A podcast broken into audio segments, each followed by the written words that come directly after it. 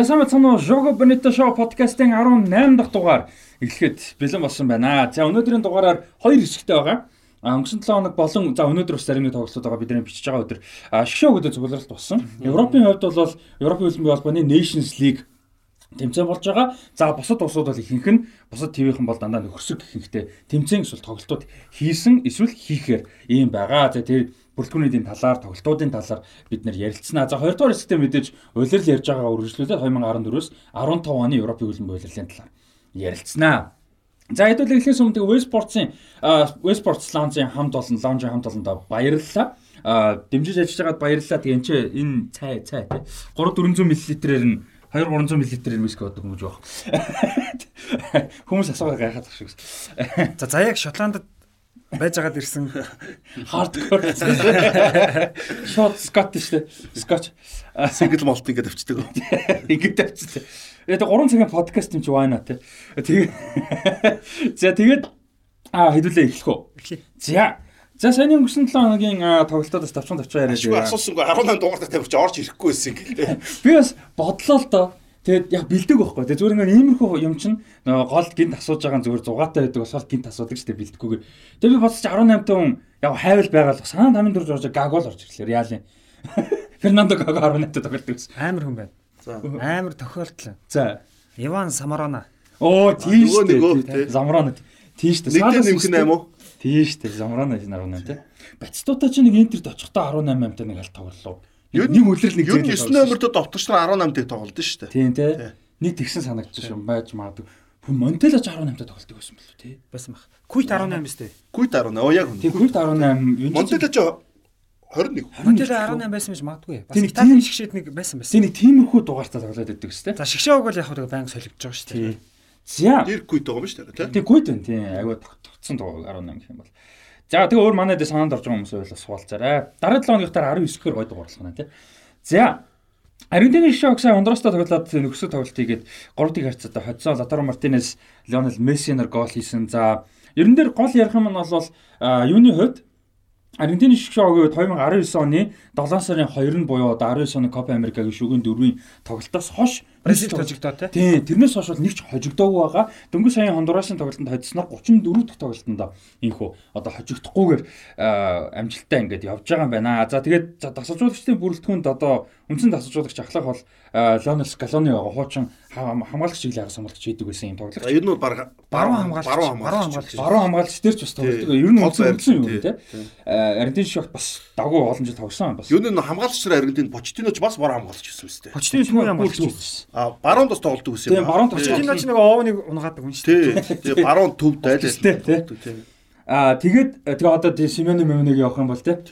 Хаашаа хамгаалдаг. За тэгээд туслахуудын бүрэлдэхүүн амар гоё. Ингээд бид нар үзэж өссөн юмсан аахгүй. Тэг үзчихсэн. Аямар, Аяла, Валтер, Самуэль 3 туслахаар нь ажиллаж. Аяла байгаа юм уу? Наача угаасаа хамгаалтын баг амар биш үү? Самуэль Аяла гэх. Самуэль Аяла, Аямар 3 одоо гурлаа туслах нь байгаа Скалоныг. Энэ бүрэлдэхүүн бол үнэхээр амар мондог. Скалоны тоглогч байхдаа энэ хэдийг даваагүй ч гэсэн те. Тасалж болоод ингээд багтаа илүү шүү дээ. Тэгээд Аргентин нэг 19 оны хэдэн сар гэсэн бэ? 19 оны 7 сар. Хожигдоогүй шалтгаанаа чи хамгаалтын баг нь хамгаалтын гучрыг олцсон байна гэсэн үг шүү. Дэлхийн ордоно чи амар чухал мэдээ байхгүй Аргентин дээр те. Тэгээ форум маш сайн орж ирж байна. За тэгээ энэ дээр бас сонирхолтой юм бол мэдээж Мессигийн форум байгаа тий. Paris Saint-Germain хэдүүлээ мундаг форумтай гэж ярьж ирсэн. Өөрөө ярьслаа өгсөн байсан л да. Өнгөрсөн удиралд ингээд шинэ хот руу нүгээд тий эхнэр хүүхдүүд нь шинэ сургууль, шинэ хил. Тэгээ айгу өөрийнх нь хувьд ч гэсэн гинтийн зүйл байсан болохоор ерөөсө тасч өгөхгүй. Хэдүүлээ тэрийг ярьсан тий. Тэгэхээр ингээ шинэ баг шинэ бэлтгэлийн газар мадар гэлтэй айгүй олон юм ба. Тэгээ энэ жил бол ингээд тасцсан ингээд маш тухтай хөлн бөхтэй хүртэл ингээд нөгөө joy гэдэг те жаргалтай байгаа те. Тэгэд энэ нь бол яг дэлхийн аваргын өмнө бол формын хувьд бол маш гоё нөлөөлж байгаа. За тэгэд энэ дэр нэмээд за Аргентин дэр нэмж ярих юм байна. Аргентин бол юу яаж байгаа л та. Мэдээж өмнө нь бол ингээд байрал болгоно л асуудалтай байсан шүү дээ. Тоглоом айгүй сайн байдаг. Хагасууд хамгаалт их сул. Тэгээд ингээд заяг хэлдэг бол яг үнэн л дээ. Тэгээд бас нэг энэ хожигдоогүй цуврал дээр бас нэг юм нөлөөлж байгаа. Аргентин Бразилийн нэг тоглолт болоогүй шүү дээ. Дэлхийн аврах шалралтын тэмцээний эрхийн төлөө бүр бүр шүү дээ. Тийм шүү дээ. Одоо манай хоёр тэр тоглолтыг хийсэн хийгээгүй эрхэн авчиж байгаа болохоор гэхдээ одоо юу гэдэг Аргентины хувьд одоо Бразилд бол бас хожигдох магадлал бол бас илүү байгаа шүү дээ. Тэгээд нэг нэг тийм юм болцсон шүү. Одоо Аргентины хаалгач гэх юм бол ер нь хаалгач сайн уу байсан юм уу? Тий. Одоо тэр 86 оны дэлхийн аваргын хаалгач би бол мэдэхгүй. Аа. Пумпито, Нери Пумпито гэж хаалгач За байсан. тэрийг бас яг ямар хаалгач вэ? Яг үнэлэхэд бол мэдэхгүй.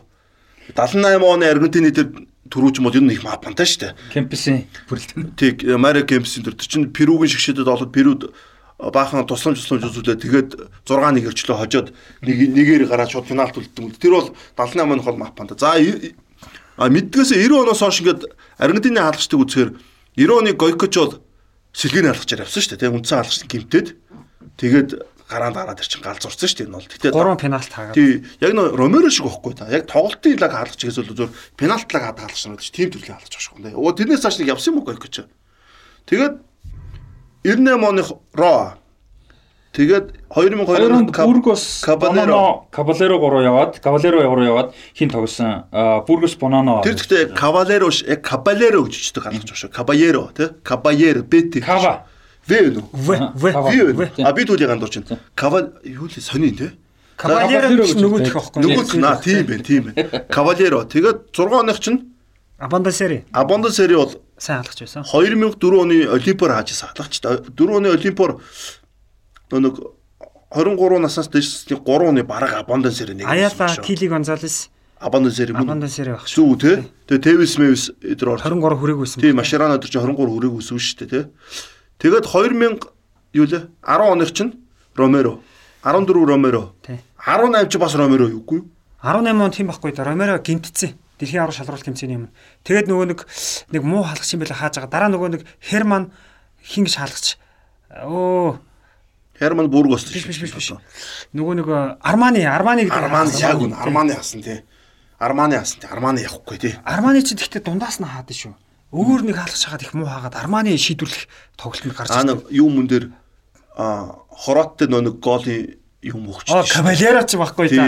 Шахуулаад Тий нөгөө дээ. нөгөө тий. Вилли Кабелер Тий. Гурав дахь хаалгачаар явсан шүү дээ. Нөгөө Ситигийн хоёр дахь хаалгач Челсид байсан халзан тий тий. халзан Испанд ихтэй гол карьер өнгөрөдөг тий. Малагад байдаг тий тий. Малагад байсан тий. Тэр чин ихний тоглолтод Харват тэр нөгөө шахуулаад Ребич аваад Тий рэбж устдаг яг үнэ тий. Тэгэд одоо энэ жилийн Аргентины бүрдгэн хахаар яг үндэ бидний энэ нэрсэн хаалгачтаас хамгийн сайн хаалгач нь одоо байгаа байхгүй. Хоёр хоёр ч сайн хаалгач шүү дээ, тий. Ер нь бол зарвуу яах вэ зүгээр арай болоог байна. Тий. Мартинес Арсеналд аягуулсан байсан. Мартинес тоглолтыг Бээжинд очиж үзчихсэн байхгүй. Мартинес бол яг тэр 11 аягуулсан хадгалж. Яг Аргентины нөө нэг одоо тийм уламжлалт 11 хадаг саалж тий. 11 бол аягуулсан хадгалж. Яг гэх юм бол тэр урд Челситэй тоглож байхад а Байерн Мюнхентэй тоглоход юм шүү. Шанхайд юм шүү. Байерн Мюнхентэй тоглож байхад нүдэн дээр ор 2 3 алт авсан шүү дээ. Байерн Мюнхний. Тэгээд тухайн тоглолтын дээр Арсенал очдог ч үлээ. Тэгээд тэр чинь 3 дахь хаалгач Арсенал. Тэгээд би бүр ажиллага авч ирсэн. Мартинесээс ч. Тэгээд Мартинес чинь дараа нь сайн хааж байгаа. Тэгээд өөрөө Астон Вилла руу явдсан шүү дээ. Тэгээд Арсеналд нэг хэсэг гараанд гараад үнцэн нь гэмтээд сайн хангууд нь үнцэн алгаш нэргүүл сэргээ цуулгууд Астон Виллад шууд. Өвлийн нэмж Яг тэр форум дээр ирсэн. Тэгээд үргэлж шүү дээ. Би бол одоо ингээ карьер өөрчлөх боломжтой. Би одоо энэ боломжийг алдахгүй гэдэг Астон авдаг. Зүг тий. Зөв өстой зөв. Одоо Премьер лигийн 20 багийн нэгнийхэн гарааны алгач төчөөд юу гэсэн үг юм бэ? Тэгээд Аргентин хамгийн сайн алгачтай бид нар байна. Аргентины хамгаалтын бүрэлдэхүүн заавал нэг гимтдэг ч юм уу нэг байрлал сул байдаг. Энэ удаагийн шал өөр. Нэг биш байрлал сул байдсан шүү дээ. Одоо ингээд 2020 он мундаг бүрэлдэхүүнсээр Роберто Хайло гимтсэн байсан шүү дээ, тий? Хамгийн гол хамгаалагч гимтсэн мундаг шигшээ. Ингээд харахаар Аргентин хамгаалтын үед одоо ингээд төвийн хамгаалт ихтэл 3 хүн биш тэнд гарах юм. Хооронд өрсөлдөх боломжтой Тий. хичнээн том. Ромеро, Отоменди, Лисандро. Лисандра Мартинес гээд энэ гур байгаа байхгүй. За тэнгүүл баруун дээр наа чи Молина тоглуулж илээ. Навал Молина. Атлетико Мадридийн. Монтес сэлгэн суусан орж ирээгүй. Би Навал Молинаг л гэ зунаасаа шилээдсэн. Харин тий. Тэгэд энэ Атлетико Мадридоос тоглоод байгаа Молина энэ бол гарах юм байна шүү. Тэгэд зүүн дээр бол Акуня Талифико ч хийж магадгүй юм байна Сая шүү дээ. Талифико тоглостой. Та- Сая Талифико орж тэгээд хин Акуни сэлгэр орсон байсан нөгөө. Тийм байсан. Энэ хоёрын дэвтэ шийдвэр бол яг дэлхийн авраг өмнө гарах. Төвд бол яг бидний ярьжсанаар Парадис энд орж ирж илээ. Харин тийм Лососо Паредес Лосесо гурав. Депол ингээд яг Харин гурав тий. орж ирж. Харин тий. Тэгэхээр Аргентин төвийн ангасан бас айгүй гой баланстай харагдаад байхгүй надад ч. Урд нь бас нэг балансгүй байсан шүү дээ. 10 онд Камбесо байхгүй. Тэгээд Банега эдэргээд ингээд Димария ч аргашаа орд тоглодог. Тэгээд Димария ч аргашаа 3 төвийн хагас дээр л орно гэхээс яг хоёр хагас дээр бол ордггүй. 18 онд Банега гарахгүй. Бүр хоолонд төр хутга толгойд сүүл гарангууд Банегаас Месси дамжуулт өгдөн шүү дээ. Тэгээ нөгөө Максимлена Меза эдрийг бараг бүх тоглолтод хин хин хоёр лээ. Нөгөөт нь юм блэ. Хоёр жигүүрийн хоёр нөхрийг бүр байнга ороод ирдэг. Максимлена Меза гэдэг одоо болтол тэр бүтггүй хоёрыг бүр нөгөөт нь юм блэ марчаад байгаа Бокагийн нөхөр байсан санагдаад байгаа. Тэгээ хоёр нөхөр бүр байн орж. Тэр Дибалаг дандаа 87 8 дээр оруулж ирдэг. Тэгээ бүр алаагүй юу бүр. Ахэл Меса гэл те. Тий, тий, тий бүр ёо. Би бол Месаг аягуулсан. Тэгээд энэ жилийн Аргентиныг харахаар төвийн хагас болон хамгаалт нь амар нэгт хардаад байгаа байхгүй. Тэгмэл урд нь угаасаа Месси гэдэг юм ба шүү дээ. Аргентин эзэж уртлын юугаар нэг дутж байгаагүй дутж байгаагүй шүү дээ. Илүүдээ илүүдэд үлтгэжлээс нүгээс те. Гэтэ яг энэ жил үнэхээр нэг гой жигүүр бол хэрэгтэй байгаа те. Сая юу яасан шүү дээ. Урд лавтара 2 жигүүртний хийн гарсан байлаа. Месси хин хоёр гарсан. Оо. Димари хоёр. Димари биш үсэлэн дөрөв. Димари биш. Бэж хин гарсан. Латаро Месси тэгээд хин гарсан юм тий. Урд за. Оо хин бэлээ. Лосельсо төвд гараад Парис Депол Лосельсогоор бол үнэхээр гоё л шүү. Тэгээд Дебала бол гарахгүй гараанд бол. Месси, Лаутаро Мартинес. Анхел Корея Аа тэдний нэг байсан. Яг Корея байсан байж магадгүй. Тийм тийм тийм. Би харж ирсэн маа. Одоо яг зөв марчихлаа уушлаарай. Тиймэрхүү жоохон тийм Дебала гэхээс илүү жоохон тийм хар ажилчин нөхдүүдтэй хар ажилтан жигүүрүүд үүдэн шүү дээ нэг тиймэрхүү Корея бол байж болохоор та Англи Корея бол нэг гол молд оролцоос илүү нэг гүдэг. Тэр бие хүчин тоглолт бас тав. Англи Корея ч хамгаалтанд нэгдүгürt массан. Хоёрдугаар гол хийхээс илүү ассист өгдөг. Тийм. Тоглоонд айгүй тусалдаг гэх юм. Тэгэхээр бол дэлхийн аварга яг 7 тоглолт байгаа шүү дээ. Финал хүртэл. Тэр 7 тоглолтын дээр Месси, Лаутаро Мартинес сууж ирэхдээ гол явуул гайгүй хийгээд тоглоо. Би тэгээ гайхал байна л да. Аргентин одоо одоо ингэ шгшогийн өнөөдөр одоо юутай тоглоно те? За өнөөдөр Ямайктай. Ямайктай тоглоод тэгээд дуусж байгаа. Тэгээ шууд дэлхийн арга шалралт тэмцээнд орно. Зүгээр сая ингээ FIFA Days-ээр заах Европын багууд завгүй байсан баг. Яагаад ийм жоохон сул өршөлтөг сонгоч бол гэж би бодоод байна л та. Энэ дэр ийм юм харагдсан. Ер нь Европын багууд одоо дандаа хоорондоо нөгөө нэг Nations League тоглолцсон. Бусад одоо Африкийн ч юм Азийн за ингээ хойд Америк бүгдээрээ ер нь амар сул тоглолтууд. Харсан чинь ганц одоо том ч гэх юм уу да байж болохоор хоёр нь ерөөсөө л Америк Япон байл хамгийн урд байгаа. Бус нь дандаа ингээд нэг том уус дандаа жижиг багуудтай. Том багууд хоорондоо тоглохоор бас асуудалтай. А тэгээ дээрэс нь жижиг багууд угаасаа ганц сул байгаа нь тэр. Дээрээс дандаа тим френдлэмэд харсан бэл. Европ усна. Тэр угаасаа юу нөө бүрэлдэхүүнээ сольж мөлж тоглуулж үзэх гээл тэр жижиг багуудыг сонгосон том багууд алдчихсан. Тэгээд дээрэснээс нөгөө нэг мөнгө бас нөгөө энтертеймент талын бас баг шүү. Одоо энэ яригдж байгаа энэ тоглолтууд нөхсгүүд бол дандаа өөр өөр босод болсон. Зарим нь Францад, зарим нь Америкт одоо юу гэдэг те ингээд Герман, Германд энэ тийм ингээд яг өөртөө нутаг нутаг тэр мөрөөсөө байхгүй. Дандаа зуны нэг клубын нэг зуны аялал тоглолт шүү дээ. Тиймэрхүү ер нь бол маягтай тийм. За тэгээ Аргентины хувьд бол өнөөдөр Ямайктай тоглоно. Өнөөдөр бол шоудын цуглалтын ерөөдөө сүүлчийн өдөр гэж бодож болно 27-нд. Үзэж байгаа хүмүүсүүд бол аль Аргентин дээр тэгээ би бодоц. Ер нь бол Аргентины бэлтгэхийн аваргаар ингээл зөндөө харж байгаа шүү дээ бүх хөвгүүд те. За энэ нь бол жоохон нэг сул тал байна гэсэн. Одоо ингээд хараад талаар Скалоны хамгаалтыг аяйгуугаа ингээд зохион байгуулсан. Аргентин хамгаалт тоглоом бэлтгэхийн аваргаар ивгүй шүү. Угаасаа тоглоом Месси байгаа юм чи тийм үстэй. Аргентин бол одоо юу гэдэг сүүлийн тоглолтуудыг харахад бол хожигдоогүй ингээ олон тоглолт болохоос гадна нэлээд олон тоглолт клин шит хийсэн. Итали дээр хүртэл клин шит хийсэн шүү дээ. Итали бүр халсан шүү. Пеналиссимо тэр бол тий. Халсан шүү дээ. Тэгээ Месси бүр сэтгэлдэггүйсэн тий. Одоо тэгээд ийм формтой байгаа Аргентин бол аюултай. Тэгээ урдаа гол нь нөгөө нэг амар олон мундаг хүмүүс сүүлийн жил байсан мөртлөө хоорондоо хацалтгүй байсан шүү дээ. Ди Мария, Дибала, Агуэро, Месси тэгээ өчнөө хүмүүс. Одоо бол яг Месси гол нь ойлгомжтой. Дээрээс нь Латаро Мартинес энэ амар гоё ингээд нэг зогцолтаад байгаа байхгүй. Тэр нь илүү аюултай. Дибала бол Мессит ерөөс ойлголцдоггүй шүү дээ тоглолт нь тийм. Ерөөсөө таардгүй. Тэгээд байрлал нь нэг нэг ер нь байгаа. Дибала тэг Мессити ч гэлтгүй ер нь тийм жоохон содон тоглогч юм шүү бас. Сонин байрлал руу тоглогч те. Хэцүү те. Дели Али, Дибала Мебала нэг юм тоглогч. Бас тэрнээсээ бол болд юм шиг санагд юм. Карьер нь. За төдрүүн Ярьж Аргентин бол сая ингээд юг хожоод Хондурасыг 3-ыг харьцаад байж 34 дахь тоглолтонд хожигдталгүйгээр үргэлжлүүлж байгаа. За өнөөдөр Ямайкад хожигдохгүй үргэлжлэх бол 35 болно. А дэлхийн хөлбөмбөгийн түүхэнд бол рекорд нь 37 байдаг. Италийн шгшог 2018 оны 10 сараас 2021 оны 10 сарын хооронд бол 37 тоглолт хожигдлгүйгээр. Нөгөө хамгаалдаг болохгүй сая. Тийм, саяны сүүлийн нөгөө нэг Европ төрөлтөг ятаа шүү дээ, тий. А 30 хожиж 7 тэнцэж болвол одоо амжилтыг бол явуулсан. За энэ дараа бол амжилтууд ийм юм байд юм байна. Дараагийнх нь 35 байд юм. 3 баг байдаг. Алжир, Испани, Бразил. За Алжирийнхыг бол яг хуу ян зүрээр үздэм байх. FIFA бол 25 гэж үзээд байдаг. Алжир өөрөөсөө 35 биш гэдэг юм байна. Тэр бас нэг сонирхолтой нэг юм тэмцээн байт юм байна. Одоо бид нар нэг African Cup of Nations гэдэг чинь Африк ТV авраг гэж тэмцээн. Үндэсний цомын тэмцээн. Тэгсэн чинь African Cup African Nations Championship билүүлээ тим тэмцээн бас байд юм бас. Баш их сонирхолтой. Тэр тайдад ямар санагдах нь одоо концепт нэх гоё юм байна. Яадаг гэсэн чинь адилхан Африк улсууд адилхан одоо ингээд ТV аврагын төлөв өсөлж байгаа. Ялгаа нь юу гэхээр тоглогч нь зөвхөн Африк улсынхаа лиг тоглодог тоглогчлаа. Тэр бас айгүй сонирхолтой концепт үлээ. Тэр тэмцээнд хожигдсон юм байл да альжир. А тэгээ тэрийг болохоор холбоо нь өөртөө энэндээ тооцдог ягаад бол өөр бүрэлдэхүүн. Тэ шаад ингээд тусдаа бүрэлдэхүүн Европ, Европын одоо шилдэг тоглогч нь тоглоагүй учраас тэрийг тооцохгүй гэдэм байна. А FIFA болохоор тэрийг тооцно гэд 25 тоглолт гэж явдаг. Сонь сонь тэмцээн байлээ гэхдээ. Бас тэгтээ сонирхолтой байгаа. Бодлогын үед бас зөвүүн тэмцээн юм шүү дээ. Тэг тэр талаас бол бас сонирхолтой санагдчих. Бусад тэгүүдийг бас тэгэж хийвэл тэ лигтээ тоглож байгаа хүмүүс а бас сонирхолтой байх. А тэгээд Бразил бол 2093 оноос 96 оны хооронд явсан Бразил байгаа 35 тоглолт. А Аргентины уучлаарай Испаний хувьд бол 2007 оны 2 сараас 2009 оны 6 сар хүртэл явсан 35 тоглолт. Наад Африкийн нэмцэнд шин Түнис төрлөх юм байна дөө тэгвэл. Түнис чинь дотоодын лигээс амар штэ. Марокко байна. А? За одоо Мароккоч Европ Ангол юм. Ангол ч бас дотоодын лиг. Египтийн дотоодын лиг бас тааж дээ. Египттэй амар дээ. Египт гин Африкта том дээ. Одоо Түнис оролтой энэ жилийн дэлхийн орд орж байгаа Африкийн баг штэ. Түнисээс гадаад тоглолт амш айгүй цөөхөн штэ. Түнис дотоодын лиг айгүй сайн байхгүй. Тэгээ саб сахараас хараас урагшаага улсуудаас нэгээр өмнөд Африк, Африк хүслийгүүдийн клубнаас аргаагүй тийм. За тэгээд одоо бол ингээ Аргентин 34 тоглолттой явж байгаа юм байна. Тэгэд сонирхолтой нь одоо Ямайкийг хожоод тэр хэсгийн 3 тоглолтонд хожоод 3 дахь тоглолтонд хэрвээ хожих юм бол рекордыг одоо хожихдахгүй багт болчихно л гэхдээ. Тий, одоо тийм тийм хожих. Хэсгийн 3 тоглолтонд хожихдахгүй байхад л шууд рекорд өвдөх юм агталтай байгаа. А тэгээд юу яаж байгаа юм бэлээ? А дараагийн баг руу орохоос өмнө 11 сарын 16-нд 7-ны өдрүүдэд шгшөөгд бас ганц ганц нөхсгүүд ерөнхийдөө оролцсон байгаа юм бэлээ. Аргентины хувьд бол 11 сарын 16-нд юутай Арабын Эмираттай тоглох юм бэлээ. Аа уусаа хэсэг нь жоохон хоошоо болоход гэж болоод шүү дээ. Зөв. За тийм байх л гэж бодож шүү дээ. 7 хоногийн өмнө 8 хоногийн өмнө болж шүү дээ. Тийм. Тэгээд ер нь бүрэлдэхүүн гэсэн сул тоглох баг. Яг энэ бол тийм. Наа чи юу юм? Тэгэхээр оргон бүрэлдэхүүнээ залцсан байх юм чинь тэр өөр тоглох. Наа чи ажиг гүнсэн баг тоглож магадгүй. Яг залцсан байх юм чи тийм.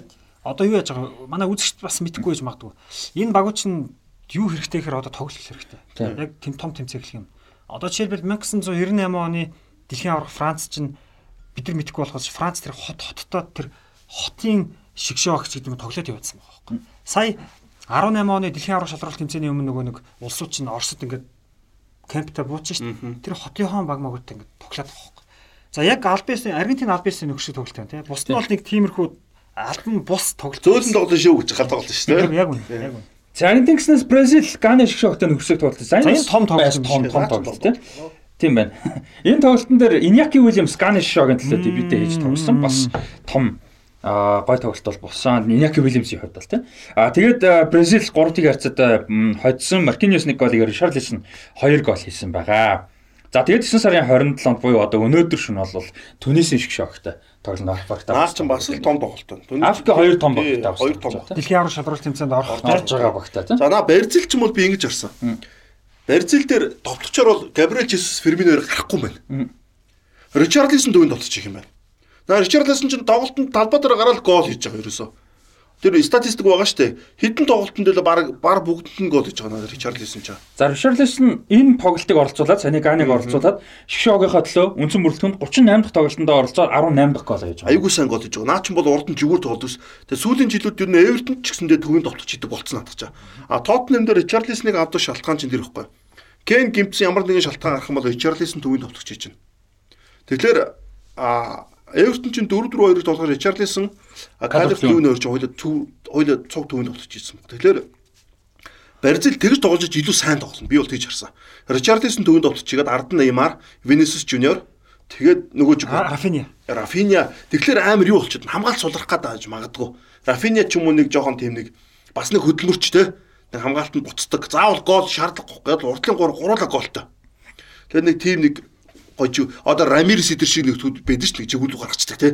Тэгээ тиймэрхүү нөхцөл байвал зүгээр. Тэгээ төвдөө бол яг наа чин Баката эдэр тоглож үзсэн л тий. Тэгээ яг Баката тоглохгүй. Тий, Баката тоглох. Наа чин ер нь бол Казимиро Фред юм уу? Казимиро Фабиньо л гарах бах. Хэдүүлээр хэрвээ Казимиро Фабиньо Казимиро гарсан байсан шүү дээ. Тий. Хэрвээ Казимиро Фабиньо Фабиньо хэмээл Неймар л уртан тоглоод Винишиус тэр харин дундын дээр холбоосон дэр хоёцох та Неймартай тэр өөр чи бүх зовно шүү дээ зайлгүй.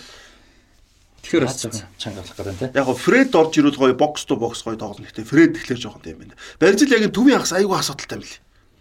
Тэгээ давгүй байна уу? Бас ер нь төгс биш шүү дээ баг болгоо. Бруно Гемрайш орж ирнэ. Тэгэхээр Бразилийн дээр Рафинягийн жигүүр дээр Рафиня гарах нь уу өөр хүн гарах нь уу? Баруун дээр Антони Рафиня гэж одоо хоёр хоёла баруун зүгүр тоглолтыг солгоо хоёр байгаа. Антони гарахгүй. Антони зүйл гарах мó Би тий. бол Рафиняг л гэж бодсон. Гарууд Рафиня л. Гэтэ боддоо. Рафиня, Винисиус, Неймар, Ричарлисон гэхэлэр амар тоглоо хооз. Амар ихтэй тэр хоёрын Бразил ч тэгэл угаасаа хамгийн сайн товтлоо хамгаалт бол товтлогоо л гэдэг юутай баг шүү. Тэгтээ Бразил дээр та нар анзаарч байна уу? Одоо ингээд цэвэрлэгчийн барилга ш дефенсив мэдүүлэлтэр энэ байрлалын баялаг ямар амар юм бэ те.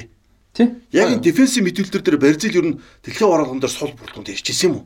Дандаа л нэг лаг тоглож шилжиж. Жилберто Силва, Эмерсон, Эмерсон Жилберт Дунга Дунга, харин одоо 98 оны те 2002 оноч чинь Эмерсон Жилберт Силвагад хоёр амар амт ирээс те. тэгээ Эмерсон 2002 он ч ямарсан гэмтэхгүй. Тэгээ Эмерсон гарааны тоглолтоор ахлагч те бүр кафу биш те. Тэгээ гимтэй Жилберто Силва. Тэгээ одоо тэр Луис Густаво тэр чи сайн шүү дээ баян дээр тоглож ирсэн. Тэгээ Луис Густаво, Эрнанес шидрэг Эрнанес те. Тийм. Айгүй олон тийм юунууд юу? Тий. Тэр чи Интерд өчс дараа. Эрнанес ч. 6 он чинь Эмерсноос гадна Жилберто Силва өөр- Жилбертогоос гадна Зероберто байсан шүү дээ. Тий. тий Роберто. Зерберто ч гэхдээ бокс то бокс руу л бах та юм бол тий. Анх бол зүүн жигүүр байж байгаа удаашраад төв рүү орсон. Тий одоо Фред шиг болсон шүү дээ бол юм бол тий. За Бразил явд иймэрхүү байна. А Бразил дээр нэмэх зүйл байна. Өдөөд хамгаалт бол Маркинесийн ойрлол шүү дээ. Тягаас. Thiago Silva, тий. Баруун дээр Дани баг Дани байлээ. Би түрүүний 7-г Дани гэж хэлсэн. Дани гандан бурахгүй. Дани алвсан. Данило гарах юм шуург. Ер нь Дани гарах юм байлээ. Дани алвсан. Ер нь тэ туршлагын үед Харцлагаараа. Дани алвсан тэгээд нас нь яваад Бразилийн шигийн гарааны тоглож. Тэгэхгүй бол байнга даруулсан шүү дээ Майкон тий. тэ байнга яг даруулсан гэж. Байнга бол даруулаагүй. Тэр 10 онд бол яг Яг нэг даруулсан. 14 онд 14 онд бас яасан шүү дээ. Майкон гарсан шүү дээ. Дани алвс чи баруун зүгүүрийн хагас магас хийсэн баг. Дани алууч тэгээд нэг тоглолт зүүнд гарсан. Тий. Тийм баг. За баруун зүгүүрийн хагас хийсэн баг. За хоёр даруулсан юм байна. За хоёр Яг даруулсан. дэлхийн авар. Гэтэ яг үндсэн шгшээдээ байнга даруулсан бол бас буруу байгаа хгүй. Шгшээдээ 124 тоглолцсон ч одоо юу байхгүй да. Том тэмцэн сонгоно шүү дээ. Том тэмцэн дээр Майкны сонгоод байгаа. Яг хэд үед бол даруулцсан. Хоёр тий дэлхийн аваар тий. Ялангуяа 10 онд бол яг даруулсан тий. 14 онд даруулсан юм Бас байна. тий. 14 онд ч хуйлалаа гэсэн байхгүй юу. Тэгээд яг үндсэн байр дээр Майкнид болуулаа Дани Алвчин дээр шүвгийн 16 8 2 дээр чинь баруун зүрийн хагас идэг байхгүй юу. Голдан тожигддаг үстэй 14 онд ч. За Дани Алус бол одоо Мексикийн лигийн Унам гэдэг багт тоглож байгаа. Дани яг тоглоод нэхэр тоглохгүй л Катар тоглохгүй л хөрх юм ингээл хайгаад яваад дээ. Тийм баг хаагаад яваад. 18 онд гараанд байсан те. 18-ны юугаар? Гинтсэн шүү Тэгээ дээ. тоглоог. Өчлөө. Нэг том тэмцээний юм гинтсэн шүү дээ чинь. ямар хацсан. 18 оны өвд- өвдөгний бэлтэлтэй тоглоог 18 онд тэгэхээр 20 оны Токиог олимпиад орсон те. Олимпи аврах. Тий. Ганц ганц дутуу медаль байна ч гэдэг Олимпи аврах байсан шүү дээ. Босоо бүх юмыг аваад Дэлхийн аврах дээ. Байхгүй, тий. Бусдын нь бол бүгдийг 6 онд чинь Сесиньо Кафо ирсэн. Тийм. За тэгээ Дани Алус ч одоо за рекорд бол арай эвдэхгүй баг. Гэхдээ Роберто Карлос рекордыг эвдэхэд өгч байгаа юм байна да. Юу юм бэ штэ. Бразилийн шагч одоо Кафу 140-аар тоглосон. Араас нь Роберто Карлос 125, Дани Алус 124 байт юм байна. Бразил зүүн зүгүүрээ хамгаалж чадчихсан үү те. Марсело бол бодлоо шүү дээ те. Александро сая дуудагдсан юм бэлээ энэ бүрэлдэхүүнд. Гэхдээ гимтээд тэгээд яваагүй юм байна. Александро эс байж болно. Ювентустэйсэн те. Одоо тэгтээ 32, 33 баг үрж байна. А 32-т нэгтэй байна. Тэгэхээр бас тийм байгаа юм байна. Хаалгач бол амар аа. Хаалгачийн сонголт бол амар амар. Марсело. Гэтэ шгшээдээ бол ер нь айлсан тоглолцдог шүү дээ. Уус айлс илүүлдэг хаалган дээр бүх талаараа. Юун дээр Ганын шээ чинь юу болж байгаа? Энэ Ган айгүй эвгүй орж ирэх юм Тийм үү? Англи тоглолдог гэсэн, Европ тоглолдог гэсэн Ган гардаа нөхдүүдээ шгшээдээ өрөөд нөгөөд нь ихэнх нь орохоор болоод одоо Тарик Ламти бол англи шээд бол 5 6 дахь сонголт баруун жир хамгаалч. Ганы шээд орчих наа чи супер стар болчих жоох. Тийм шүү дээ. Хаац нь одоо гэхдээ дуудагдаа бас хаац нь одоо өдөр дуудаж шүү дээ. Одоо Ганц яг одоо ихтэй ганыг сонгоцсон шүү дээ. Тий. сонгоц Иняки Уильямсон. Гэтэ одоо чинь одоо гимтэлтэй байгаа юм ерөөсө Одоо бол Байер Ливеркузен байгаа. тоглож байгаа юм уу те? Тоглож байгаа. Сая гол ассист мэсэст өгөөл яваад. Тийм үү? Тий. Тэгвэл Ганцаа дуудаад наад чи тэр нэг тоглосон уу? Иняки Уильямс ороод ирж байгаа. Ган нэрнэдэд парти яваа шүү дээ өвдөн. Тийм. Парти жоохон сая тэгтээ шгшээ огтой тоглоогүй сая. Тий парти тоглоог амартай байгаа хамгаалтан дээр. Клестрийн Тий. Тэгэхээр на Ган ч айгүй эвгүй өгөрч ирж шүү. Ламптай орж ирдэг харин Иняки Уильямс энэ гээд бас гоё бүрэлдэхүүн болсон. Одоо тэгээд наа чин Жордан аюу нөгөө нэг Андре аюу маяуг дурдаа наа чи эвгүй шүү Ган ч юм бол. Айгүй гой багт орж ирлээ. За, юуны хувьд бол юм байна. Аа, Бразилийн хувьд бол юм байна.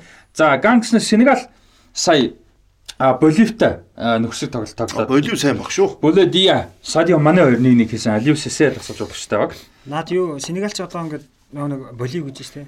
Эквадортой л адилхан багтай л тоглох байгаа шүү дээ. Яг үнэ. Одоо чи Нигертэй таарсан баг Камерунтай нөхөрсөг тоглолт хийдэг. Камерунтай таарсан баг Нигертэй тоглолт. Тий. Яг ингээд Ойролцоо тий. Япон солонгосоор яг адилхан тий. Зөрөө тоглолцдог. За тэгээд өнөөдөр буюу одоо 9 сарын 27-нд Ирантай нөхсөг тоглолт бас. Аа бас л яваад орж байгаа баг шүү дээ. Сенегалийн хувьд бол за а Японы шиг шок Хажиме Мориасу тасалж удаа. Иран Катартай адилхан юм биш тэгэл тий. Бас Катарт нэг гэсэн шүү дээ. Тэгээд а тийм ээ тий. А тэгэд Америкийн шиг шогийг хайрдыг харьцаатай Японы шог буулгаж авсан. Дайжи Камада нэг гол хийсэн, Митома нөгөө голыг хийсэн байлээ. Тэгээд 9 сарын 27-нд буюу өнөөдөр Эквадортай өсөж тоглолт. За наа Японч бол юу вэ? Японч хамгаалт агуулж болох байхгүй юу? Японы хамгаалт ингэж гарч илээ. Майя Йошида Томиас хоёрыг төвд гаргаж илээ.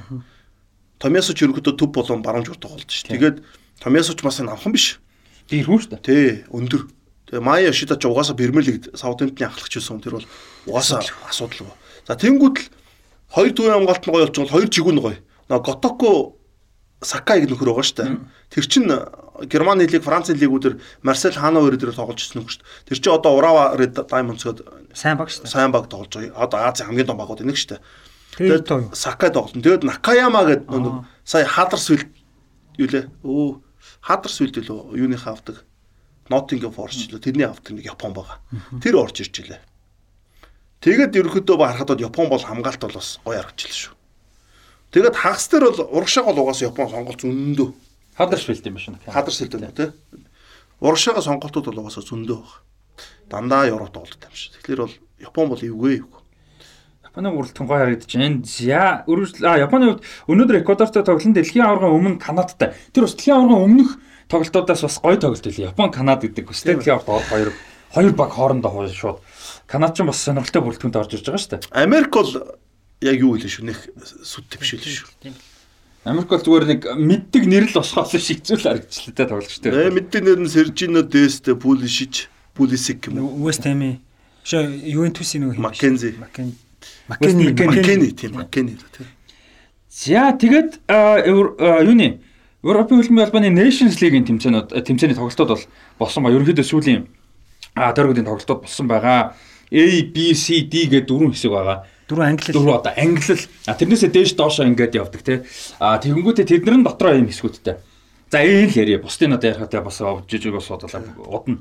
За групп 1 дээр бол тоглолтоо дууссан. Хорват 13 оноотойгоор одоо төгөг хэсгээ тэргүүлээд финал руу гарахаар болсон. А финал гэдэг нь удахгүй тайлбарлая. За Даниш шог 12 оноотой 2-т, Франц 5 оноотой 3-т, тэгээ Австри 4 оноотой 4-т одоо дараагийн унж байгаа гэсэн. За тоглолтуудаас бол Хорват 2 тоглолт хийсэн. А юг Даниг хожоод Австрид Австриг ус хоцсон юм байна те. Юу лээ? Хоцсон болоо тэнцсэн болоо. Тэгээд Франц болохоор Австриг хожоод дараа нь Данд хожигдсон ийм тоглолтууд бол болсон байна. Одоо хамгийн гол тоглолт Хорват Даны хооронд болж байгаа байхгүй. Тэгээ Хорватууд 2-1-ээр хоцсон. За тэр тоглолтыг бол ерөөхдөө би харсан. Хорват ихтэй их гоё ил.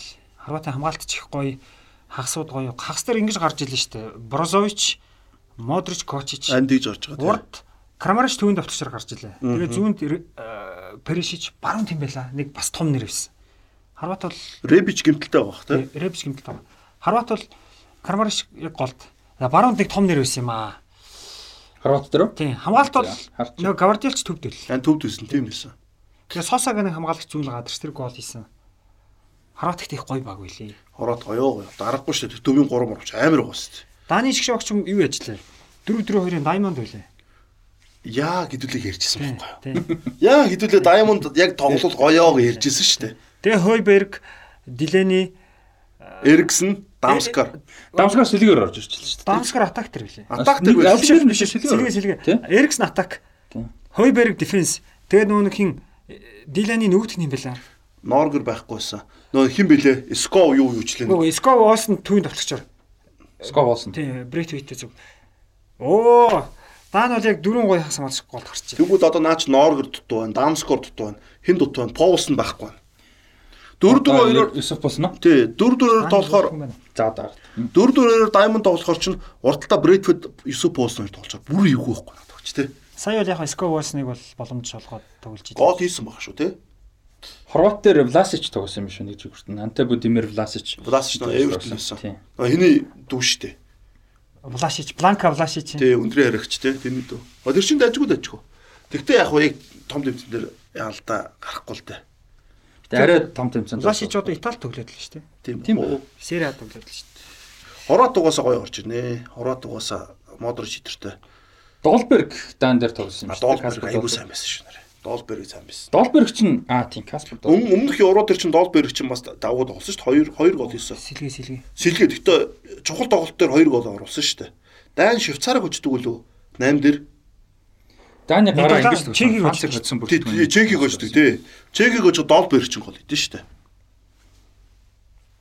На Дайн одоо ингээд яг ингэж хардаад байна. За бус тисгүүдийг ярихаар харагдах хэрэгтэй. Европын одоо ингээд том багуудаж байгаа шүү дээ. Тэнгүүд л одоо бидний мэдгээр дундаж өгч байгаа Швейцар, Австри, Хорват, Унгар гэд энэ улсууд томчуудтайгаа бүр ингээд тоглоо сурцсан тий.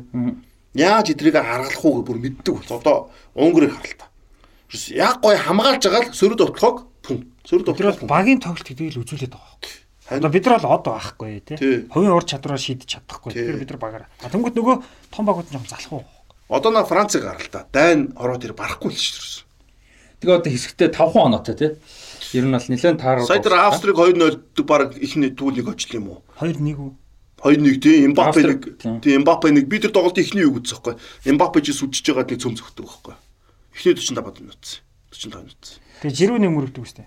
Хоёр э, тийг шүү. Австрик сая үү, Хоёр тийг. Жирүү Эмбапе хоёр нэг гэсэн. Эмбапегийн гол А тийм Австри муу байлээ.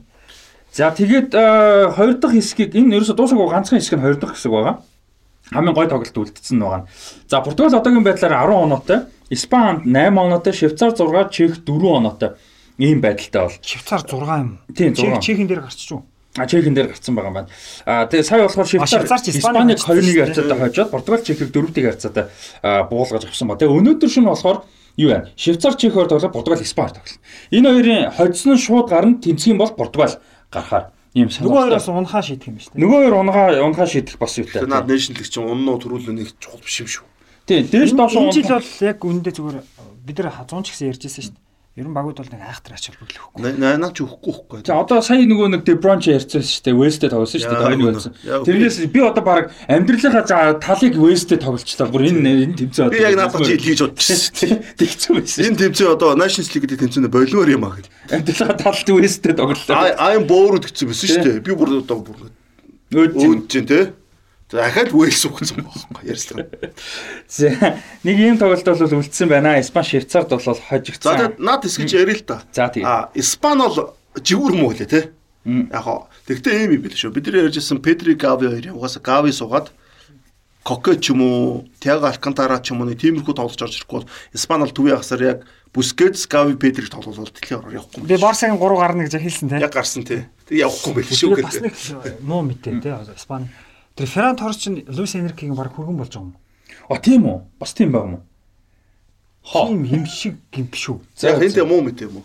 Гүг тэгээд мань хүний гүйцэтгэл гэж бүр хог дээр. Ферран Торс. Эсвэл Хэдэн минут тоглосон бүх үзүүлэлт нь бүр хог. Тэгээд дамжуулалт нь бүр ингээд одоо нэг 80 80% та оновчтой байдаг бол тэр нь бүр доошо. Тэг хэд 13 удаа бөмбөг алдсан ч гэнэ юу гэнэ. Одоо тэгээ Ферран эдрээ чи дурсж байгаа за энэ явахгүй байна гал одоо шийдвэр гаргах юм шүү. Феррандорс ч гараанд гарч тоглосон. Хүргэн байна өдөр хамаагч Феррандор Сараби хоёр тоглосон байхгүй. Сараби ч одоо юуны ганц жигүүр болчиход ш Испани. Өнгөрсөн ураагаар чи Сараби ч жигүүр сайн зөндөө тоглосон шүү дээ. Ферран тэгээд ерөөс ингээд дандаа фейлдж байгаа. Том тоглолтод гэхдээ бас тэр жил Германыг алаа хийсэн шүү дээ. Нэг 6 хэдэр өчгөд. Тий, тий. Тэр юугаар Nations League дээр Итали дээр юу хийсэн? Гол хийсэн. Одоо тэгээд Испани гарааг бодлоо. За төвдөө Педри за Бускетс Родри хоёрын нэгэн заяа. Би бол Родриг гараасаж бодож нэг юм дээ. За тэгээд Коке орж ирэх бах цаа бараг төв яхас дээр. Ер нь бол Бускетс, Педри, Кокел юм шүү дээ. Тийм л баг. Тэнгүүтээ урагшаага болохоор Сараби бол ойлгомжтой болчиход байгаа бараг одооны ингээ формоор харахаар. Тийм, бараг л. Пабло Сараби орж иж байгаа. Тэгээд Оёрсабал байхгүй, Олмо байхгүй. Фати зүүн дээр орж иж байгаа. Тэгээд төвөнд товтлогч нь хин. Мората. Мората. Ингэж л гарч байгаа спан. Айгуу суу сонсгож байгаа сте. Сус бол. Яг хурдтай гэх юм бол Нико Уильямс гэхдээ гараанд болохгүй шүү. Нико сая анхны тоглолт байлаа тийм. Тийм, дебютэс. Нико Уильямс л одоо банданд тасалсан. Тийм. Насан туршийн шишээ гинлээ тоглолцсон одоо банданд тассан. Тийм. Тэ. Тэгээ сая албан ёсны тоглолт тоглолт. Ган руу ган руу орохгүй гэсэн үг шүү Тийм дээ. тийм тэмцээнд орсон юм чи. Ах бол Ганаас сонгосон, дүү бол Испани. Тэр бол тодорхой болсон. Спан харин нэг жоохон юу л байна да. За Португал. Я Португал яриас та яг гой гараа гарсан шүү. Яг миний өсчихсэн гараа. За арын хамгаалт өргөч заяа. Угаасаа Рубен Дэштэй нэг нь гарan заяа. Тэгээд баруун дээр далаад хороо баг зүүн дээр баг канцел гарах юм шүү. Канцелээс Зүүн дээр асуудалгүй шүү дээ. Баруун ч угаасаа чигтэлж байгаа юм байна шүү. Тий, баруун чигтсэн байгаа. Тэгэхээр далаад сая 2 гол ийцэн штэ. Далаад баруун дээр гараад, канцело зүүн дээр гараад, зүүн дээр угаасаа яг бүр чистний юм байхгүй Португал. Яг гэрээрэ мэрээрээ жоохон ийм нөхдүүд байна те. Гэрээр оч тэгээд баг win back шүү дээ. Бүр нилээ Тэгэхээр канцело зүүн дээр гараад за хамгаалтан тэгээ болчихж байгаа. За хаалгач болоод Руй Патриси ч юм уу энэ чинь гарan заяа. Тэнгүүл төвийн хагас дээр Португал 4 2 3 1 гэж гарсан. Тий. Төвдөө хин Рубен Невиш, Уильям Карвалио ч юм уу те. За нэг тиймэрхүү хоёр хагас гарч байгаа заяа. Тэнгүүл яг урд нь Бруно Фернандеш, а Бернардо Силва баруун дээрээ а зүүн дээр Жота нөө нэг Рафаэл Лио хоёрын нэг нь тэгээ Роналдо тойрон тоглож. Энэ ч айгүй гоё гараа Португал. За төвийн хагас дээр бол яг Палиния ч юм уу тэгээд юунууд орж ирнэ л дээ өөр нэрнүүд. Яг Уильям Крол бол номер нь сонголт нөх төвийн хагас дээр бол. Зүүн дээр ч нөгөө Парис Сен-Жермен хамгаалагч байгаа шүү дээ. Мендэш үлээ юм лээ. Нүнэ мэндш. Зүүн дээр үү? Нүнэ мэндш бас сайн л да. Гэтэ шүү дээ. Далаа цоох. За канцелог гэхдээ тэмцээний үеэр зүгээр ингэж ч магадгүй л бах тий. Тэгээ, Шаардлагыг гарвал тий. Тэгээ туршлагатай том те. Тэгээ Витиния гэд бас гоё төвөө бас бас байна те. Фитиния дээр. Гэтэ энэ бол за Уильям Карвалиутай нэг л гарах бах та. Рубен Одоо шах. энэ Европын үндэсний лигийн тэмцээнд ингээд ихэнх баг юугаа өгөхгүй байгаа шүү дээ. Ачаал бүгд өгөхгүй байгаа шүү дээ. Ер нь ганц чичирж байгаа багчиг Португал юм бэл. Ерөөс ингээд фул бүгднгийн л ингээд бүх бүрэлдэхүүнээр үзэгддэг гоо. Тэгээд одоо ингээ Португал амар олон гой гой залуучуудаа нэрнүүд өнөдөд одоо Роналдо ч юм уу Бернардо Силвагийн байрал дээр тэгэхээр гарахгүй болчихдог байхгүй хичнээн. Тэгээ Роналдо ч н 24 оны Евро хүртэл тоглоно гэдгээ өөрийн зүгээс бол хэлсэн тий. А Роналдо явчвал маш олон залуучууд боломж гарах гэдэг. Жо Феликс тэргүүтэй тий. Гэтэ нөгөө хэд нь бас яг сайн тоглож биш шүү. Бас яг том тэмцээн дээр орж ирээд ингээд гол дотоох юм бол байхгүй байгаа юм тий. Класс класс дутах гэдэг. Класс дутна одоо тэр нэтто мэтто хэн байгаа лээ баахан нөтөд байгаа шүү. Одоо тэгвэл Вулверхэмптний тэр жигээр орж ирнэ шүү дээ. Тий. Сая э, зүүн дээр нь Марио Руи тогсон юм шүү дээ. Наполигийн. А зүүн дээр Марио юу Марио юу дайжгүй. Зүүн бас гайгүй юм байна. Бас хаа очиж гайгүй юм байна. Наад хүн чинь дэлхийн аврал шалралт тэмцээнд хүрэхгүй шүү дээ. Тийм тийм. Тэгэхээр дэлхийн ордер хоосон бол биш л. дэлхийн ордер канцелээ суулгана гэж ахгүй шүү дээ. Кансело одоо тэр том туршлагатай юм. Канцело чинь дээрээс нь чөлөө цохол болонгийн цохол янз янз юм дээр орчин. Тэгин. Тэгээ гол нь канцело Португалийн шид Сити тоглолт шиг тоглож чадах уу? Тоглож чадах уу гэдэг асуудал байна тий. Үгүй тэгээд нэг хүнээс шалтгаалж шүү дээ. Нэг хүн бусдаагаа тоглох юм уу тоглохгүй юм. Тэр хүн зүгээр болчвол зүгээр тэр баг бүр ингээд хөвчих гээд байгаа байхгүй юу? Ер нь бол Сая на Роналдо чинь Эстонто тоглож байгаад хамраа госуулаад. Тэгээ тэрнээс болсон. Тэр чинь бол хүнд бас амар их юу өгдөн шүү дээ. Импакт өгдөн шүү дээ. Мөргөлдсөн дараа тэр. Тэгээд Чех дээр үлээ те. Чек тэр үлээ тий. Тэгээ сул бөмбөг бөмбөг алдсан шүү дээ. Бруно Фернандеш амар гой дамжуулдаг манай хальт цогч мөхөд. Яг тэр бол чадвар гэхээс илүү жоохон тийм юу импактанд орсон. Тийм ээ, тийм бол цогулж мөхөлдсөн чинь амар зохиосон шүү дээ. За дараагийн хэсэг 3 дахь хэсэг Итали тэргүүлсэн. Өө наад хэсэг чи өөр юу вэ? Оо за. Испан. Португал. За наа Швейцар гэдэг баг ч юм Швейцар чи- ордер. За бүр ингээд яг тоглолтоор орох бол наа чи дөрөв мөрөл үлдчих магадгүй шүү наа Швейцар ч юм бол. Ер нь бол эсгээсээ гараад 16 дээр бол нэг том хаягийг усаад 8 дээр бол эвгүй өөрчлөгч гарч ирэх шүү наа Швейцар бол хэсгээс одоо Бразилийн нэг хэсэг байгаа шүү дээ. Эвгүй хэсэг байгаа шүү дээ. Бразил, Швейцар, Серб нөгөө гурав шүү дээ. Өмнөх тэмцээнд орсон Тий. гурав. Тэгээд за гараад гарах юм байна. Хоёроо гараад явахгүй хөө. Би бол Швейцарыг бол айгүй эвгүй хараад байна. Наа чи бол 16-ад нэг багийг зовоогоо л хожигдох. Эй, Ородор чин зоох байдгүй болцсон шүү дээ. Франц ч аваа ицсэн шүү дээ. Төрөлх хүйсэн багийг. Тэ? Швейцар уу? Тий, өнгөрсөн евро орчин. Австри уу? Австри чин Италид өжигдсөн бохгүй юу? Италид нэмэлт Швейцар, Франц Швейцар шүү дээ. Тий, Франц Швейцар бохгүй. Оо Швейцар шүү дээ. Нөгөө сомр амираадаг юм шүү. Австри чин Австри Италид бохгүй. өжигдсөн. Италид нэмэлт зөгтөж. Бас, Тий, тий, тий, тий. ингэж жагаад алдчихж Аа, жагаад. Швейцар чин болохоор Италид юу Францд 3 дэгээр өжигдж жагаад 3 3. Тий. 3 3 болгоод тэнцээд нэмэлт цаг дээр Нимж очичээгээ тэгээд. нэмж ёо торгуу зүгтгүү лөө. Эмбапе алдлаггүй. Эмбапе хамгийн сүүлд нь хамгийн Эмбапе алдсан Эмбапе шүү дээ. алдсан. На Швейцар ч Тэр нэмэлт нэмэлт экстра тэр гол ороогүй. орог орог 3 3. Тэ Аа, сүүлд Испани тоглолтод хамдарсан. Яг л наад Швейцар ч ингэж байгаа байхгүй. Хамгаалт нь Аканжи, Элведи тэргээд айгүй гой хамгаалтын бүрэлдэхүүн байна заяа. Рикардо Родригес, Эмбабу өдөргээд одоо ингээд жигүүр мигүүр ингээд сонголт байгаад байгаа байхгүй. Төвийн ягс бүр гоё. Фройлер байна. Шака. Шака байна. Закария байна. Ингээд харахаар довтлон дээр бол одоо Брил Имболо гэдээ бүр мангас байна шүү дээ. Сая мундаг байлээ. Сая Испанийг очоод бол яг Тэгээ Шакири байж л байгаа тийм. Шакири байгаа. Шакири хурдан гоё үлээ. Испани дээр Пау Торрес дээр ч гүцэхгүй л шүү. Тэгээд юун дээр Швейцар дээр болохоор ингэж хараад байгаа байхгүй. Яг сая Испанийг очоод бол торгуулийн боломжийн цогцолтос хоёр хийцэн л дээ. Тэгэхээр агаарт өндрөөс гадна тоглолтын үед бол яг сөрөг товтлогоо бас Испани эсрэг Испани угаас товтлож байгаа шүү дээ. Сөрөг товтлого айгүй даж хүчил. Эмболо өдөр ч бас боломжууд алдсан. Бразил Серб Камерунтай нэг хэсэгт байгаа тийм. Явахд бол. Анаа ч бас эвгүйсгүй шүү дээ. Эйгүү эйгүү. За Бразил бол гайгүй очвол хоёроор бол нилээл Хоёроор бол за Сербч Цагаатлахаар тэгээ серв арчаагүй дээ шүү дээ. Э, тийм яг цагаад болох юм уу тий. Тэгээ швейцарчаар сул шүү дээ. бүрэлдэхүүн нь харахаар Серб гоё тий. Тэгээ яг яг нэг тэгж амар явж гэнэ үгүй л бас. Серб бол одоо урда Влахович Петрович. Митрович хоёр байгаа юм л ш. Энэ хоёрыг гаргаал. Тэгээ гурван хамгаалагчтай төв- төвдөө Миланкович Савич нь орж ирэл. Яг нь Миланкович Савич бол одоо Сериад бол ассист ассист айгу дээгүүр явж байгаа шүү дээ. Дажгүй байгаа. Тэгэл байгаа шүү. таадаж орж ирнэ. Тэгэл өөр нэг сүт бас настас шидэр чинь байхгүй болсон юм л ш. Хамгаалагч бол. Сербэг. За Камерун Камерун мэдхгүй. Матипиг бол авахгүй гэсэн шүү дээ. Матип авахгүй ш. Матип ч өөрөө тоглохгүй. Өөрөө тоглохгүй дахиад буцаад тоглох юм ярьсан чинь Ито ч нь авахгүй гэсэн. Матип чинь тэр жил нөгөө нэг Африк үндэсний цомч ингээд байнга болдсон шүү дээ. Байнга олон жил яваа, 2 жил нэг удаа 1 жил явахгүй гэсэн чинь Камерун төрүүлсэн шүү дээ.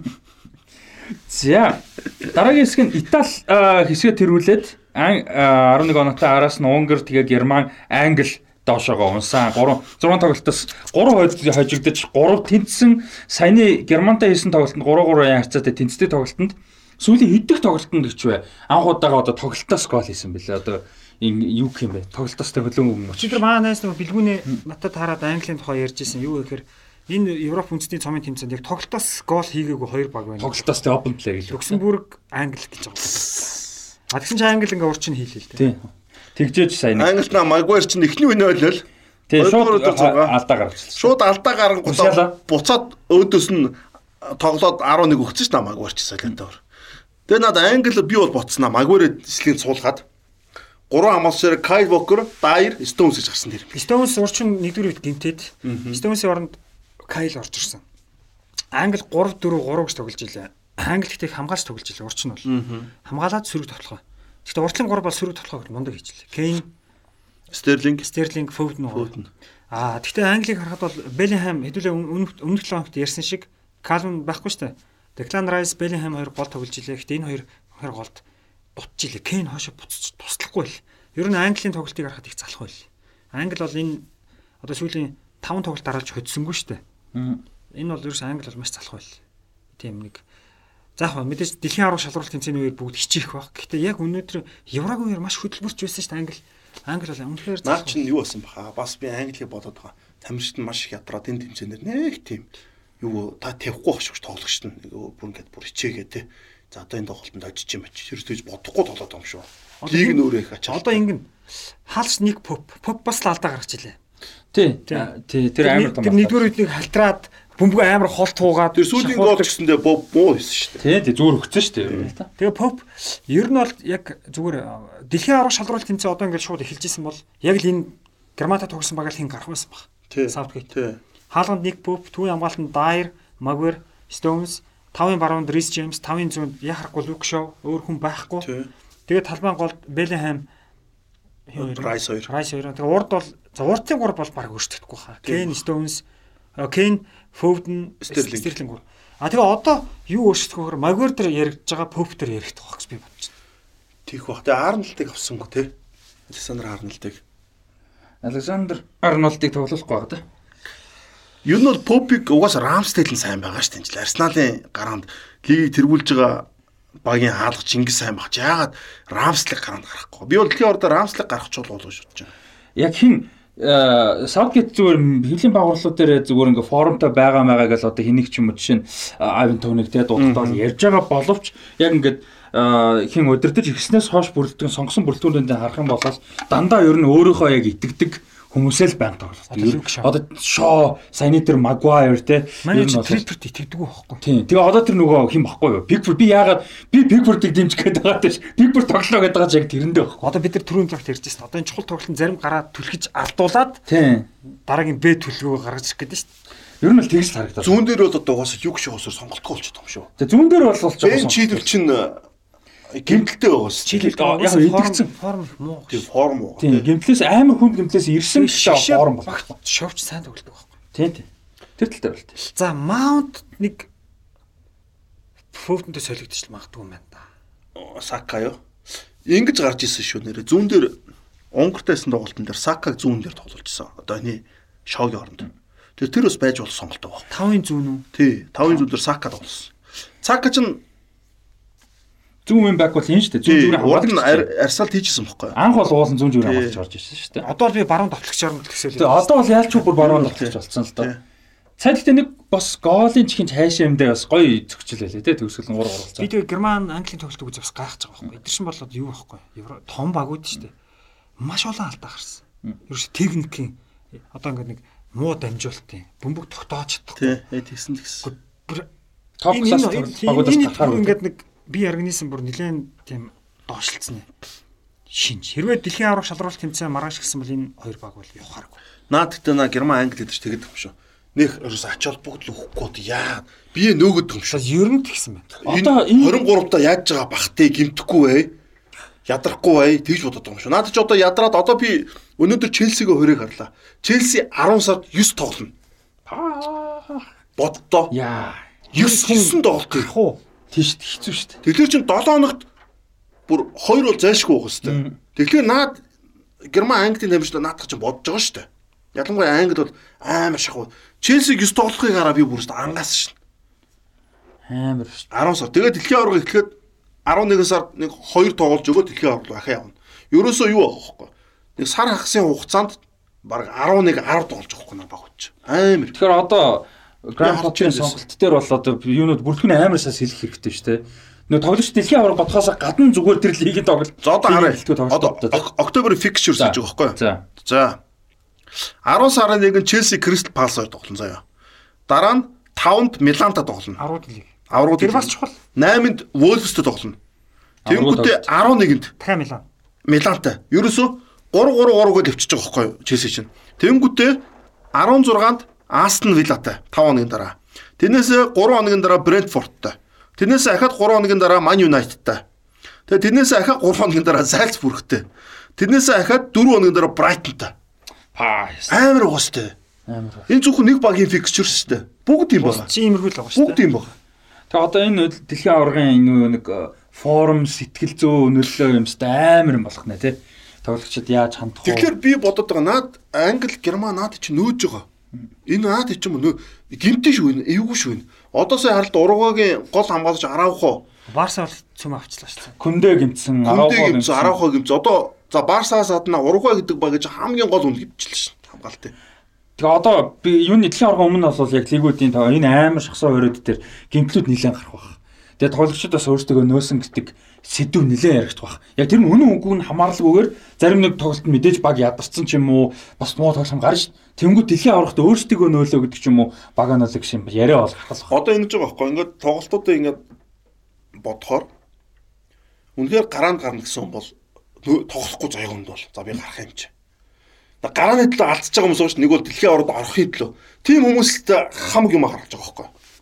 Тэгээс бол яг дэлхийн аваргаар за би 23-т багтана гэж байгаа хүн бол наа ч юм бол ичихгүй шүү. Одоо Саутгейт хэлсэн байгаа шүү дээ. Кейн хим юм бол ойлгомжтой шүү дээ. Стерлинг энэ төр л дээ. За, Та хэд маань те та орох нь ойлгомжтой гитэн л байгаа шүү дээ. Одоо тэр одоо англи гарааг хараа л да. Наад байгаа 11 чинь бүгдээрээ явах хүмүүс байхгүй. Бүгд явна лээ. Саяны бүртгэн 11 те. Тий, баттай явах хүмүүс байхгүй. Тэгэхээр энэ 11 чинь за одоо ингэ гимтэд явах Ер нь Англи яг төвийн хамгаалтыг өдөр тунч дайр юм байна уу? Дайр юм байна. Би энэ бодоод Энд энэ бол маш сайн байгаа шүү. Багаараа болоо одоо энэ сэтгэл 100 те. За англитаа сайн тоглолт. Энэ сэтгэл 100 боль. Ерөөсө Dyer Stones, Kyle Walker гэл 13 гарах хэрэгтэй англи те. Тэгэл win back оруулаа л те. Яг би ингэж утсан нөө Bellingham, Kyle Phillips байхгүй учраас 3 төвийн хамгаалц гаргацсан баг хамгаалтаа илүү нэгт болох гээд. The Rice Bellingham гэж тоглож байдаг шүү. Rice Bellingham гэхэлэр би хэлээд байгаа шүү хамгаалч жоохон баланс алдагданаа гэдэг байгаа шүү. На Kyle Phillips ч юм бол айгүй чухал болгоч. Тэгээ энэ үлрэл бол хэцүүлэх та Калвин Харин Филипс. Сэтүүд очоод ерөөсөө тоглох. Тэгээ Арнолд орохгүй байгаа маа шалтгаан ч тэр ихгүй. Угаас хамгаалтанд айгүй их асуудал гаргаад байгаа шүү дээ. Гуравтаа тоглоод гурван баруун дээр Кайл Волкер байхад Александр Арнолд. Гэхдээ wingback тоглодог.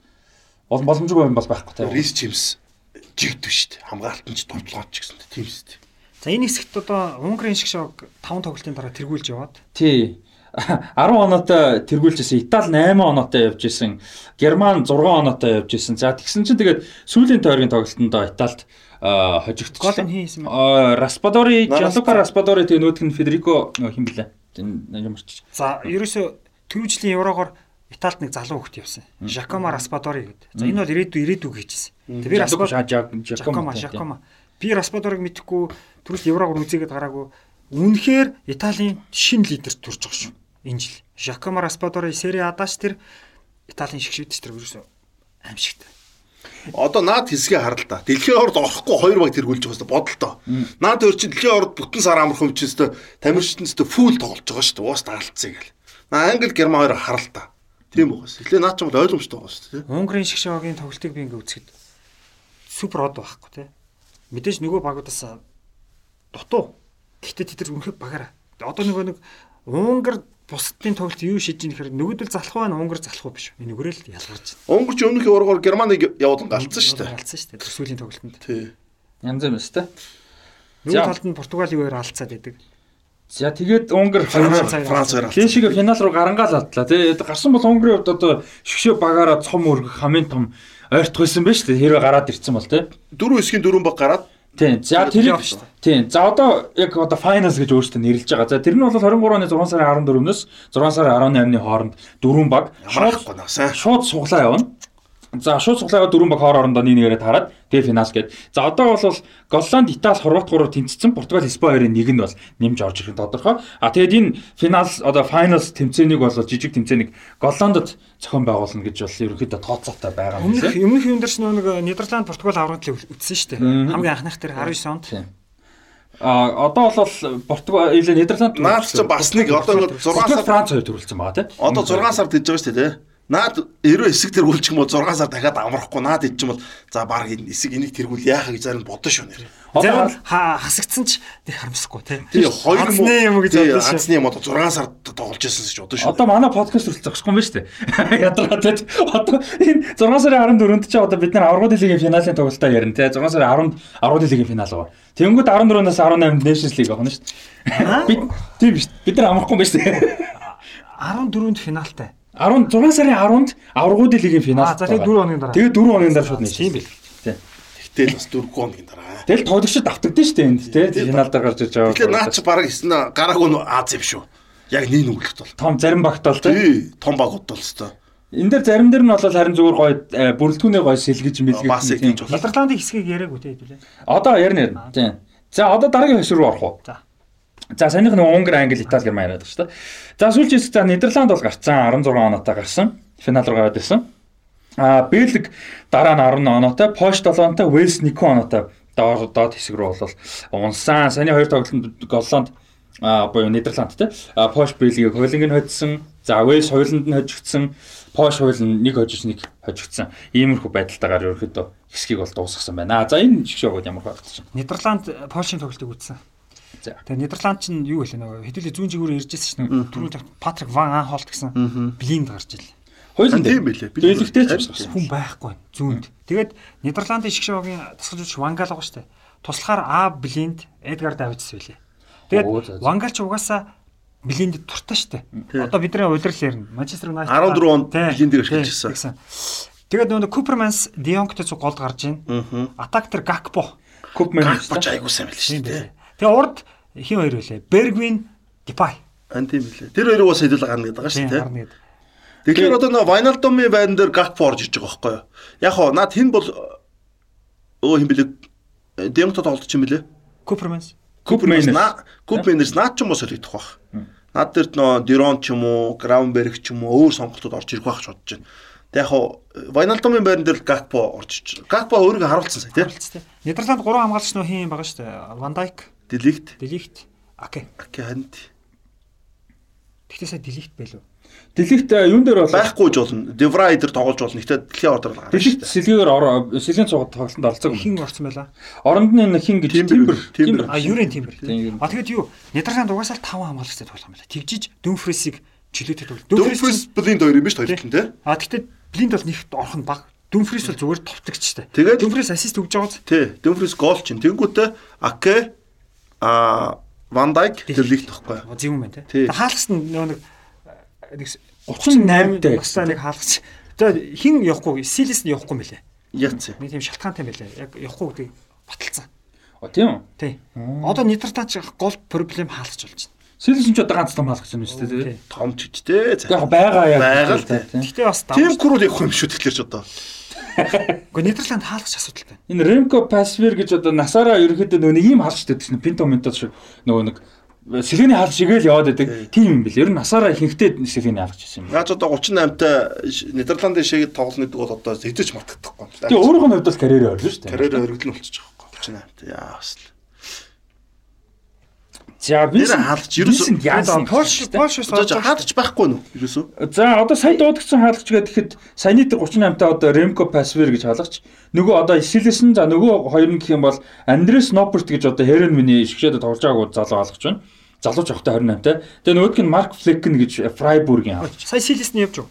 Силэс нь дуудагчд бол дуудагдсан юм байна. Саяны бүртгэн Силэс нь явах уу? Сэлгээнд бол байсан юм байна. Бэлт бол крүүлтэй андуурч уусаа. Крүүлийг авахгүй гэлөө. Магадгүй. Силэс нь бол ямар ч сэлгээнд бол байх байхгүй байсан. авахгүй гэсэн шүү. Тэр крул юу басан бохоо тэр 14 оноос хойш муудалцсан бохоо бангалт 14 санаж байгаа юм байна. 11 дээр сэлгээгээр оруулж ирд зөвлөгтөд оруулж ирдгүй шүү. мэрэгжлийн хүмүүс тэрийг бол нэх ямааргүй. Харин тийм одоо. Ууг нь гайгүй. А Нидерланд Польштой тогс. Польш орж байгаа штэ. Польш үнэхээр муу л. Польшийн хамгаалалт бол зүгээр хог. Тэгээ нөгөө нэг глик төвд байлаа. Бид нарак байлаа. Өөр нөгөөх нь байлаа байлаа. Польшид нөгөө байдаг гэд Баруун дээр мети каш орж ирж шүү дээ. байдаг гэд бүгд байлаа. Тэгээ ерөөсөө Левандовскиг яг юм бил. Би тэр тоглолтыг харсан. Левандовски ч үнэхээр дандаа сайн туслахуудтай. Тэгэл өөрөө эцсийн цэгийг тавьдаг. Цэвэр төгсгөлтэй. Үнэхээр Польшийн шиг шогт Левандовскид хань болохгүй юм бэл. Дэмжих хүн алхах те. хамгаалт ч гачин хагасуудч гачин Хагасууд ачин байгаа, хагасууд ачин байгаа. Тэр Левандовски ч өөртөө ямар тэр баг нь алтаад ахаар тэр хүн хийхгүй шүү дээ. Хүлэн бөгөөд алдахгүй байж л хийдэг шүү дээ. Тэгээд Яг хөө Блашчиковский, Гросицкий тэр өөр өөр нөтүүд байсан шүү дээ. Мачинский тэр одоо тэд нар байхгүй болчихж байгаа шүү пишик пишик энэ төргээ те. дээ. Тий. Одоо байхгүй. Одоо мети каш байх аа Пишчикийг оруулж болох. Одоо Криховяк байлаа байх муу байлаа. Грихог угаасаа байхгүй болсон. Милик байлаа байхгүй байлаа. Зеленский тоглосноо. Зеленский байлаа. Ганц гайгүй тусан одоо Зеленский л л одоо. Ер нь Пош бол найраг сайн аа Пош Voice хоёрын чи орон тэр Швед Шотланд дээр орох гэсэн байхгүй. Швед Шотланд дээр орсон дэлхийн аваар хамаагүй сайн. Тийм те. Украин орсон. Украин ч гэсэн гоё бүрдсэн шүү дээ. Украин гоё. Ер нь Польшаас нөгөө хэд бусд нь гоё бүгд гоё. Пош Voice хоёрын оронд бол за Шотланд Украин хоёрын нэгэнтэй Швед алж алж байгаа Пош очсон шүү дээ. Швед бол ёстой юу баг орж ирж шүү. Ор Швед орчихл байсан. Швед ороод яг Швейцарч тоглоно. Тал орох гэсэн. Тийм ер нь тийм. яриа Тэгвэл. Португал мултран шүү дээ. Тийм тэр тэр жогоонд нь тийм байсан те. Тэр жогоонд. шаардлага гарчдаг. За тэгээд Nations League-ийн хувьд бол нэг иймэрхүү байна. Тэгээ хэдүүлээ товчхон зүгээр FIFA ранкинг ярьчих. А энэ зүгээр нэг юм бол дүгнэгдэхгүй. Гэхдээ зүгээр ямар хуу байгаа вэ гэдгийг товчхон яриа. За энэ бол 8 сарын а 25-ны байдлаар эхний 20 баг ямар байгааг ярив. А тэгээд дэлхийн аварга өмнөх чансаа хамгийн сүүлийнх бол 10 сарын 6-нд гарах юм байлаа. А тэгээд дэлхийн аварга болоод дуусан гутаа шууд 12 сарын 22-нд одоо шинчлэгдэж орж ирэх юм байлээ. Тэгээд товчхон зүгээр ярьчих. За 20 дугаар ойронд бол Швед, за тэгээ 20-оос дээшгээ Уэльс, Сенегал, Колумб, Швейцар, Хорват, Америк, Уругвай, Мексик, Герман гэж явж байгаа. Мексик, Герман, Герман 11-т явж байгаа.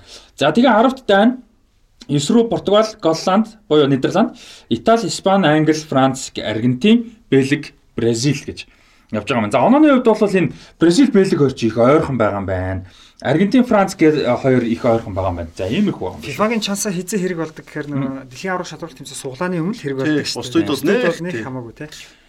За тэгээд одоо нөгөө нэг юм э, тэргүүлж орж ирсэн баг ер нь амжилт үзүүлэх аягүй байдаг шүү дээ. Ялангуяа ойрын найдлын аварга. а, Гэтэ эвгүй өсөлт ороод мултарчвал бас хайрна те. Бас тэгвэл хайр. За тэгээд энэ үрээд шоу болохгүй. Нэм Шишог дээр нэг юм нэмч. За тий. Нэмс зүйлээ. Одоо ингээд сая FIFA Days гэдэг ингээд олон улсын хөлбөмбөгийн холбооны шгшоогын тоглолт. Манай Монголын шгшоог бас тоглолт хийсэн. Гэхдээ яг албаистын тоглолт бол хийж чадаагүй. Тайваны 23 хүртэл насны шгшоог авчирч манай бол эхлээд бол 23 шгшоо баг гэж байгаа. Дараа нь үндсний шгшоог гэж байгаа. Үндсэнд бол манх бол яг нэг л баг тоглолчлоо л доо. Яг зарим нь бол 23-аас ахмад настай хүмүүс бол мэдээж байсан. Гэхдээ энэ бол нэг албан ёсны тоглолт биш болохоор ерөнхийдөө болчихж байгаа бэлтгэлийн тоглолт гэдгээр хоёр улсын хөлбөмбөгийн холбоо хоорондоо тохироод Тэгээ манайхан бол одоо ингээд FIFA Days-ийн өмнө бол яг зүгээр нэг нөгөөлөхт бас мэдтгүйсэн. Мах чинь шгшэг маг хамаагүй шүү дээ. Тэгээд тэгээ FIFA Days-ээр лиг миг нь яваад байдаг байсан байхгүй. Тэгсэн чинь энд бол яг Ханс Майкл Вайс гэх нэг герман цалжуулагч ирж FIFA Days-ээр би шгшээг цуглуулна гэж хэдэн жилийн өмнө хэлж. Одоо түүнээс хойш манайх бол яг FIFA Days-ээр дээдлигээ завсарлуулдаг. Яг тийм яг олон улсын еврого явж байгаа.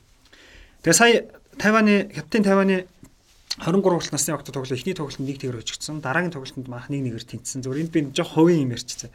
Яг манай клубээс гарсан яг миний шав дамдас өрнгээд саяхан 19 нас хүрсэн үү. 20 сая Азийн урьдчилан шатанд гараанд тоглоод тэрийг Японд салжуулагч үргэлжлүүлж үндэсний шиг шавагт дуудаад 50 нэгтний 50-тай тоглоход хоёр дахь тоглолт маах нэг тэгэр хөжигдэж байгаа. Мань хүн 87 дор сэлгээр гаад 93 дор тэнцэнийг бол хийсэн нэг тийм. Яа, найс. Зөв яг нэг шгшээг ярьсан дээрээ л нэг тийм ээ тийм ээ. Юун дээр тэр 20 насны дээр нэг гол хийсэн хөх тогч Японд тоглож байгаа ирсэн. Тий, тэр Тэмүүлэн хэм блэ? Тэмүүлэн. Тэмүүлэн гэ те. Аав над руу биччихсэн. Тэгээд манай хүн ингээд Японд тоглолт юм ингээд Монголд ингээд шгшээ өмөг тоглох боломж байт юм болов. Тэгээ би хүмүүстэй холбож өгч ирсэн бохгүй. Тэгээ тэр чинь 17 настай. Тэмүүлэн ч сая юун дээр нэг гол хийлүү. Харин 20 насны дээр гол хийсэн бохгүй юу? Биш сая тэрний өмнө нэг гол хийчлээ. Тэрний өмнө 50-тай тэнцлээ. Эхний тоглолтод. Би андуурч магадгүй. Сайхан бас тэр бас гол Тий, хийсэн. тэр айгуу сайн. Сайн, Тэгээд. Японд одоо яг юу гарч иж л да гадаад амьдардаг монголчуудаас юунууд ирж байгаа л да одоо нэг тийм тамирч нар ирж байгаа л да. Одоо намайг жишээлбэл тэр 2005 оны шгшээгийн бид нар бэлтгэл дээр хийж хахад Монголын шид нэг 15 та пост тоглож ирсэн ирж ирсэн. Амар том битээ. Амар байсан тэр хөхт. Тэгээ манай нөө шгшээгийн дан хамгаалагч би яг нөө гараа болцсон байхгүй. Шгшээгийн бэлтгэлээр очиод байжсэн чинь нөө хүчин тоглож гарч эдэр айгу муу байна аав гэж хэлчихсэн байхгүй. Би тэгтөө нэг яг аавынх аавтаа навраа суучсан байхгүй. Гараа угал завтан чаа. Тэгээд илээд тэгээд танаа хүүхдтэй байх гэж 15 таг гэж надаас том битэн нөхөр байхгүй. Би тэг чинь 10 баг 20 хүчсэн. Тэгээд тэр хүүхдийг би харч за энэ хүүхдтэй хэдэн жил нараа шид олхон дэгс яг явандаа тэгэл нэг мэрэгжлүүл өвч болохгүй гадаад болдол ажил амьдралаа очсон шүү дээ. Тэгсэн байхгүй. Ха миний хамгийн анхны арсан гаднаад жишээ бол тэр байсан байхгүй. Тэр хүүхдийн нэр мэрийг би мэдэхгүй гэхдээ айгуусаа хүүхдээс дотож идэг. Тэгээд хүмүүс мерсэр бид нар мэдгүй л Тий болсон мэдгүй. Одоо тэгээд ингээд харсан чи одоо тэр хүүхдүүд чинь бүр Монгол дээр тоглох хэмжээний болцсон эдийн засгийн хувьд нөө боломжтой бол. гадаад амьдрал манайхан чинь мэдээлэлтэй мэдээлэл үү те мэдээлэл нь хоёрдугаар гадаад амьдраад аав ээжүүд нэг олон жил болцсон учраас хүүхдүүд нь Монгол руу буцаж ирэх бас тийм боломжууд нэгдсэн байна шүү. Тэгээд Чехэд бас нэг хүүхд байсан шүү дээ бас аав нь холбогдсон. Яасан гэж чинь Питер Чех мэрхийг гаргасан Чехийн аягүй том агентлаг манай хүүхдийг олон жил ажилласан байна. Тэгээд одоо гэрээ явуулсан 13 тал 14 таа. Тэгээд манай хүүхд одоо ингээ гэрээ байгуулаад тэдний юу бол. Тэгээд үнэхээр сайн байх юм бол одоо Европын том байгууллага руу холбож байна. Тэнгүүд тийм хүүхдүүд одоо зөндөө байна. Аягүй олон тийм хүүхдүүд байгаад байгаа. Нааш. Тэгсэн. Тий наа чи ямар хүүхдүүд л бас Rapid VN өсвөрийн багтан тоглодог. Rapid. Rapid Valley өсвөрийн баг толдог. А тий. Дэрэнгийн хүүхд шүү дээ. А тэгсэн чинь тэр юу юу ажилласан? Аа бас нэг хүүхд надтай холбогдсон. Юунд тоглодог? Унгар тоглодог. Унгар тоглодог тэр яадаг вэ гэсэн чинь бас Унгарын гайгүй баг тоглодог. Би мэрэгдэл хүмүүс удах чинь ингээд бас ингээ баах юм ярихгүй. Тэгсэн чинь нэг Европ тоглолтууд тэр ингээ хүүхдүүдэд мэддэм байнал л да Монгол. Тэгсэн чинь юун дээр Испани Алавесын хүүхдийн багийн гарааны алчт Монгол хүүхдүүд гэсэн. Тэрний танд найз нэг лүү. Тэг бодолтой. Тэгээд тийм хүүхдүүд одоо Монгол гадаад тоглодог зөндөө болж байна. гадны яг хөгжсөн Европын ч юм уу бас улсууд нь яг ийм байдаг шүү дээ тий. Тий. Ийм болж байна. Одоо би нэг ганд дэлгэрээд хүүхдээ өвдөгс тэр чинь бол айгүй сайн хүүхдсэн бохгүй. Тэгээ визний асуудлаас болоод юм тоглох боломж Европ байхгүй. Тэр ясны явцсан. Тэсвүгээд одоо тэмүүлэн ингээд наад хөгжсөн бол 2005 онд төрсэн бэл 17 нас. Харин 17 наач айгүй сайн хүүхдлээ. Японд бол бас сүүлийн бүх тоглоомч удаагүй. Гэхдээ үнэхээр бас биеийн үзүүлэлт, туяа ур чадвар сайтай болохоор яа харахгүй саяны 20 хүртэл насны Азийн аварга урдсан шатанд багтаад үргэлжлээд үндэсний шиг шогт ингээд дуудагтаад. Аав чинь Японд руу буцсан хүүхэд нь үлдсэн. Яасан гэж чи одоо Японд тогломоор гоо Европ руу тогломоор байна. Тэгээд англи манглын би. За англи бол нэгдүгээр визний асуудал хүндээ. Хоёрдугаар дэлхийн хамгийн том лиг рүү шууд тэгжиж хамаг цаг юугаа алднаа. Сахан дамжиж яваа тий. Герман Мирман гэ сахан сонголтууд байна гэд. Тэгээд яасан тэгэл үлдснэ. Тим хүмүүс одоо яг юу гой гарч ирчихэн Монгол. Шигшөө одоо ингээд явандаа ингээд нэлээ олон хүмүүс ингээд гаднаас ир тоглож моголдог тий. Тийм болох гэдэг шүү Монгол. За тэг FIFA Days ярьсан дээр нэг юм авчулчлаа тэгээд. Яриа гоё Юу нэмсэнгүү. За. Бэлэгдээ нөө манай нанчны дуртай хэн чин Алдар Баярл Вертон гэдэг Аа, чинь. манай хоёр байж л шүү дээ. Одоо хоёр чинь гарч ижилээ. Би туртай туртай тэр хоёрт бол үнэхээр. Тэгээ Кастан орж ирэгөө Кастан харин гимтэлтэй байгаа илүү. Энэ амархан гимтчихдээ те. Тэгээд нөө Деброн ч хамаг гэж нэрч. Бачуа ихтэй сайн тоглолчлаа. Тий. Бачуа нэг ассист өгөөд Тий. Дебройн дөрөв дараа нэг гол хийсэн шүү дээ. Тэгэхээр харин Лукаку гарах уу Бачуа гарах уу л байгаа сте одоо. Гэхдээ ер нь бол ямар ч тасалжуулагч юм тэгэл Лукаку шүү дээ. Тий. Лукаку одоо гимтэлтэй байгаа бол Бачуа гарч. Тий. Зүгээр Бачуа магадгүй Лукаку үнэхээр муу вахт нэг сүүлийн 20 ч юм уу тий. Тий. Тим юм нэгдэл Бачуа гэхдээ том тоглолтноор явдггүй байхгүй. Том тоглолтноор. Деброн хамаг гэжлэг гэжлээ зайлвал. Гоолын дамжуулт өгж явах энэ тэр гоолыг хийж явахын зайлвал. Уэлсийн голыг нөө Кифер Мур мөргөж хийж илээ Тий. шүү дээ. Кифер Мур бол агаарт нэг өгчих юм бол мангас юм билээ. Тэр чинь угаас 2 м. Метр 98. 98 билүү те. Амар амт ч те. Хятад гаралт ч тэр чинь. Хятад гаралтаа тийм ер нь хөрөл явуулсан. Азар бол яг шгшээ багт ахлагч хийж илээ. Бэлэг дажгүй, бэлэг гой тоглох байх. Өөр чинь яриаггүй том шгшээ байхгүй те. За ингээд ер нь бол шишээгийн А бод. Францыг яриаггүй шүү дээ. Франц угаасаа юу юм бэлээ? Чүмэний кантел юм бэлээ сонголтгүй. Тэгээ Франц сая энэ хоёр тоглолтноор хоёуланд нь 3 хамгаалцтай тоглож байгаа. Франц 3 хамгаалцтай үнэхээр явахгүй мэн. Шууд дөрөөр явсан нэр мэн Франц бол. Яг бол 3 хамгаалцтай болохоор Салиба тэр Бадиш Бадишили. Гурын зүүнд гараад тий зүүнд гараад байгаа. Тэгээд Варан гарч байхгүй. Шууд Салиба Варан гэж гараал. Тэнгүүлээ Павар Маварч угаасаа Вимбек биш байхгүй. Тэнгүүлээ дөрвөн хамгаалттай болохоор Павар нь зүүн дээрээ тоглоод нөгөө хоёр Эрнанд Солон Мендигийн нэг нь зүүн дээр гараа Павар баруун дээр гараад тэгэд болол төвдөө Чүмэний Канте тэгээд урдаа Гризман Дембели Чумэн чумэний сайн бил. Чүмэний сайн байл шүү дээ. Ер нь чумын кантел болч таарад байна тий. Тэгээ Франц бол одоо 3 хамгаагчтай хөлдөр бид тоглохгүй очиж чинь. Шилц Тоглохгүйгээ сая баг ойлгож байгаа. ойлгочлоо шүү. Хоёр тоглолт дээр Товшиж үзлээ тий. Та нар санаж нөө Европын авар дээр Швейцар тожигдсон шүү дээ тий. Тэгэхэд 3 хамгаалцтай эхэлдэж шүү дээ Франц ч.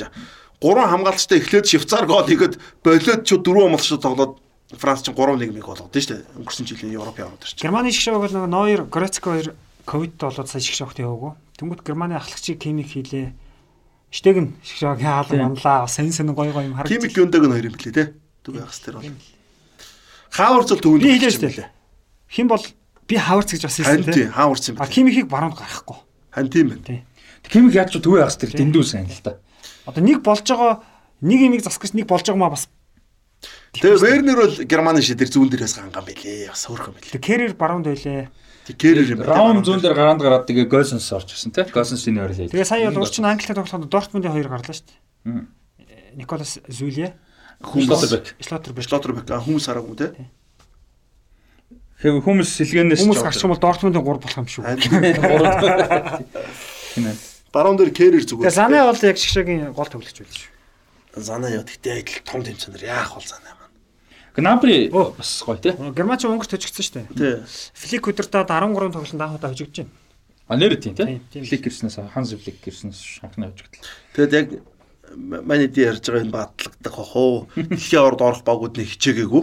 Орохгүй Унгар Итали сайхан станаар алаа хичээг л орчихсон багч боддог юм би. Бас тийх шалтгаан бол байна л тий.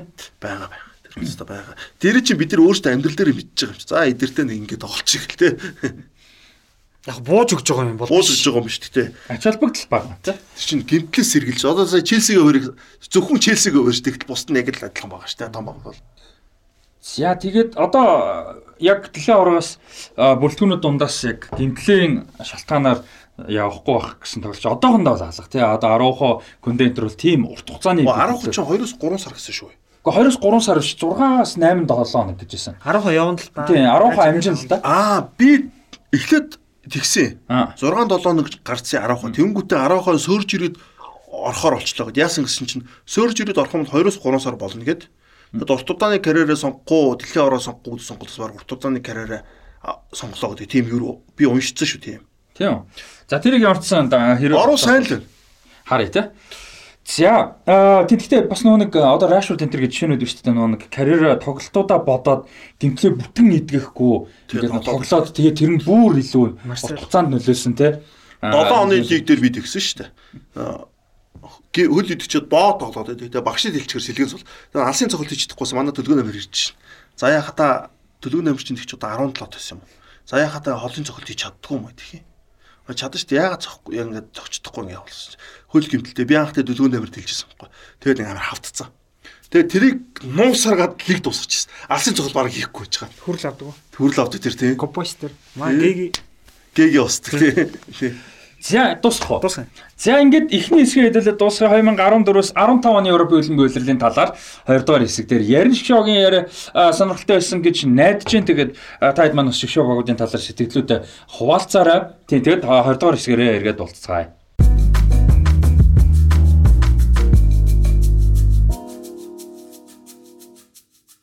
За эргүүлж байгаа дататай энэ үзэгчтэй сонсогчдоо Аа тэгээд нөгөө нэг сэтгэл хэмжүүлэхэд хүмүүс нөгөө юу ягараа гоё одоо ингээд аудио форматаар ерөн сонсож байгаа юм зөндөө тий Apple Podcast, Google Castbox янз бүр.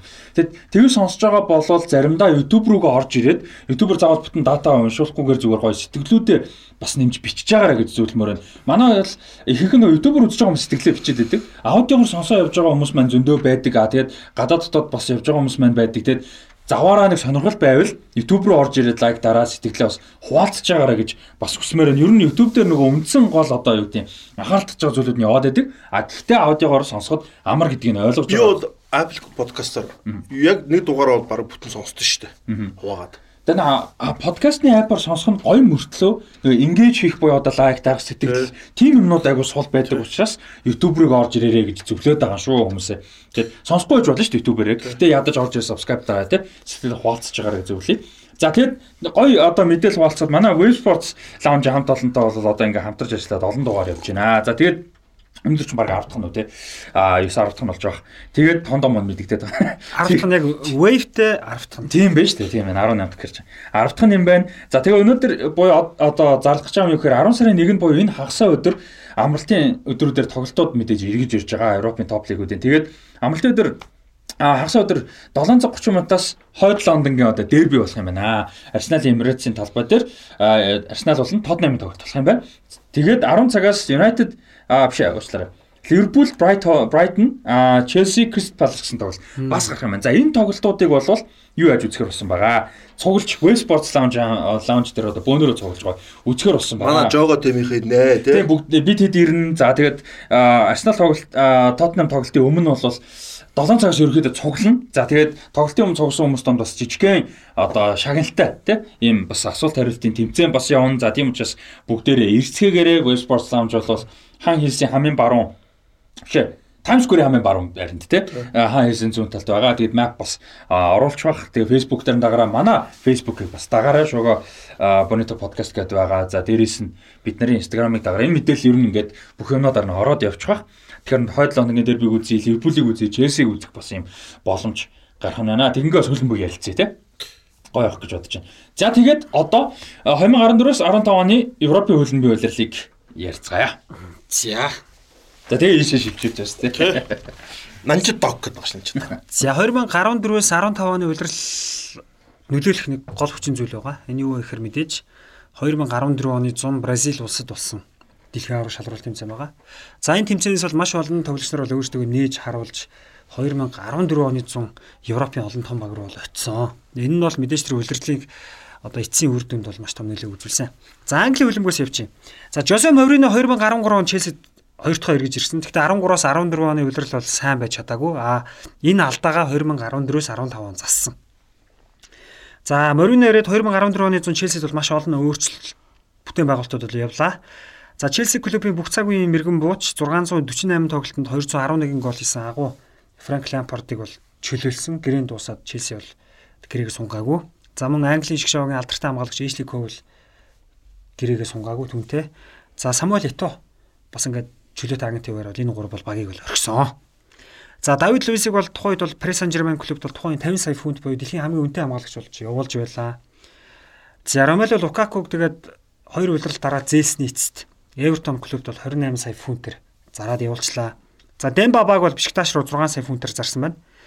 За хамгийн өнтэй авч ирсэн товтлогч Фернандо Торресыг бол 100 тэр 14 оны 100 AC Milan клуб руу зээлээд өвлөн ингээ бүрэн чөлөөлөд явуулсан тийм түүх байгаа.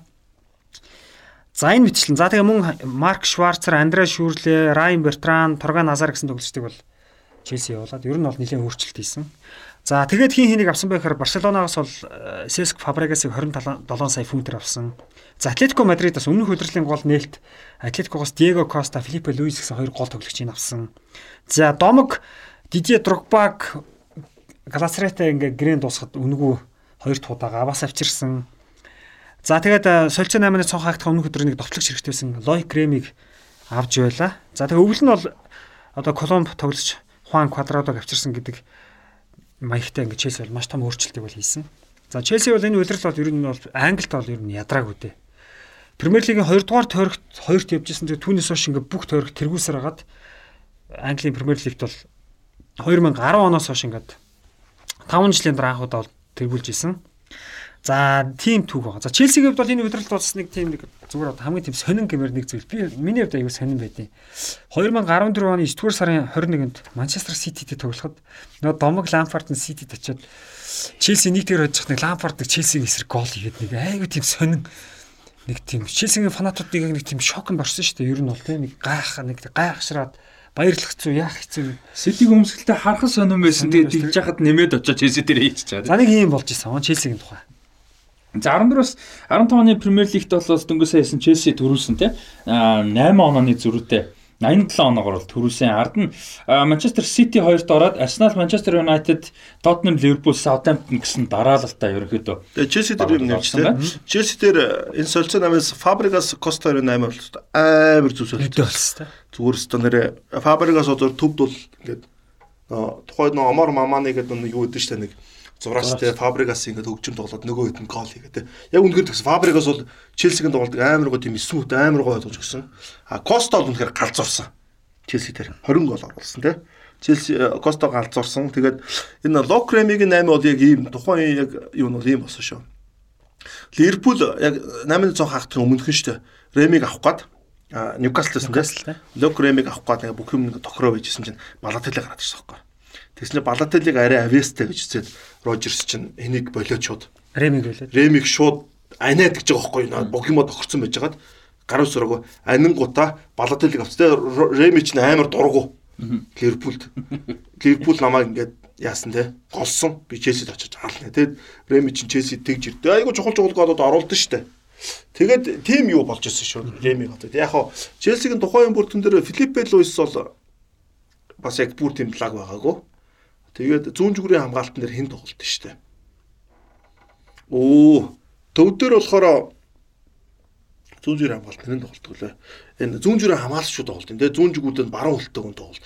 Аспиликутэй тоглолт байхгүй. А тийм тийм. Аспиликутэй бараг бүтэн мөлөр шахах зүүн зүгрийн хамгаалагч чигээд. Тэгээд явдаг. Тэгээд тун давгууд тоглолт байхгүй Аспиликуд. Ер нь бол яг хавтад Ивана Очиндээ буцаа баруун зүгрийн хамгаалтанд тоглож байгаа наа чинь. Төвд нь хэн байгаа штэ. Өө би одоо яагаад мартаад байна. Давид Луизыг авчирсан байгаа. Давид Луизыг явуулсан. А явуулсан байна. Наач одоо аврагын лидер боо юм. Тий. Юуро хариултаа явуулчихж байгаа. Яг дараа нь буцаад ирнэ. Тий, Иванович чинь баруун руу тоглоод төв дээр хэн бэ Челсигийн төв дээр ч одоо. Тэр байгаа. Джон Терри байгаа. Нөгөөт нь хэн бэсэ? Хэн баг штэ. Нөгөө англи хамгаал Кехл байгаа юм. А яг үнэ Кехл. Яг үнэ. Гари Кехл Терри хоёр төвдөө тоглоод Иванович баруун тоглоод тэгээд Спиликута ч ерөөхдөө зүүнд их ихтэй тоглоод тэгээд ерөөхдөө юунд дуустын Челси бол. Тэгээ Дего Костаг 8 бол үнэхээр амар 8-аас Фабригас. Фабригас ч төв тэгээд араас тоглолт нь штэ урталт нь Оскар тоглолт те. Тэгээ тиймэрхүү байсан Челси бол. Энэ улиралд Нэтэн Аке, Андреас Кристенсен хоёр академиас гарч ирж байсан юм байна. Робин Лофтус шиг гэсэн гурван тоглогч гарч ирж байсан. Наад чинь дундуур нор тоглолт юм л да энэ бол. Яг зүүн зүрийн хамгаалт болж байгаа асуудалтай. Тэгээ энэ бол давчтай Рамирес дээр чинь тоглож байгаа шүү дээ чинь те. Рамирес ч марга баруун маруун руу тоглох шүү наад энэ үлрэл. Бас тэгдэг те. Тий, нөө Фабригас ч төв рүү ороод ирж байгаа юм. Нэг тиймэрхүү. Челсиг бол зогсоох байгаагүй. Англид бол асуудалгүй. Премьер лиг бол асуудалгүй болсон. За энэ улирал урам хугалсан багууд бас байгаа. За Ливерпул бол өмнөх улиралд нь аврагын цом баг атгаад алдсан бол энэ улирал бол үнэхээр урам хугалсан. За нөгөө дэлхийн аврах шалралт тэмцээнтэйгээ холбоод ярихад бол Луис Суарес чинь факталтай шүү дээ. Аа клиник хазаад тэг хазах 3 дахь тохиолдол нь гараад маш том шийтгэл хүлээдэг. Луис Суарес 2014 оны 10 сарын 26 хүртэл 4 сарын хугацаанд хөлийн бүх тоглох эрхийг нь бол хасч исэн. Тэгсэн ч Барс авчдаг тий.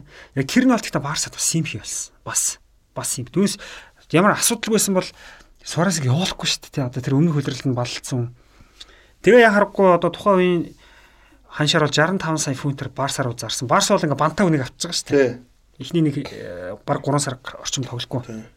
За гэл классик өдр дебют хийдэг үлээ. Эл Эл классико дэр. Тэгээд чинь ассист мэс төгчдөг өстой орог гарч ирээд. Ил классик өдр дебют хийдэг шүү дээ. За тэгээд юу яасан?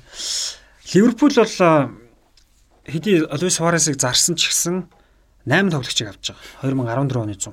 За Рики Ламберт, Адам Лалана, Эмре Жан, Лазар Маркович, Диан Ловрен, Алекс Морена, Марио Балотелли, за Дивок Ориги. За Ориги Альберто Морено тий. Альберто Морено. Оригийг бол яг буцаагаад зээлчтэй. Гэтэ энэ 8 тоглогчд ингээ 117 сая фунт стерлинг зарсан. Энэ нь бол одоо Ливерпулийн дэмжигчдийн хувьд бол маш өндөр хүлээлт үүсгэсэн. Одоо аврагын төлөө үзэх нэ. баг бүгд яваагүй дээ ч. Гэвч одоо энэ Лалана Жан хоёр л гайг байсан байна. гэвч энэ үлрэл бол үнэхээр Ливерпулийн хувьд хэцүү байсан. Нэгдүгээр Суаресын орон зайг хинч бүгэлж чадаагүй. Хоёрдугаар Старэж гимтсэн. Тэгээ довтлогоо бол үнэхээр яваагүй. За тэгээ Ливерпул үлрэлийн эхний 5 тоглолтод 3 хожигдчихсэн. Тэгээд ингээд жоохон асуудалтай энэ баг ингэж яваад Тэгээд наад багаас чинь Жерард мэрэгэн булчин болоод одоо на Рики Ламберт, Фабио Борини, Балотелли. Балотелли, Явдггүй Старэж надад чинь нийлээд 10 гол ч хүрээгүй байхгүй ийм болон тоглож шээ. Старэж бол гимтсэн байсан. Старэж тийм. Гэтэ Старэж гимцэн мөрдөө дөрвөн голтой мэрэгэн булчин ч илүү. Тийм явдсан. Нөгөө нэг гой нэг хоёр гол голтой байт. За тэгээд Ливерпул улирлыг бол таарав эхэлсэн. 11 дугаар сарын сүүлчээр ердөө 14 оноотой Премьер лигийн үсэгтээ 12 дугаар барьт хэвчсэн байна. За тэгээд э, үүнээс хойш Ливерпул яг хамгаалтаа бол жоохон сайжруулсан. Гэхдээ энэ баг бол явж чадаагүй. Тэгээд аврагын лигийн ирэх болох дөрөвдүгээр ерөөсө хоёрдугаар тойрогтл нэг удаа бичигдсэн мэт хүнс бичих чадахгүй явсаргаал Европын лиг ирэх аваад дууссан.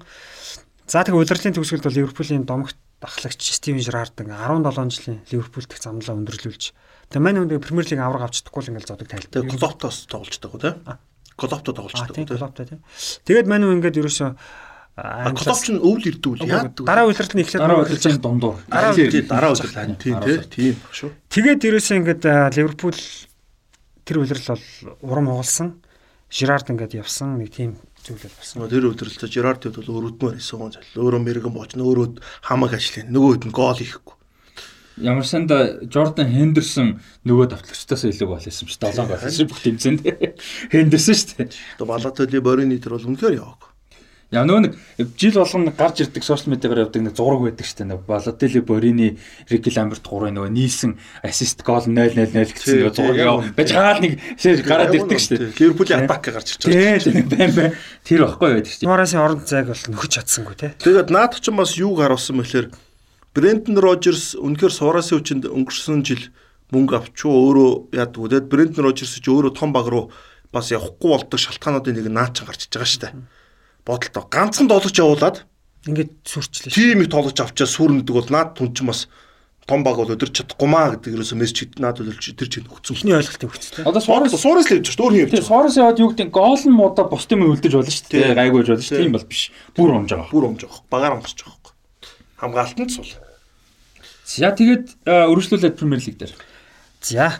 За энэ 100 Арсенал гэж баг байна л да. Энэ удирдлагын тухай бол Арсенал дээр бас нэлээд ярина хэвлээ. За 100 нь бол Фабиански, Саня, Пак Жуйон, Вермайлен, Никлас Бентнер явуулчихсан. За тэгээд Дженкинсон, Коклно 100 нь бол зээлэр явуулчихсан. За 100 хийн нэг асуух Санчес гэж сайн аймаа байсан. Алекс Санчес.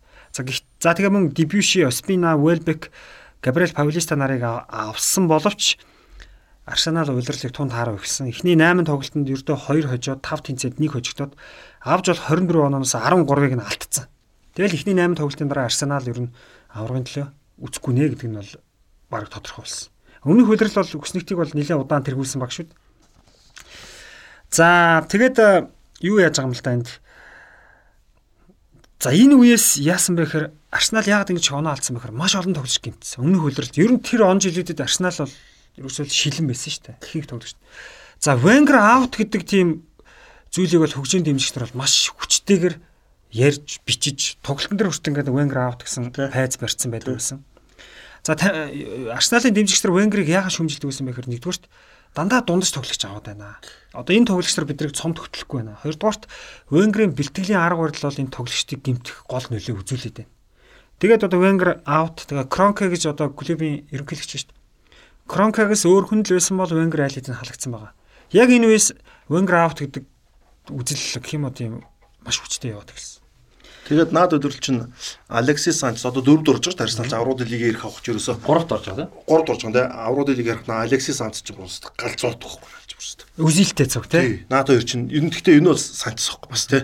Санчес ч юм бол хувийн ур чадвар шүү дээ. Амар амар тоглолт итээ. Тэгээд ерөөхдөө Арсеналын бол аврууд лигээ ирэх авах шалтгаан бол тэр л гэж харж байгаа даа.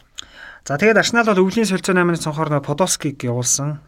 Интерлүүдээ санаагүй хоёр комплексэнд товчлогч нараа явуулаа. За гинт бэртэл арай гайгүй болонгот 2015 оны 2 дугаар сарын 10-наас 4 дугаар сарын 11-нд 8 тоглолт дараалж ялт байгуулад. За энэ нь бол яхааргүй аврагын лиг ирэх авчрах гол хүчин зүйл болсон. За Арсенал бол 2004 онд ялагдaltaгүй төрүүлээд 2005 онд нэг FA Cup-ын финалд United финалтаар хоцсон шүү дээ. Түүнээс хойш цом авахгүй явж байгаад 14 онд нөгөө 9 жилийн дараа холбооны цом авцсан байсан.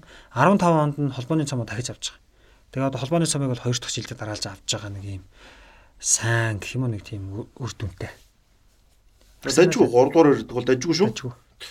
Одоо бодоход бол ялангуяа тийм бас. Тэгээ Wenger сүүлийн хэдэн жил сүүлийн хэдэн жил юм бэ. Тэгээ дандаа Wenger аут гэдэг. Тэгээ дөрөвт орлоо гэж э, мэдээж яг хуу 2000 оны их үед нь аврагын төлөө дандаа өрсөлдөг байсан багийн фэнүүд бол тэгээ шаардлага өндөр боддог байсан ч гэсэн одоо тэгээ Wenger болсныхан дараа амжилтыг харахад тэгээ тэр өгүүлэгдэж шүү дээ. Аврагын лигийн байрны төлөө өрсөлдөг. Наа ч 3 дор ч. Тэгвэл тэрний дараа жил чинь баг Leicester-ийн ард Arsenal чинь 2 дороо баг авар авангаа авах боломж байсан шүү дээ. Тотнем нилээн сайн явж байгаа сүулдэ унаа тэгээ тод Арсенал 2 дараа дууссан шүү дээ. Тэгэхээр Түн тэгэл түүнээс хойш Wenger-ийн сүүлийн 2 жил дөрөвт орж чаддаг. тэр өстө Leicester нэрэ. За дараа жил дараагийн Энэний дараагийн дээр шүү дээ яг ярина тий.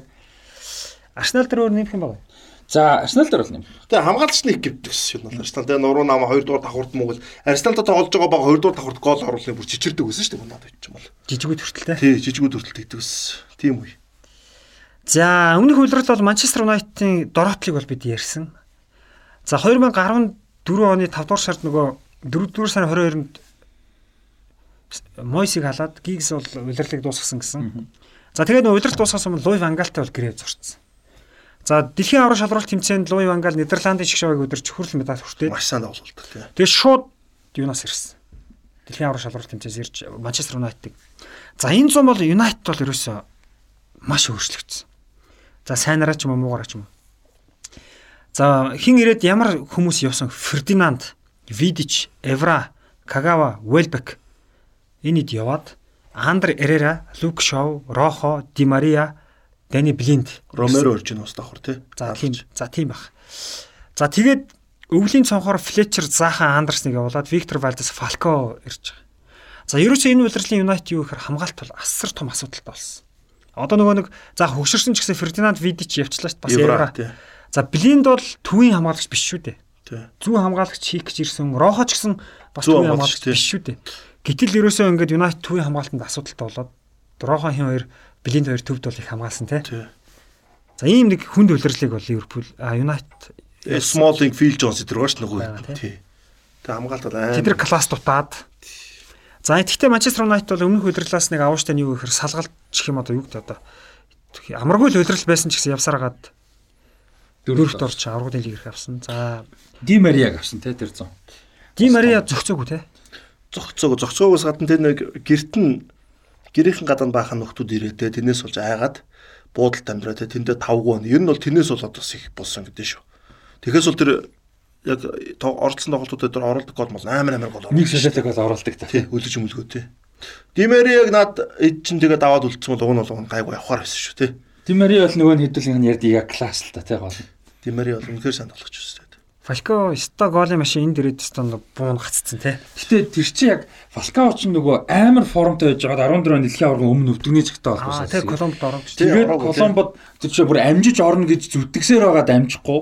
Тэгээ болоод тэгээд United дээрээ сүүлд нэг JSM-с ер нь тэрнээс хойш бол яг илэг Фенербахчаар өгдөг Галатаршараар өгдөг. Галатаршараар тий. Тэр мөрөндөө л яг нэг хэсэг гайгүй тогсон. Тэгээ ер нь бол 14 оноор үний тэр гайхалтай карьер. Тий. Ер нь Тэр. Тио Гутересгээ довтож тоглолт шүү дээ. Коломбо ч тий. Энэ чинь Жаксон Мартинез нэг хэсэг байсан. Жаксон Мартин чинь дэлхийн аварга сэлгэн цус юм бай. Тэгээ нэг хэсэг Порто Порто тий. Тэгээд Яг Хамас Жаксон Жаксон ч гэдэг үү, тий. Хамас Жаксон хоёр чи Портод сайн байж байгаа. Хамас нь Монако руу явдсан шүү дээ. Тэгээ Монакогоос Реал руу одоо наад тэр чи ирж байгаа зун, шүү дээ. тий. Жаксон Мартинес ч юм болохоор Портодод гэлдсэн болохоос дэлхийн ор дээр талбай дээр баг гараа ууших уу. Тэгээд баг хятад руу хөөгдөө явдсан шүү дээ татчаа.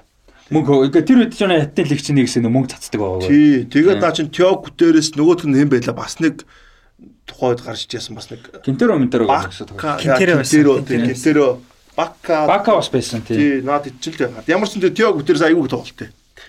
2014 оны дэлхийн арга шалралт тэмцээнээр нөгөө Америк тимийн хаалгастар их тодордог. Коломбод Оспина тодроод Арсеналд очдог. Клаудио Браво тодроод Барсад очдог. Тий. За нөгөө Кострикагаас Навас тодроод Тэгэлэр навас. Реал руу явдаг. За нөгөө алдартай хин Очоо. Мексикийн очоо яваагүй. дахиж тодорсон шүү дээ. Гэхдээ яваагүй. Гэхдээ яваагүй. Манай энэ Өөр баграа. очоо гэхдээ 10 тэр дөрөвдөг тодорсон те. Тий, тэр дөрөв амар. байсан. Амар байсан. Хавард бас амар тоглолт шүү дээ. Яг бүгд мэддэг л байсан л да. Гэтэ хавард тэгээ бас Тийм амар. үү. тий. Амар сан тоглолт шүү дээ. Юунод Америкт бол хаалгачраад алдаг байхгүй нь тий. Мундаг те. За тэгээд одоо энд бас нэг гоё баг байна. За 2014 оны 100 Тоттенхам тим Шервүүдийг халсан. За Маурисо Почетиног аваад ирлээ. Аслаа. За одоо энэ шинэ үеийн Тоттенхам. Саутемптээс авч байгаа шүү дээ тий. За Саутгемптон тухайч ярина. Шинэ үеийн Тоттенхамыг бүрдүүлж байгаа. Хин энийг явуулсан Эврела Гомшиг явууллаа. За Джек Ливермүр, Гилфи Сигурдсон, за Майкл Добсон гэж Тоттенхамын домог бас яхааргүй явж байгаа. Тэгээд Бенуа Асу Экото. Энийдийг яваад одоо яг шинэ Тоттенхамыг бүрдүүлнэ. Бен Дэвис, Эрик Дайер, Дела Али. Яа. Энийдийг авчирч байгаа. За энэ үйлрэл Тоттенхам Хари Кейн гэсэн залуу товтлогч тодорсон. Хари Кейн бол Премьер Лигт 21 гол, бүх тэмцээнд 31 гол хийж. Англи одоо Алан Ширерээс хойш баг хамгийн хараа Кенни чинь яг би тоглолтын тайлбарлаж ирсэн. А удирлын эхнээс гараанд гардггүй шүү дээ. Тэнгүүтээ яг Челситэй исэн Ада Баяр хин хоёр байдэн штэ. Хоёр нөхөр байдэн штэ нэг Ахмад хоёр. Тий, тэгээд Челситэй исэн тоглолтын дээр Солдадо. Салдаа. яг үнэ солдодоо эхний 3 тоглолтод 11 мэгсийг явчихдээ шүү дээ. Тэгээд солдодоо ч гол их ойлоод. Ада Баяр ч угаасаа өгшөрцөн. Тэгээд Кениг Челсигээс солилцоогоор гарч гарч ирээ голчдөг байхгүй. Дараагийн тоглолтын дээр тэгэнгүүт Кеник гарч ахаа голч. Тэгээд ерөөсөө Кен тэр Челситэй исэн тоглолтод солилцоогоор орж гол хийснээс хойш ерөөсөө шууд баттаа. Шууд супер од бүр. Супер од болсон шүү дээ бүр. Тоглолт болгон дээр гол хийн бүр амар нөөсөө. Тэнгүүл тэрний өмнөх хөлөөр дээр чинь Кен чинь Норвишийн сэлгээд ингээс уучсан нөхөр шүү дээ. Тэрний өмнө Лестерт Вардитай цуцууд цуцууд, тий. Тий. Тэгээд а, Кен бол одоо азтай байсан гэх юм үнэхээр авиас нь нуугдчихсан гэх юм уу те. Ерөөсөө нэг нэг тоглолт нэр гарч иж галзуураад. Тэгэл тэр галзуур одоо бол үргэлжилж Яг тухайн үед нөгөө нэг one season wonder гэж амар ярьж байсан. Хацтай гэж ярьж болохгүй юм шүү дээ. Энэ чинь баг Тийм. 10 жил ингэж явж байгаа чинь үнэхээр супер авиасн зур байгаа байхгүй тий. Яг тэр үед яг тэгж ярьж байсан. Нэг season wonder байдсан нөгөө Мичүү гэдэг шиг. За Энийг тэгээ тэгж ярьжлаа. Тийм, яг л тэгж ярьжсэн. Яг тэр нөгөө бид нэр ярьдаг шүү дээ. Ингээд авиастай одоо клаш тоглож залуудаа гарч ирдэг. Тэ ингээд бүгд мэддэг, яригддаг. Кен тэгээгүй шүү дээ. Гинт пуухаа гэл. Кен ч яг Тоттенхэмийн академиас гарсан энэ нэг нэг жоохон авиастай юм шиг үгүй юм шиг гэл. Тэгэл Премьер лигийн багуудаар ингээл явдаг. Тэгтээ гараанд нь гардаггүй. Норвич моровчтой нэг сэлгээр Лестерт чинь championship зээлэр байсан. Тэрнээс өмнө Millwall дээр championship зээлэр байсан. Тэгээ тэр багуудаа ч гаваагүй. Тий. Тоттенхэм дэрж байгаа. Тоттенхэмч баг ингээл за гэрээнд бас энэ хүүхдээ явуулч та ухааны л баг байсан баг. Тэгсэн чинь яагаад чи тэр Челси дээр гарч ирээ бүр амар гол идэх хөхгүй. Тэгэл тэр тоглолтод айгуу сан тоглоол. Тэгээд би чинь яг тайлбарлаж ирсэн юм чинь. За ингээд тоглож яасан гэлж чаа шууд гараанд гараа дараагийн тоглолтууд дээр ингээд ерөөсө зогсдгүй болцсон байхгүй бүр. Тэгээ солдатог чинь карьер байхгүй. Тэгээ адаа баяр цэцтэй. Тэгээ Кен. Тэгжээс над Тоттенхэм чинь Кени хүчинд Почтино ч бас сайн тоглолттой бол тэгж гайгүй явж байгаа шүү дээ. Тийм болсон. За үргэлжлүүлээд татна. А. Дели Алиг чинь юунаас авч байгаа юм тэр? MK Dons. МК Донс гэдэг баг Маш 5 хямдхан дугаар лигийн багаас 5 сая доллар орчил барах. 500 мянгаар биш шүү. За Сая сая мая хүрдэг баг. Тийм үү? Маш хямдхан аваа. Дели Алиг чинь болохоор нэг 5 сая юм ба шүү. 5 сая тий 5 сая. А тэгвэл бас үнэтэй авчих. MK Dons ч тэр үед лиг нэгт байсан уу, championship байсан уу? Бас арай дөрөв үү? Дөрв биш үү? Тий, дөрөв. Лиг Тэгээд нэг биш. Дели Алиг чинь зөвхөн Тоттенхэм ш өөр багуу сонирхоод. А тэгвэл авиастай гээд 5 саяар авсан юм Тэгээд шүү дээ. Дели Алигийн тухайн үеийн түүх чинь нэг амар нэг точ чинь гэж яддаг шүү нэг тийм хүмүүс төрсөн байхгүй. Яг л нэг blind side гэдэг шүү дээ. Одоо Майкл Оир гэдэг нэг NFL Америк хөлбөмбөгийн тамирчны тухай ээж нь орхио явцсан. Тэгээд Дели Алиг чинь ээж нь нэг арх удагч үлээ ядч үлээ. Тэгээд айл төссөн хөх тохгүй надад Дели Али чинь. Тэгээд нөгөө айл нь аягуулсан хүмүүжүүлээд тэгээд Дели Али чинь мундаг хөлбөмбөч. Тэгээд тэр түүх мөх нь айгу хүрээд тэгээд Дели Алиг чинь Почетино 5 сая паундаар аваа. Тэгээд наач мөр алдаг байхгүй яраа тий. Айгуу сайн тоглоод олон байрал тоглодог. Тэгээ манай чи яг яг энэ энэ улирлаар нөгөө одоо эн чинь ингээ 14-өөс 5 он те. Энэ дээр нөгөө юу яаж? Аа MK Dons дээр бүр бодоолгодог байхгүй яг яг тэр улирал дээр нь ер нь л авчирсан л да. Тий. Тэгээд Дели Алли чинь Уг нь бол мань ч авьяастай шүү дээ. Амар жоохон байсан. жоохон тэгээд Сахилгоотын асуудал шүү дээ. муу бас те. За ингээд бол яа харахгүй нэг шинэ үеийн Тотнам бүрж эхэлсэн. Яг хөө зөвхөн Тотнам миний үлрэл бол 5-д орсон. Гэхдээ үүнээс хойш бол хэдэн жил дараалаад ирэх авч байгаа шүү дээ. Тий. Мундаг. Тий, 15 15 оны зунаач гэсэн Тотнам нэлээд гоё гоё 8 минут хийн. А тэгээ Делали юу шүү? Энэ үлрэл бол тоглоогүй. Тотнам мэдлээ. Яг одоо бидний Тэрний яаж дараа байгаа- жил юм уу? Тийм. Одоо юу яг юу яаж байгаа вэ? 15 оны өвл энэ үлрэлийн дундуур Делалиг одоо гэрээ хийж аваад тэгээд улирлын 2 дугаар агшд MK Донстоо нөгөө зээлэр тоглож байгаа. Тэгэхээр энэ улирлаа бол MK Донстоо дуусгаж байгаа байхгүй. Тийм. За. За энэ үйлрэлт ерөөсөө мэрэгчлүүд нэг багийг доош унана гэжсэн. Гэвч тэр баг маш дээгүүр тоглосон. За энэ бол яа харахгүй Саутгемптон. Саутгемптон 100 дасгалжуулагч Почетиногоо Тоттенхэмд алтчлаа. Зареки Ламберт, Адам Лалана, Диан Ловреныг Ливерпул рүү Клайн чинь тэрний өмнөгч лавчдаг л бас яадаг үлээ. э, энэ жил биш тэрний өмнөх. Тийм лөө. Натанаал Клайн уу? Тий. Ливерпул те? Тий. Өмнөх жил. За тэгээд Люк Шоуг Манчестер Юнайтед руу. За Чемберсийг Арсенал руу. Калум Джеймс тий. Тийм ингээд явгот одоо ер нь Саутгемптоныг унана гэж таамаглаж ирсэн байна. Гэвч одоо Рональд Куман энэ багийг удирдаад маш хүлээлтээс тий. долоод орсон юм шиг. Тэнд алтын авчихсан. Авчирсан 8-нууд нь тэр зун Душан Тадич, Грациано Пеле, Фрейзер Форстер, Шейн Лон, Садио Мане, Райан Бертранд. Амар Амар. Бүр явуус идэс амар гаруул авчихсан шүү дээ. Сайн өгсөн байна тийм. Бид нар сайн скаутинг хийсэн ба шүү дээ. Саунд Тоби авч Альтерверлдийг бас юу яасан?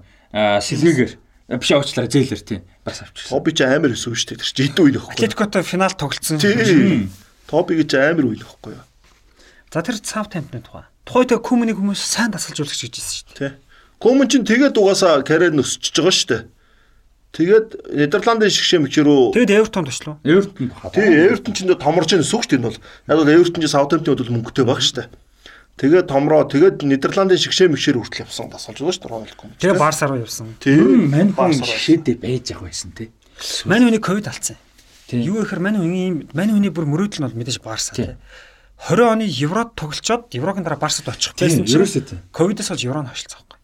Бас яг үн тийм ээ, тийм ээ. Тэгээ Барса амар асуудалтай Барсад ирээд гэхдээ тэр гоё амар гоё явчихсан байхгүй гол Нидерланд тэгээ бүрэлдэхүүн бүрэлдэхүүн форм бүр айгүй гоё байсан шүү дээ комнидор. Тэгээ яваад Нидерланд ч хэсэг сайн унсан шүү дээ бас нэг. Одоо тэгээд юу хин хүмүн буцаад Нидерланд авахар болсон. Луи Ван Гал бол өвчтэй байгаа. Луи Ван Гал энэ дэлхийн арга шалралт тэмцээнд тоглоод ажиллаа өгнө. Тэгээ ком. Он гараад хүмүн. Юу н луу янгалийн одоо тэгээ хөлөө мгийн карьер нь дуусчих шиг зайлал тий. Мань ер нь би- шигээрэл дуусчихсан да. Тий. ер нь бол. Гэтэ яг луу янгалийн карьер бол бүр амар гоё л доо амар тийм дээш тий. Хамгийн лаг Нидерландын гүс итгэх тий. Бүр амар тааж утсан тэр багийг босгон тий.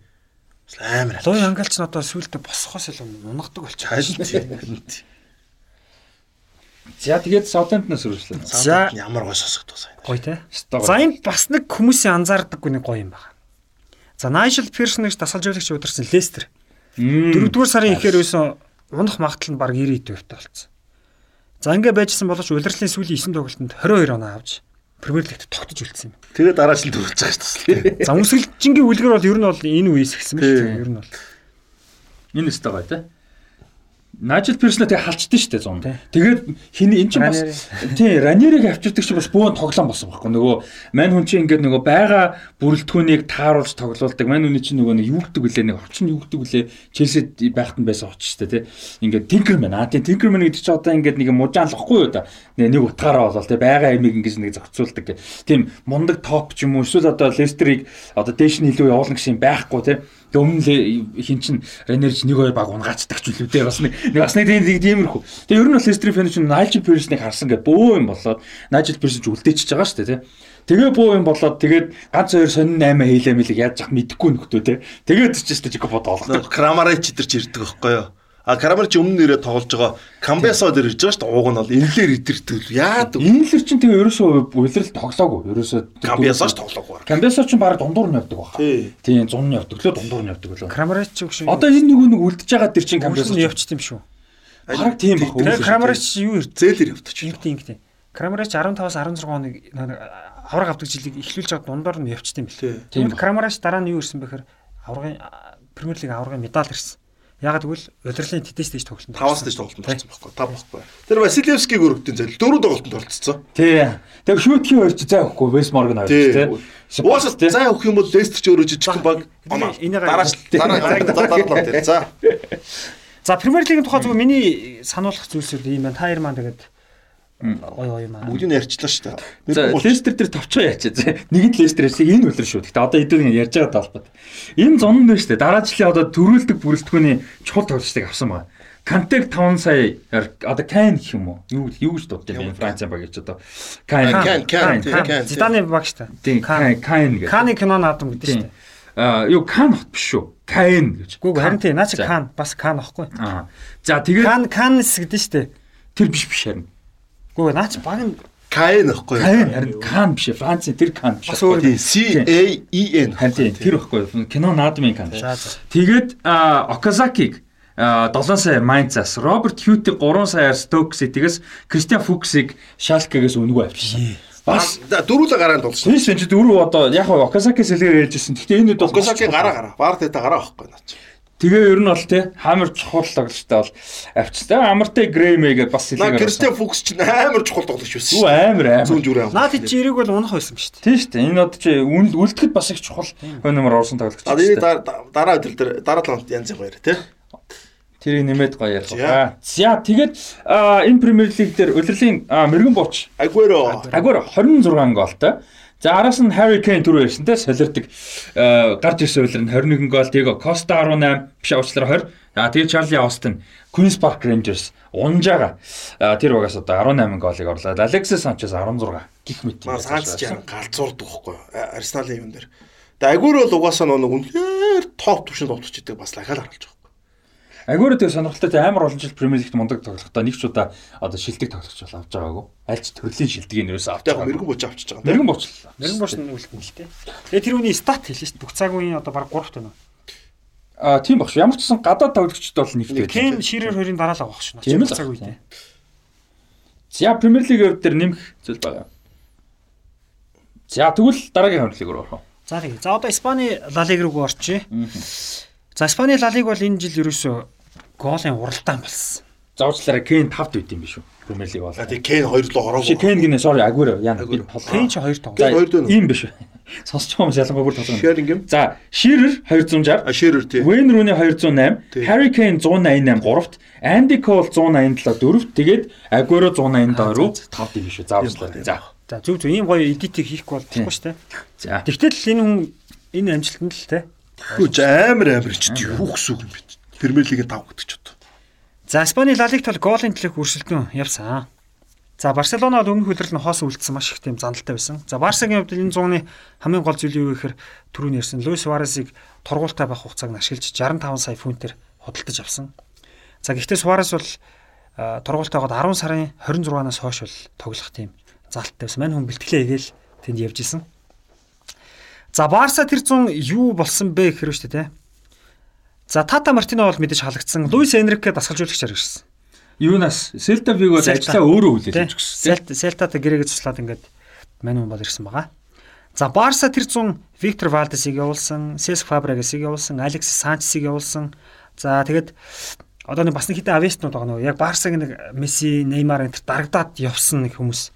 Денис Суарес, Исаак Квенка, Кристиан Тео, Ибрахим Афая, Алексан- Александр Сонг, Ибрахим Афалай гэж. Афалай. тий. За энэд яваад сайн хаалгасан гэсэн. Тэр Штеген, Клаудио Браво, за Ракитич, Луис Суарес, Жереми Матье гэх Франц хамгаалагч. Тэгээд Томас Вермален. Гой нам. За энэ Вермалнаас бус. Вермалнаас бусд нь бол Матич бүр өөрөө Барса сонирхчоос чи бэлтгэлдээ очиж мөчихгүй. Валенсиас ярьдаг л тий. спортинг. Валенсиа- Валенсиас Валенсиа- руу спортинг руу явдیں۔ тий. Тэгээд бас Барса Сайн давсан. миний карьерийн одоо карьернаас дуусчихсан нөхөр штэ. Би Барса руу нэг бэлтгэл бэлтгэлээ хаяад наачсан. Очтой тоглогч. Тий, бөө юм ус. Тэгээ Барса руу чичирсээр байгаа байхгүй.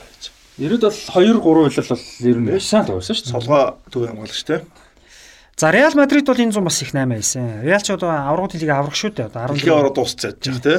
За тэнгуут энд яаж нэхэр за явуулж байгаа Шаби Алонсо, Алваро Мората, Ди Мария, за Денис Чериш энэ хэдийг явуулаад ирсэн Тони Кросс, Хамс Родригес, Кейлер Навас, Хавер Эрнандес.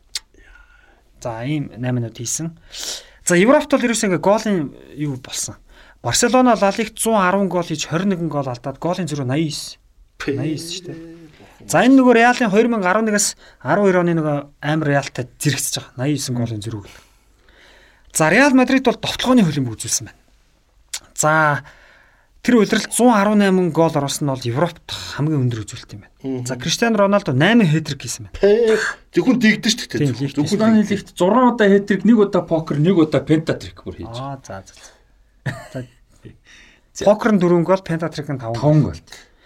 За ингээд юу болсон бэ гэхээр Реал бол маш довтлооны хөлбөмбөг үзүүлсэн боловч за энд одоо би ярьж байгаа нөгөө нэг Месси, Неймар, Суарес гуравч нийлээд 122 гол хийж байгаа. Энэ нь гурван тоглогчийн одоо нэг комбайнед. комбайнд бүх цаг үеийн хамгийн дээд амжилт. Наад гурвч яг гурван услаар дийлэх угаас юм байхгүй хөө. Тэг гурван толгойтой банкс гээл те. Тий.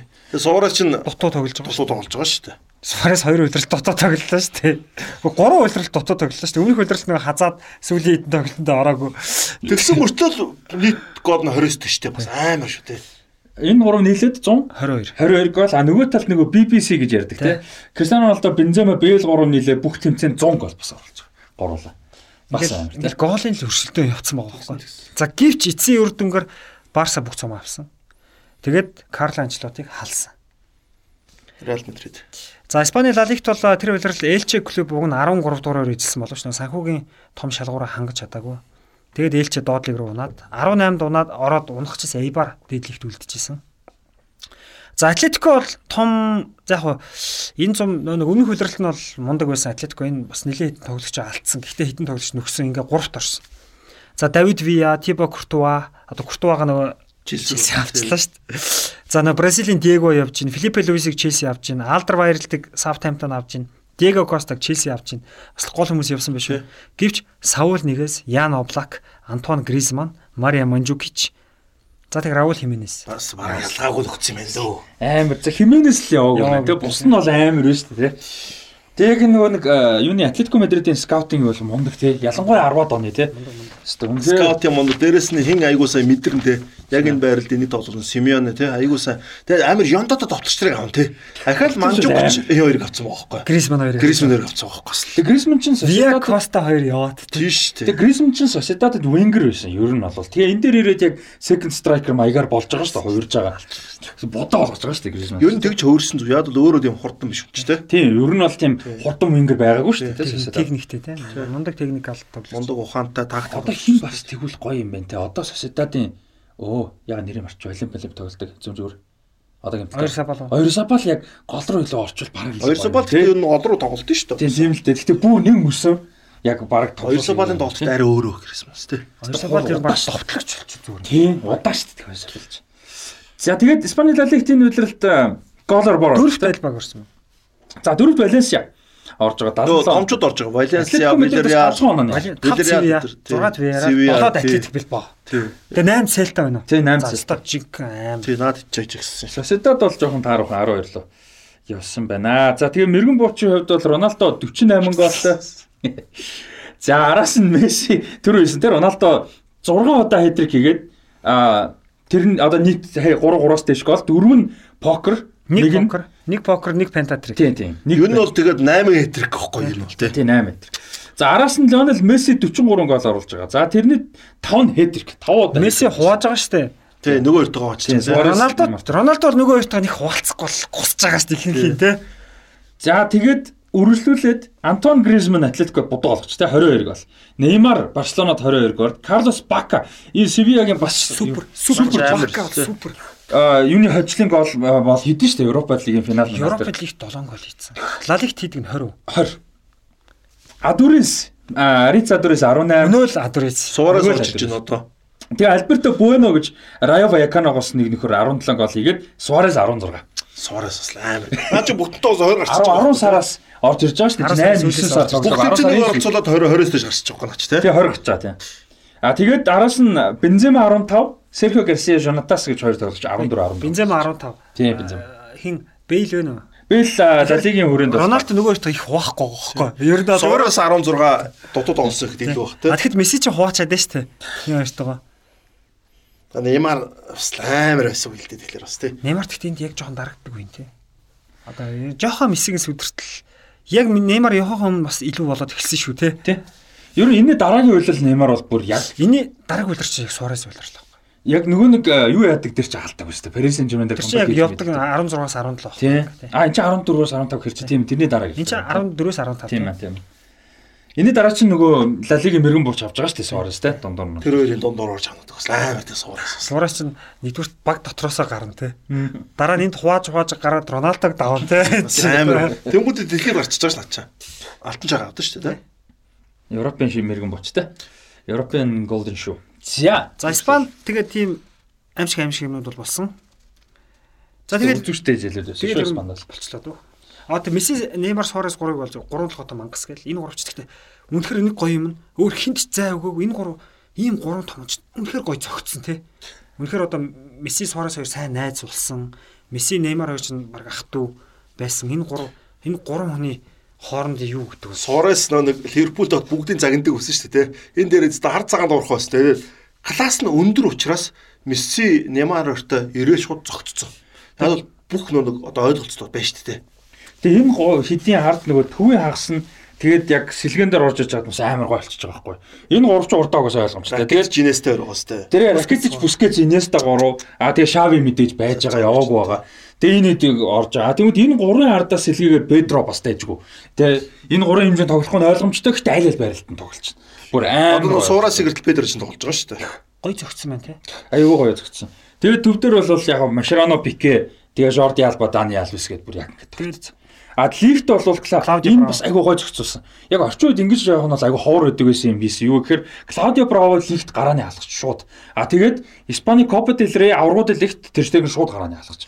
Ингэж бол яг юу бай байсан уламжлал. Ер нь Испани багуудаас нэг юм уламжлал байдаг. Одоо ер нь англи мангли бусна ингэж байна. Хоёр үнэхээр сайн халагчд бол нэг нь дандаа цомд нэг нь дандаа аврагуудын лифт ээлжлүүл нэгдэж ч амар хор байсан байхгүй. Цом бол За, тийм. Цомд бол ихэнх багууд тэгдэг штэ ээлжлүүлждэг. Гэхдээ аврагуудын лиг цомд нэг бут хаалж дандаа тэгэл лифт нэг гэдэг бол Одоо Барса лиг төрөлхөд Браво цом лиг төрөлтөр штег нь цом өргөд тэр байгаа. энэ дэр ингэсэн. Сонин шүү бас. Клаудио Браво ч аврагуудын тэг тоглохгүй байгаа шүү дээ. Штег нь тогсороо төрүүлж байгаа шүү дээ. Тэнгүүд дараа нь UEFA-ыг тэр үед Клаудио Бравог медаль хураасан. Тэгвэл тоглолтод ороогүй. тий. Бас тийм сан. Тэгтээ хаалгач тэр уг нь Тэр нь дараа бацаа түүний дараа байхгүй. Тийм. Тэгээд а Клаудио Браво бол Испани Ла Лигт клин шит одоо клин шит биш. Нөө нэг алдсан гоолыг хувилахаар баг байгаад Рикардо Замарогийн нэрмжит юуг авсан. Цомыг за. Замыг авсан. шилдэг хаалгач. Энэ үйлрэл бол амар тоглолт нь шүү дээ. Тэгээд ер нь юунд сайн байжгаад тэрштэйг ч угаасаа тэгээд бүр амар сайжраад үнцэн хаалгач болоод тэгээд Гвардиола Сити рүү очингуудаа Бравог болно авчиад. тэгээд юм Тийм. дөө зайлвал. Тэгээ очиод тэр ихтэй айгүй сонирн байсан тэг гинт амар муу тоглолтой. Бол айгүй сайн. Англи тэгээд басаагүй л уус дасаагүй одоо нөө хөлөөрөө бас яг Гвардиолагийн яг нийт нийцэг айгүй хөлөөр алгаар өгсөн шүү дээ Бравоч. Уг нь хөлөөрөө сайн тоглолдог гэж авчирсан шүү дээ. Тэгээд тэр нэг За Пуял бол 14 оны 100 зодог тайлсан. Тэгээ Шави бол албан ёсны ахлагчаар бол анхны үйлрэлт. Гэхдээ Шави тэр үйлрэл сүүлийн үйлрэл нь байсан. Шави тэгээд нөгөө нэг Шавихээс илүү Ракетич бол маш сайн тогссон шүү. Амар өсөн. гэт ч амар. Ракет ч угаасаа л тоглогчтой тий. Симиягийн капитаныг л аваад ирсэн шүү дээ. Севиагийн нөгөө Европа лигийн авраг Нөгөө талд нь тэгтэр яал Алонсог яваад кроссыг ч авч байгаа шиг тий. яа сайн шүү дээ. Хамс бол айгүй чухал нөлөөтэй шүү дээ. Хамас энэ үлрэл айгүй сонирхолтой тий. Хамс чинь Хамс, Хамс ирээд шууд 10 дугаар авдаг чинь 14 онд хин явд юм бэ? Реалаас. Реалын 10 дугаар. Озил Арсенал руу явж байна. Озил өмнөх жил тээ. А, тийм. Озил 10 байсан юм уу? 11 байлоо тий. Озил. 11 байсан баха. Тийм байна. 10 юм байсан. Тухайд одоо бодоход. Бензема 9, Роналдо 7, Бэйл 11, Кака 8 Кака 8. байсан юм. чи тий 14-өөс 15. Ласанад яраа байлуу. нэг санаад яач 13 та тоглолоо нэрээ яалаа. Одоо тийм бил юм байна. Мориныг хайртай хүүхлэрч тий. Зя тэрийг уншчихсан харъя та.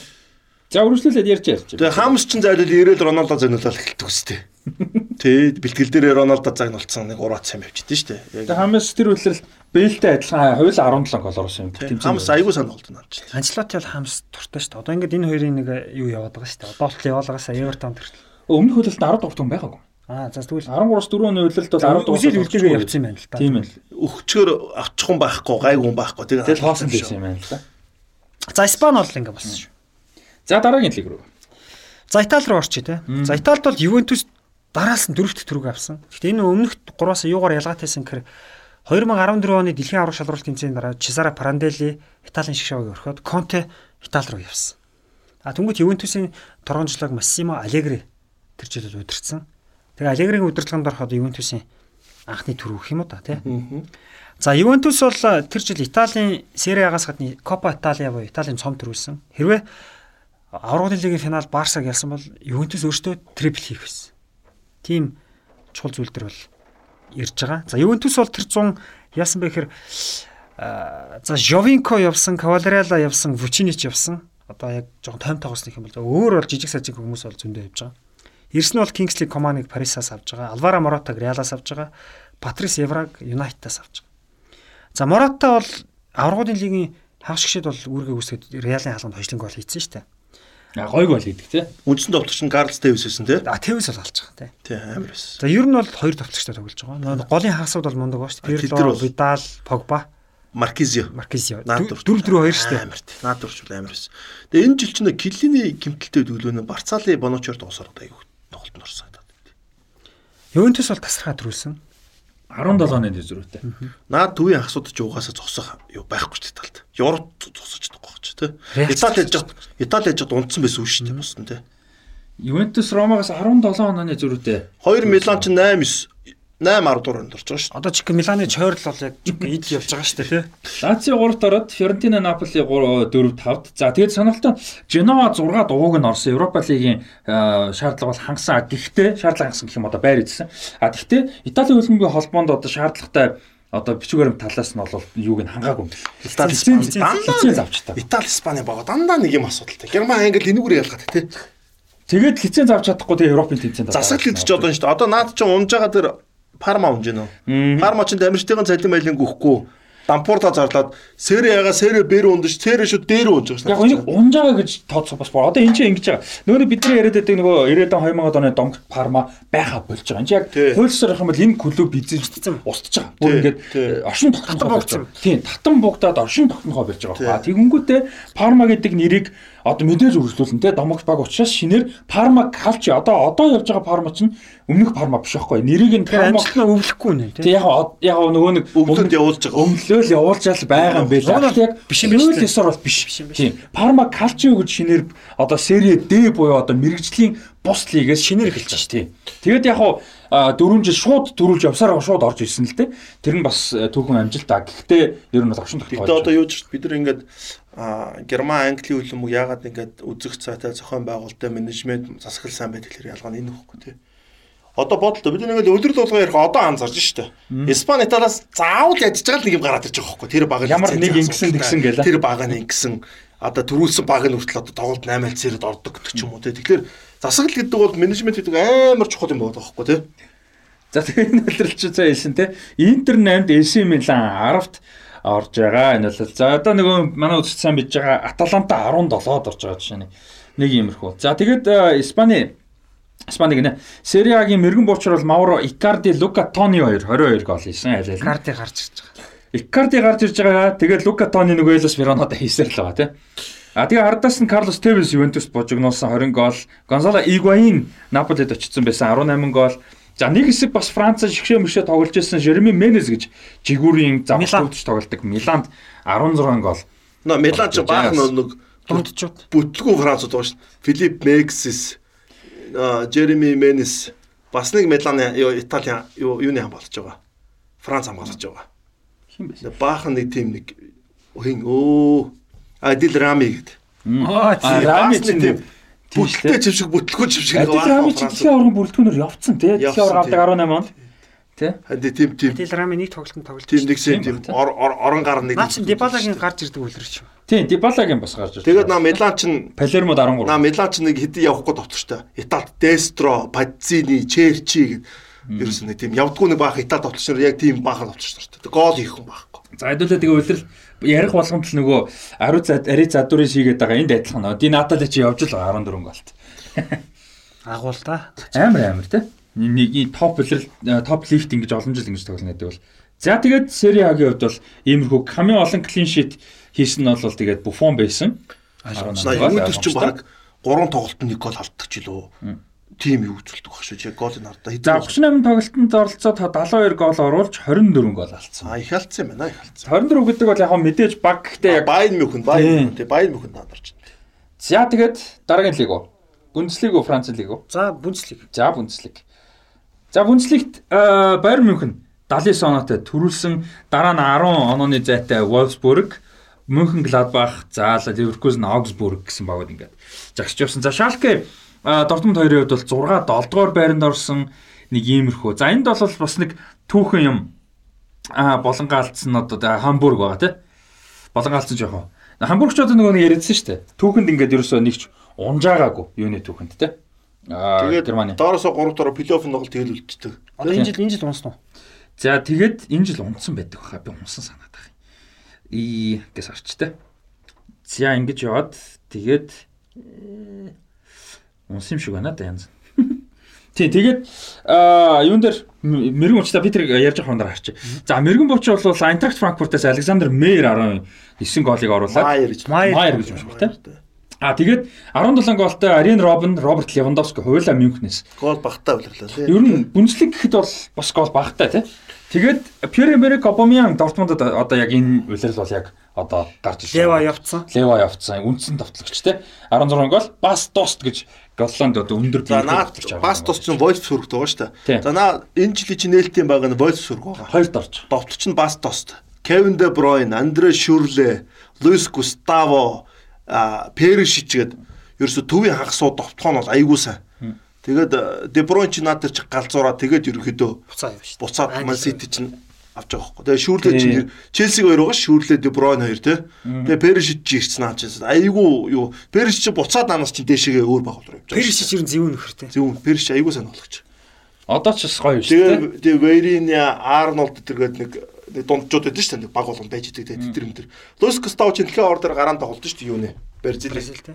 Нэг Бразил жүжигчтэй адилхан царайтай гэдэг сахалтай Тий, тий. Бразилийн гараанд болдог байхгүй. Тэгэж бол сүрх гарч сурт юм аа. Тэгээ энэ үйлрэл бол нөө Клопын Дортмунд хаг сүүлийн үйлрэл байсан. Яг тэгвэл Дортмунд 7 дугаарт орсон. Дортмунд ч нэг жил болгоно л Баерн түүний алддаг байсан шүү дээ. Одоо 2014 оны 100 бол Левандовски чөлөөт агентийн хуваар Баерн төвөд ирж байгаа шүү дээ. Тэгээ би сандын. Яг тэр 2014 оны үед нэг Германы Баерн клуб нэг YouTube суугаараа тэгээ 7 хоногтой ч юм 10 хоногтой нэг удаа бэлтгэлээ шууд дамжуулдаг гэсэн байхгүй. Аа. Нээлт одоо ингээд бэлтгэлээ ингээд лайв ар шууд би тэрийг яг хүлээж аваад үздэг байсан байхгүй. Одоо бол хийхэ болцсон байлээ. Би тэрийг бол олон жил үзэж байгаа. Тэгэхэд би яг санд байна. 7 дугаар сарын яг дэлхийн аврах шалралт тэмцээн дүнж дуусаад 14 оны 7 сарын нэг манайхар наадмын үеэр нэг бэлтгэл шууд дамжуулж Гвардиола бэлтгэл хийлгэж байгаа. Дэлхийн аврах шалралт тэмцээнд орсон хүмүүс бүгд амралтанд болоогүй. Тэгэхэд дэлхийн аврах шалралт тэмцээнд ороогүй цөөхөд нэг тэгэл Левандовскигийн анхны бэлтгэл байсан байхгүй. Тэрийг Клоп хашаа Гвардиола Левандовскигийн анхны бэлтгэл хийгд. Би тэрийг бүр яг үзчихсэн. Тэгээд над Дортмунд чинь угаасаа Германы шиг шог дэлхийн авраг болсон. Баяр нь. Германы шиг шог 14 онд 14 дэлхийн авраг болсон. Тэрний нэлээд олон төгөлч нь угаасаа Баернд байгаа. Тийм. Тэгээд Баер нь бол бүр дийлдэхгүй. Яг хоо Дортмунд юу яа тийм. 8 сард нь супер цомдоо хождээ. Мюнхен. За Обаманг бол хэм бэлээ нэг товтлогч голыг нэг баг гаргаж ирж зүвж мүгээд. Тэгээд Дортмундыг Обаманг бараг л тийм. Тэгээ Batman Robin бол тийм Black Panther болдог үү? Black Panther чи 18 онд. 18 онд. Энэ үуч нөгөө нэг Batman-ийг гаргаж Аа, байна. тийм. Spider-Man ч юм уу, Batman тэр нэг Тэгээд Дортмундыг үзэхлээс ч үнэхээр үзэж чаддаг. Тэгээд Дортмунд ч маш хямралтай байсан нөгөө нэг Клопын 7-т хөлдрөл нь л байсан баг л та. Тэгэл ерөөсө Баерн тасраад рүүлээл Дортмунд 7-д ороод удирлын төгсгөл тэгэл До- Клоп Клопчонд Ливерпулд дараа жилийн удирлын дундуур 10 сард тийм. 10 сард Тийм. Рожерстай жоохон эвгүй хэлэнгүүт. Тэнгүүл Клопыг тэр зун багууд авахгүй байна гэдэг сонинтэй. Тэгээ Клопи юу байдэн штэ ярьцлага байдэн штэ. Амарцаа явж чи Ливерпулээс юу ирсэн гэд санал ирсэн гэ. Тэгээд Ливерпулээс санал ирсэн. Гэрийнхэн дэс чи хүүхд мөхт мөр. Ливерпул юм уу став ямар гоё юм бэ? Хаста бүр ингээд би дэ гайхаад байхгүй. Клопыг яагаад тэр зун өөр том багууд ингээд онлоо 15 оны зоно. Тий. Бас энэ өөрөө сонир 10 бохгүй багууд ямар ямар тасалжуулагчтай байснаас бас хамаарах. Одоо Анчлотыг халж байгаа гэсэн нарийн халчаа. Тийм. Вай яагаад Тэр тухайн үед Анчлотыг халах фэн бол нэлээд дургүй байсан шүү дээ. Анчлоти чинь Ладесимах Тэгэхэд клуб гэдэгс халжуулагч таа чинь зунжин ажилтг байхад Ливерпул 10 сар авчихсан. Яг нь Дортмунд лигдээ жоохон муу яваад 7 болоор унсан. Тэгээ уур амьсгал жоохон тааруухан байсан гэдгээс болсон байх. Тэгэл тэр чинь тийм Дортмунд гэдэг Ливерпулийн багийг хувь тохиолдол шүү. хөв төхөөлөхгүй тий. Дортмунд гэдэг багийг яг үндэ сургахгүй болсон байсан ш. Тэр баг ингээд клуб босгож ирээд юу ингээ баяны дундуур ороод төрүүлчлээ аврагууд лигийн финалд үлдчихлээ. Наад үчид өхөөрөө яаж батлах юм тийм биз дээ. Тэгэл Ливерпул хүртэл тэр чинь Клоп яг Брендер Рожерсыг халах хин гэж ярьж илаа. Клоп тэгээ дахиад нэг хүн байсан юм аа. Нэг Ливерпул нөгөө Премьер Лигт л нэг байгаад байдаг нэг хүн байсан. Яг одоо бол марчаад байна. Гэтэ нэг нь байсан байхгүй. Тэгээ тэр хоёрыг гэж ярьж байгаа Клоп гэж. Клопыг өөр лигт бас жоохон эргэлцсэн л баг л та. Тийм бас нэг тийм байсан л баг те. Аа тэгээд Клопыг ирэхэд би үхтлээ байлжсэн. Йоо. өстой гоо сонголт Амар тест. Яаж ч Дортмундад яг гой дэмжижсэн нэг хэлэхүү. Тэгэл 16 за за дараагийн дараагийн 7 их. Тэгээ хамбургер унаагүй юм биш үү? Игчээ Гэтэ ингэж байгаа л нэг удахгүй юм даа. Ингэж байгаа 17 оноос 8 онд яг бүр яг файнал болж унсан юм. 55 5 жилийн түүхэндээ анх удаа унсна. Аа тэгээд саний нөгөө мэрэгэн буч дээр ярихад бас а, сонирхолтой юм шиг л Оказаки ч нөгөө ийшээ юу руу явж байгаа шүү дээ. Лестер лөө тэрийн өмнө Майнцад 12 гол оруулсан юм байна. Нөгөө өнгөрсөн сизон 14 5 гол хийсэн Сон Хюмин ч бас Баер Ливеркузенд 11 гол бас оруулсан юм байна. Сүүлийн удирлсан шүү дээ. Тэгээ сүүл ойлголно. Манай мо Солонгос Японы сүүлийн үлэлтэд явж байгаа шүү дээ. Мм тэгээ Оказакигийн хоёрсан хойло Премьер Лиг. Соно ч Ливерпул сонирхож байгаад манайг авдаг. Бас л гоё хоёр тоглож байсан байгаа тий. Аль аль. Айл ал энэ авцсан бол одоо манай салахгүй нэг нь төвд утчиг халж байгаа биш ба. Тэгээ хоф Фермино ч гэсэн гоё 8 байсан дээ. Фермино Хофенхаймаас гоё гоё. За Бундслиг дээр нэмэгцэл байгаа. За Францын лигонд за нэг лиг нэг те. Paris Saint-Germain төрүүлсэн 8 онооны зөрүүтэй ард нь Lyon, Monaco, Marseille, Saint-Étienne, Bordeaux гэсэн багууд жагсан байгаа. За мэрэгэн бочаар Александр Лаказет. За энэ үйлрэл бол яг нөгөө Лаказет Набил Фикер хоёр шүү дээ жигэр божигнос. Энэ 27 гол хийж тоглоомчгүй баг худалчууд 20-ыг нь ассистыг Набил Фикер яг жоохон хитүүлэг баг. Гэтэ ер нь бол 10 Тэгээд гойлоо явж байгаа байсан наад үйлрэл дуусаа тий. Набил Фикер яваа. Фикер чинь Фикер чи дэлхийн аврал шалралт хэмжээнд дараа. а 18 он дараа. Ливерпул дээр 17 онд юу? Ливерпул дээр ирээд ундаг юм биш өвдөний ундаг чаа. Йоо энэ хин чин Набил Фикер чинь энэний дарааг бол дахиад энэ шиг божигнолно. Тэгээд тэрний дараа Лаказет яваад энэний дараач бужигнуулна. 16-аас 17 оны Европа лигийн финалд үлдчихэж байгаа. Лион шүүн дөрөлт үлдчихэж байгаа. Тэгээд тэнчнээс 17 онд Лаказет чинь яваад а тэрний тэр нөгөө божигнуулдгийн чинь өмнөхдөр өвдөгний шиг талбас тасчихсан байхгүй Набил Фикер. Тэгээд нэг бүтэн байлаа. Өвдгөн дээр яас их заа. Амар тэр бүр бүр хин чин Набил Фикер чинь бодоо болгож байгаа. Ливерпул авах гээд эмчүүс тэр унтсан нөхөр ч надах чинь. Тэгээ тэр чин гэхдээ гимцнийхэн дараа баг. Харин. Хүн гимтээд идгээд амар сайн тоглоод тэгээ гэхдээ тэрэн дээр чи өвдөгний юугаар нь унааг байхгүй юу? Тэрэн дээр чи ингэсэн Набил Фикер чинь медикал нь окей болоод өмсгөл өмсгөлтэйгөө зургийг авуулсан байхгүй Ливерпулийн бүр. Тэгээд тэгсэн чинь нөгөө Леоны эзэн чинь хэн блэ? Оо. Нэг өвөө тий. Тэр тэр хүчээрээсөө бүр амар хатуу нөгөө энэ гэрээлцлийдгээр алдартай хүн шүү дээ. Хүн баг болон гэрээлцлийхээс нь айдаг. Тэгэд нөхөр хамгийн сүүлд гар үсээ 6 боллоо гээд 10 сая евро нэмж нэгсэн байхгүй. Тэгэл Ливерпул ч угаасаа их мөнгө гаргадаг. Тэгээ шууд боллоо гэж Набил Фикер ч өөрөө боож өгөх гээд. Тэгээд явна гэж зүтгэсээр байгаа нэг жил тоглолцоод битээс явсан. Чи боож ухах цааш юм болно. Ливерпул авч явах ч одоо. Тэгээд ч өмсгөл өмсгөө тэр чинь зураг мурга авуулсан бүх юм нь тэр чинь тэнцсэн байхгүй юу? Өвдөний тийм. Тийм. Тэгээд тэгээ бүр байхгүй болоо. Тэгээд битээс явж байгаа байхгүй тийч бүр бөө юм болж байна. За яг тэгээ битээс ч домог болж байгаа юм да. Тийм битээс очоо тэгээ сая ингээд цом ом өрөвчлөө шүү дээ Коба дэлэр юм лэрээ тийм. Гэтэл тоглогчийн карьер гэдэг бас л тий. Тэр нэг ганц гар үсгээс болгоо аа. Тийм шүү дээ. Тэгээд Шууд тэгэхээр эргэж ш. тэгвэл Набил. Фикер өөрөө тэр 10 сая өгч өчт. А бол. Ингээд тэгээд Францын тавьж штэ ядуу штэ. ингээд тэгэл хэцүү л дээ тэгээ тиймэрхүү юм. Тэг гэрэндээ заагаал өгч өчт. Залгаас гээ содоос дагаагаар авчихаа хэлээ. Тэгээд тэд хамгийн сүүлд нь тийш нэг цагийн тулцаа бас болохгүй л байсан л баг л та тий. Ядаж гэрээ хилцэл дон тим явсан болоо хамгийн сүүлд нь үгүй гэдэг чингүүд яаж ч ерөнхийдөө чинь үгүй гэхээр мөнгө нь хамаарч болж байгаа. Одоо бодлоо тоглогчийн карьер штэ бодлоо. Тэгээд Ливерпулд очсон. Тэгээд Ливерпулд ядаж хагаад бас креатив тоглож хэрэгтэй байсан. Арсенал ч гэсэн их сонирхож байсан шүү дээ Фикер. За юунд Аа мэрэгм уч те. За сая Франц лиг товчоо ярьжсэн. За Лаказет 27 голтой, Жиняк 21, Златан Ибрахимович Кавани 2 19. Наа чиняг чи нэг натан динатал гэдтэй. Тэгээд Динатал Адурис баггүй юу? Франц лиг дээр дэ явж л байдаг нэг. Өөр лиг рүү ч тоглохдохгүй шигшээдэж явдггүй. Тэ нэг иймэрхүү. За тэгээд Франц дээр болсон шүү.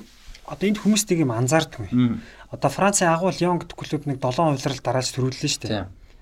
Тийм. 2002 оноос эхлээ 2008 он хүртэл. Түүнээс ингээм амжилтгүй байгаад Лион клуб бол яг үүний үеэс академид аягүй анхаарсан юм бэл. Тэр үеэс. Тэгээд Лионы академи. За ер нь тэр 2000-ад он их төрүүлж захтаач академид анхаарад одоо энэ Фикир, Лаказет, Толисо за За сайн хариул энэс өмнө гэвэл Бензема те. Би нарфа явах шүү дээ. За тийм ер нь Игт гэвэл. ер нь бол Лион тэг академиас маш олон тоглож гарч ирж байгаа шүү наач. Тэгээд дээрэс нь одоо яг бидний хэдүүлээ эмгтээчүүдийн хөлбөмбө нэх ярихгүй байгаа. Ер нь эмгтээчүүдийн хөлбөмбөгт амар эрт ач холбогдол өгж амар их мөнгө зарцуулж бэлтгэлийн ба бааз хангах те одоо юу гэдэг эн чинь зөвхөн тоглогчдын авьяас чадраас гадна эргэн тойронд нь спорт нь яаж явж бас маш их хамаардаг шүү дээ хөлбөмбөгтэй мэдээж багийн спорт. Тэгээд эмэгтэйчүүдийн хөлбөмбөгт хамгийн их мөнгө зарцуулж хамгийн ач холбогдол өгч те ингэж яасан багуудын нэг бол Лион ер нь орчин цагт бол тийм ч учраас аа эмэгтэйчүүдийн аврагууд хэлэхэд хамгийн олон төрүүлсэн баг Лион шүү дээ ер нь өсөлтөгч бараг байдаггүй шахуу те Wolfsburg за Барселона ч юм уу цөөхөдөн баг өсөлтөг гэхдээ ер нь Челси тэр. Тийм Челси энэ. Гэхдээ Лион яагаад тэгдэг гэвэл одоо хамгийн их мөнгө Дээрээс нь Францд нэг ундраг их байна. Африкаас урьдчилан цагаачтай тий. Тийм бүрэлдэхүүн дээр амар ач холбогдол бас өгдөг. Тэр нь бас амар томтой баталтай. За Лион Францын хувьд бол болсон юм уу? За тэгээд Франц дээр нэмэгцэл байгаа. За тэгээд энд дундуур ч бас Ибрахимович нэг хайлайт рилүүд нэг гоёо гоё. Солиотой солиотой голууд ус оруулна. Парис Сен-Жермен давхад ер нь гоё байсан шүү дээ Златанч тэ. Гэтэ сонирхолтой тэ Ибрахимович одоо ингээ Парис Сен-Жермен байгаа үе нь бол ингээ 30 гарцсан 30 нилээн гарцсан байгаа үед бол карьер нь юу унж явж байгаа гэж боддог ус тэ. Яг Парис Сен-Жермен мэдээж карьер амар олон гол тэрийг мэджи зүү газар гэж 30 давтаа байгаа байхгүй. Амар олон гол оруулсан. Гэхдээ сул лиг тэ. Тэгээ ингээд мань үнийг бол буцаад Тэгээ ялангуяа Galaxy за за гэж бодсон. Тэгэхэд чинь тэгээд буцаад Милан Зиланд ирээ, Serie A аваад тий бас тэгж бол төсөөлөг л баг. За Европа лиг. За Европа лиг бол тэр бол Унаа Эмеригийн CV бол дагш төрүүлсэн байгаа. За ер нь 3 дараас нь Европа лигт 3 жил дараас төрүүлдэг. Түүний яг голынх нь гэж бол хэлж болно. За тэр жилийн Европа лигийг харахад бол Карлос Бака бол зүгээр галзуурсан. Испани Ла Лигтэж галзуурсан. Европа лигт ч галзуурсан. За тэр жилийн Европа лигийн гол э, нээлт нь бол Украины Днепротын Днепро Петровск гэж баг тухайн үеийн Европын лиг дэх бас нэлээд олон сайн багийг ялж финалд гарч ирээд аргагүй Севиад өгдөг шаарддаг. За тэр жил одоо 32-ын тойрогоос Ливерпул мултарж байгаа юм байна. Гүйл өжигч Ливерпул. Аа Ливерпул Бишикташт хожигдсан байна. Удаагаараа цэг очихгүйсэн аргагүй шүү дээ. Пеналтаар тий хожигдож байгаа. Тотнем шүгийн 32-ын одоо тэр бас Фиорентинад хожигдчихээ. Наа ч одоо тэгээд нэг Брэндон Рожерс би хэлж байгаа ш. Суурайс авч явсан уу? Брэндон Рожерс сайн байсан уу гэж наад дээр чинь бас байхгүй. Тэгээ Жерардын бас сүүлийн үйлдэл тэгээ Жерардын юу форм унтсан байгаа тий. Өмнөх хөлөшгөө тийм амар байгаа. За Днепропетровск юу юу хожиж гарч ирсэн. За тэрийг харъя тий. За 32-оос эхлэв шүү заяа. За Олимпиакосыг, Аяксыг, Брюхег, одоо Брюгег, Наполиг за тэгээ финалд. Пэс айгуу сайн байгаа утсан шүү тий. За би э, Севиагийн хувьд болохоор бас Нидерландын лигийн аварга явж байна чинь. Италийн аваргын аврагын лигийн байртай баг явж байна Наполи. Тэгэхээр чин тийм багуудыг хожинд бол амаргүй шүү дээ. Тэгээ Брүгэ чи бас тийм дээ. Аварга Бэлж юу лээ. Өмнөх өдрөлд Манчестер Юнайтед хожицсан гэж ярьжсэн шүү дээ. Тий. Бас амар гарч ирсэн ба Э тий. Грекийн аварга шүү дээ тий. Тийм шүү дээ, тийм шүү дээ. Грек Бэлгийн аварга, Нидерландын аваргыг Италийн аваргуудын лигийн байр юм байна. Амар гарч ирсэн байна. За энэ дунд чи Рома мултарж байгаа. Тэгээд Севиа бол юунаас 32-оос эхэлж ярих юм бол Дортмунд Мюнхен Гладбахыг хожоод, Виареалыг хожоод, Зенитыг хожоод, Фиорентиныг хожоод. Бас сайн багууд очсон байна. Бас юм харахад цуглаас сурцсан баг байна шүү дээ. За тэгээд шгшээ тоглолтод бол 3-2-оор бас зүгээр нэг бас арчилж байгаагүй тий. Бас нэлээд үдэж байгаа. Тэгээ хожлын голыг бол Бака бас хийж байгаа. Хоёр шгшээ тоглолтод хоёр гол хийж. Тэгээ тэр нэг сошиал медиагаар Бакагийн тухай айгүйх явдаг байсан шүү дээ. Нөгөө 21 2 хүртлээ ингээд давхар ажил мэжил хийдэг байсан тий. Загас ч мас ч хийдэг байсан гэл сошиал медиагаар айгүйх ярьдаг байсан тий. Тэгээ Бака ч нөгөө финал дээр голыг ойлж юм байла бөө юм болоод тий. Наач гэхдээ 14 оны Колумбишэдийн гараан дээр хардгаа мана Бакач. Тэгээд бас юутай бодно тийм гомдолтой байгаа ш начаа. Жаксон Мартинс Бака өөр сэлгэн заяа. Бака сэлгээр орж Мартинс бараг гарахгүй. Тийм үү. Тоглогчор нь хин тоглож. Тёг тэр Тёг нэмэр ахтай. Тийм нөө Фалкао байхгүй. Фалкао байхгүй тэр нөхөч нь болдгосон. Фалкао байсан бол тэр колумт ихтэй гоё яах. Бүр гоё. Тэгээд хамаг гол нь Хамас Родригес. Тийм том гол хийдэг шүү дээ. Тэр чинь жигүүрт нь Квадрадо Цунига эдрэгэд эвгүй эвгүй нөхдөд байгаа. Цунига ч Неймарыг авчихсан. Тийм. Тэр тэр тэр тэр бодлоо тэр чинь төвийн дээр Гуарин байгаа шүү дээ энтри. Тийм. Гуарин. Тийм Гуарин нөгөөх нь бэлээ цэвэрлэгч чинь бас гоё. Айгуу гоё. Тэгээ цунига квадрат руу хоёр жигүүрт нь гарчна. Тэгээд юм баггүй. Тео Гутерес Хамс Родригес гээд а жигүүрт нь бас нэг довтогч байгаа хэм блэ. Бас нэг нөхөр гарчтай. А? Кинтеро. Кинтеро өлөө бас нэг нөхөр гартай. Аа ус хэрэгсэн нэртэй. Харин нэг нөхөр. Сантьяго Ариас үлээ юу лээ? Тий бас нэг нөхөр зүүнд нь гардаг. Хүн хамгаалт нөгөө өндөр Түүний хамгаалт Миланы өндөр гарч байгаа. Миланы хоёр гарч байгаа. Цунига гэж солиорч байна. Өө зап Сапата. Запата нөгөөт нь сэсгэр нэм блэ? Крякс юу лээ? Бас нэг сэгсэг. Марио Епес Епес. Аахгүй наад ирж байгаа ч гэсэн байхгүй. А цөнийг ачин зэгүүрийн хамгаалагч Ебора ч хэлөө нэг нөхөр зүүнд нь гардыг юм аа. Зүүн жигүүрийн товтлоонд байна. Соник ч баруун шүү дээ.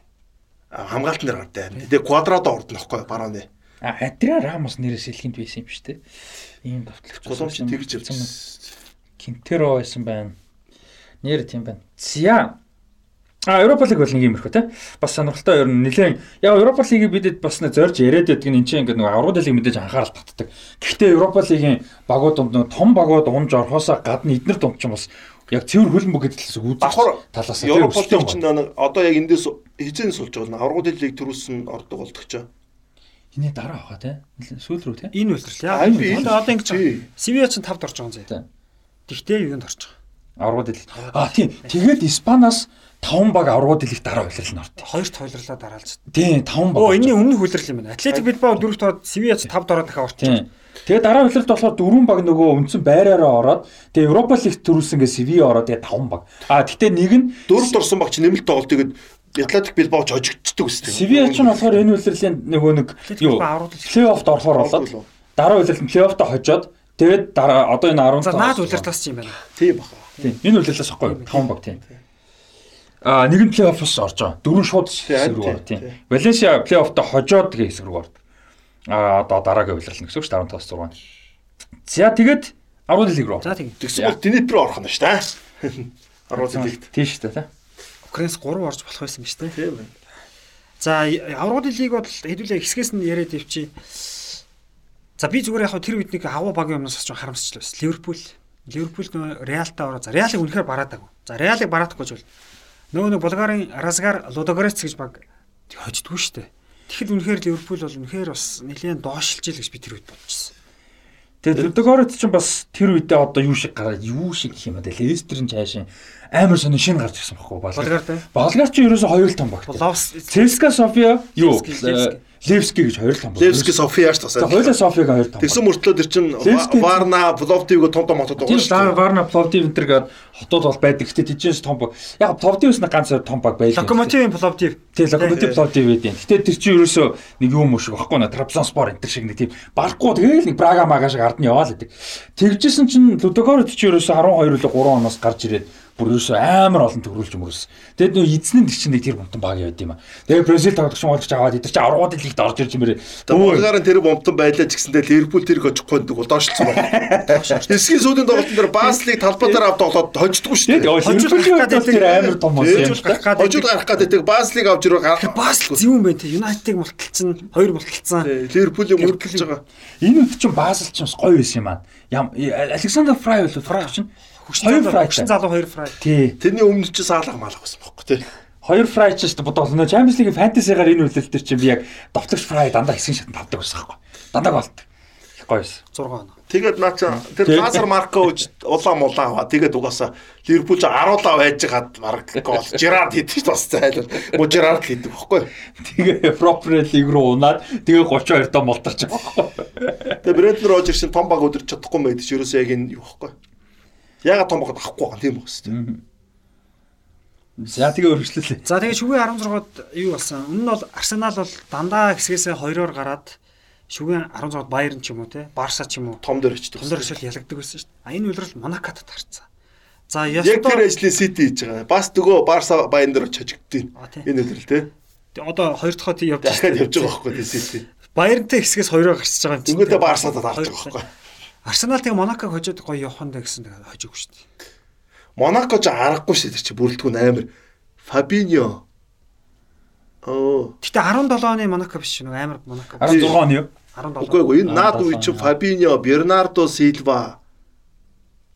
За бүрэлдэхүүн та. юу юу Фалкао байгаа. Үгүй юм бэлээ. На энэ үеийн Монако ч өөрөө сайн байсан байхгүй.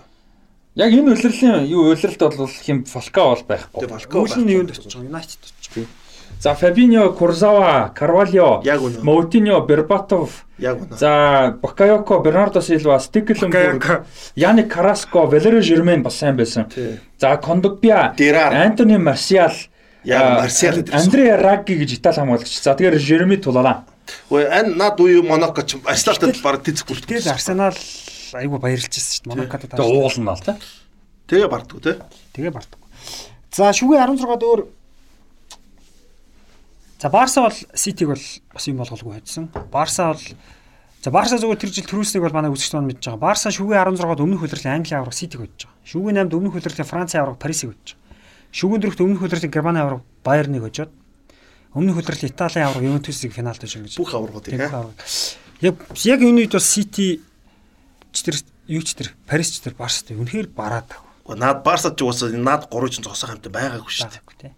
За шүгэ 16-д өөр ямар гоё төгөлтөө. Шалк Реал дахиад Шалкаг алаа хийсэн. Өмнөх хөлрөд нь алаа хийсэн. Энд энд тэгтээ нэг эхэлж hodж дараа нь хожигдсон алттай шүү дээ. Тэгээ хоцсон байна. Ер нь Шалка тоглолтондоо л хоцсон 4-3-аар.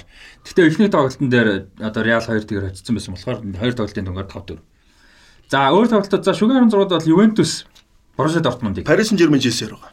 Paris Saint-Germain Chelsea, Paris Paris Saint-Germain байгаа. Давид Луис чинь Chelsea-г алдаг байхгүй юу?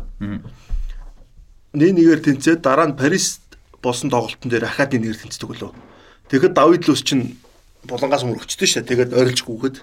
Тэгээд тэр юун дээр нь Тиаго Силва Челси дээрээс нь олж ирсэн сүлэгт нь. Тиаго Силва мөргөө. Челси ч ерөөсө 2 дахь давхард. Уг нь өндөр баг шээ Челси ч. Өндөр баг мөртлөө 2 дахь давхар Тиаго Силва Давид Лус харин нэг алчдаг байхгүй. За тэгээд а тэгээд Челси мултарч юм. Челси мултарч. Челси мултарч. А шүүгээ 16 юм шүү. Тэгээд Парис 8-д Барса дээр очиж байгаа юм шүү.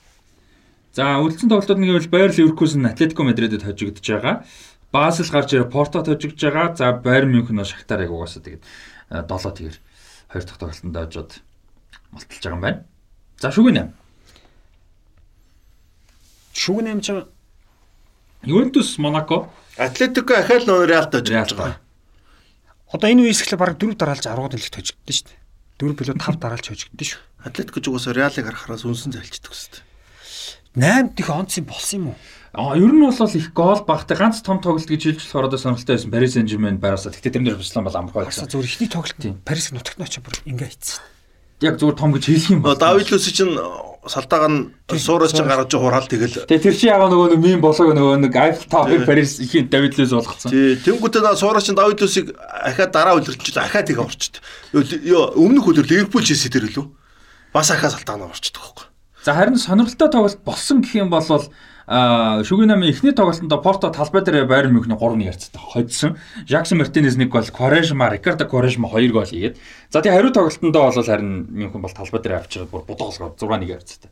Хожоод болгосон. Шүгэн 8 бас. Та нар ингээ хожоор гэж байгаа юм шиг аа. Тий. За шүгэн дөрөвт бол үнэхээр янзын хоёр хослол гарсан. Байерн Барсатай, Ювентус Реалтай. За Байерн бол ерөн зөв Барсаг эсрэг бол их сайн тоглодог шүү дээ. Яг 2009 онд дөрөв тэгэр хожигдчихсан Барсаг оргил үед нь. За энэ үед бол Баер нь бол эхлээ хожигдсан. Эхний тоглолтод 3 тэгэр хожигдчихсан үү те. Гэхдээ яхахгүй Барса манд үс. Тэгээд тодорхой болцсон.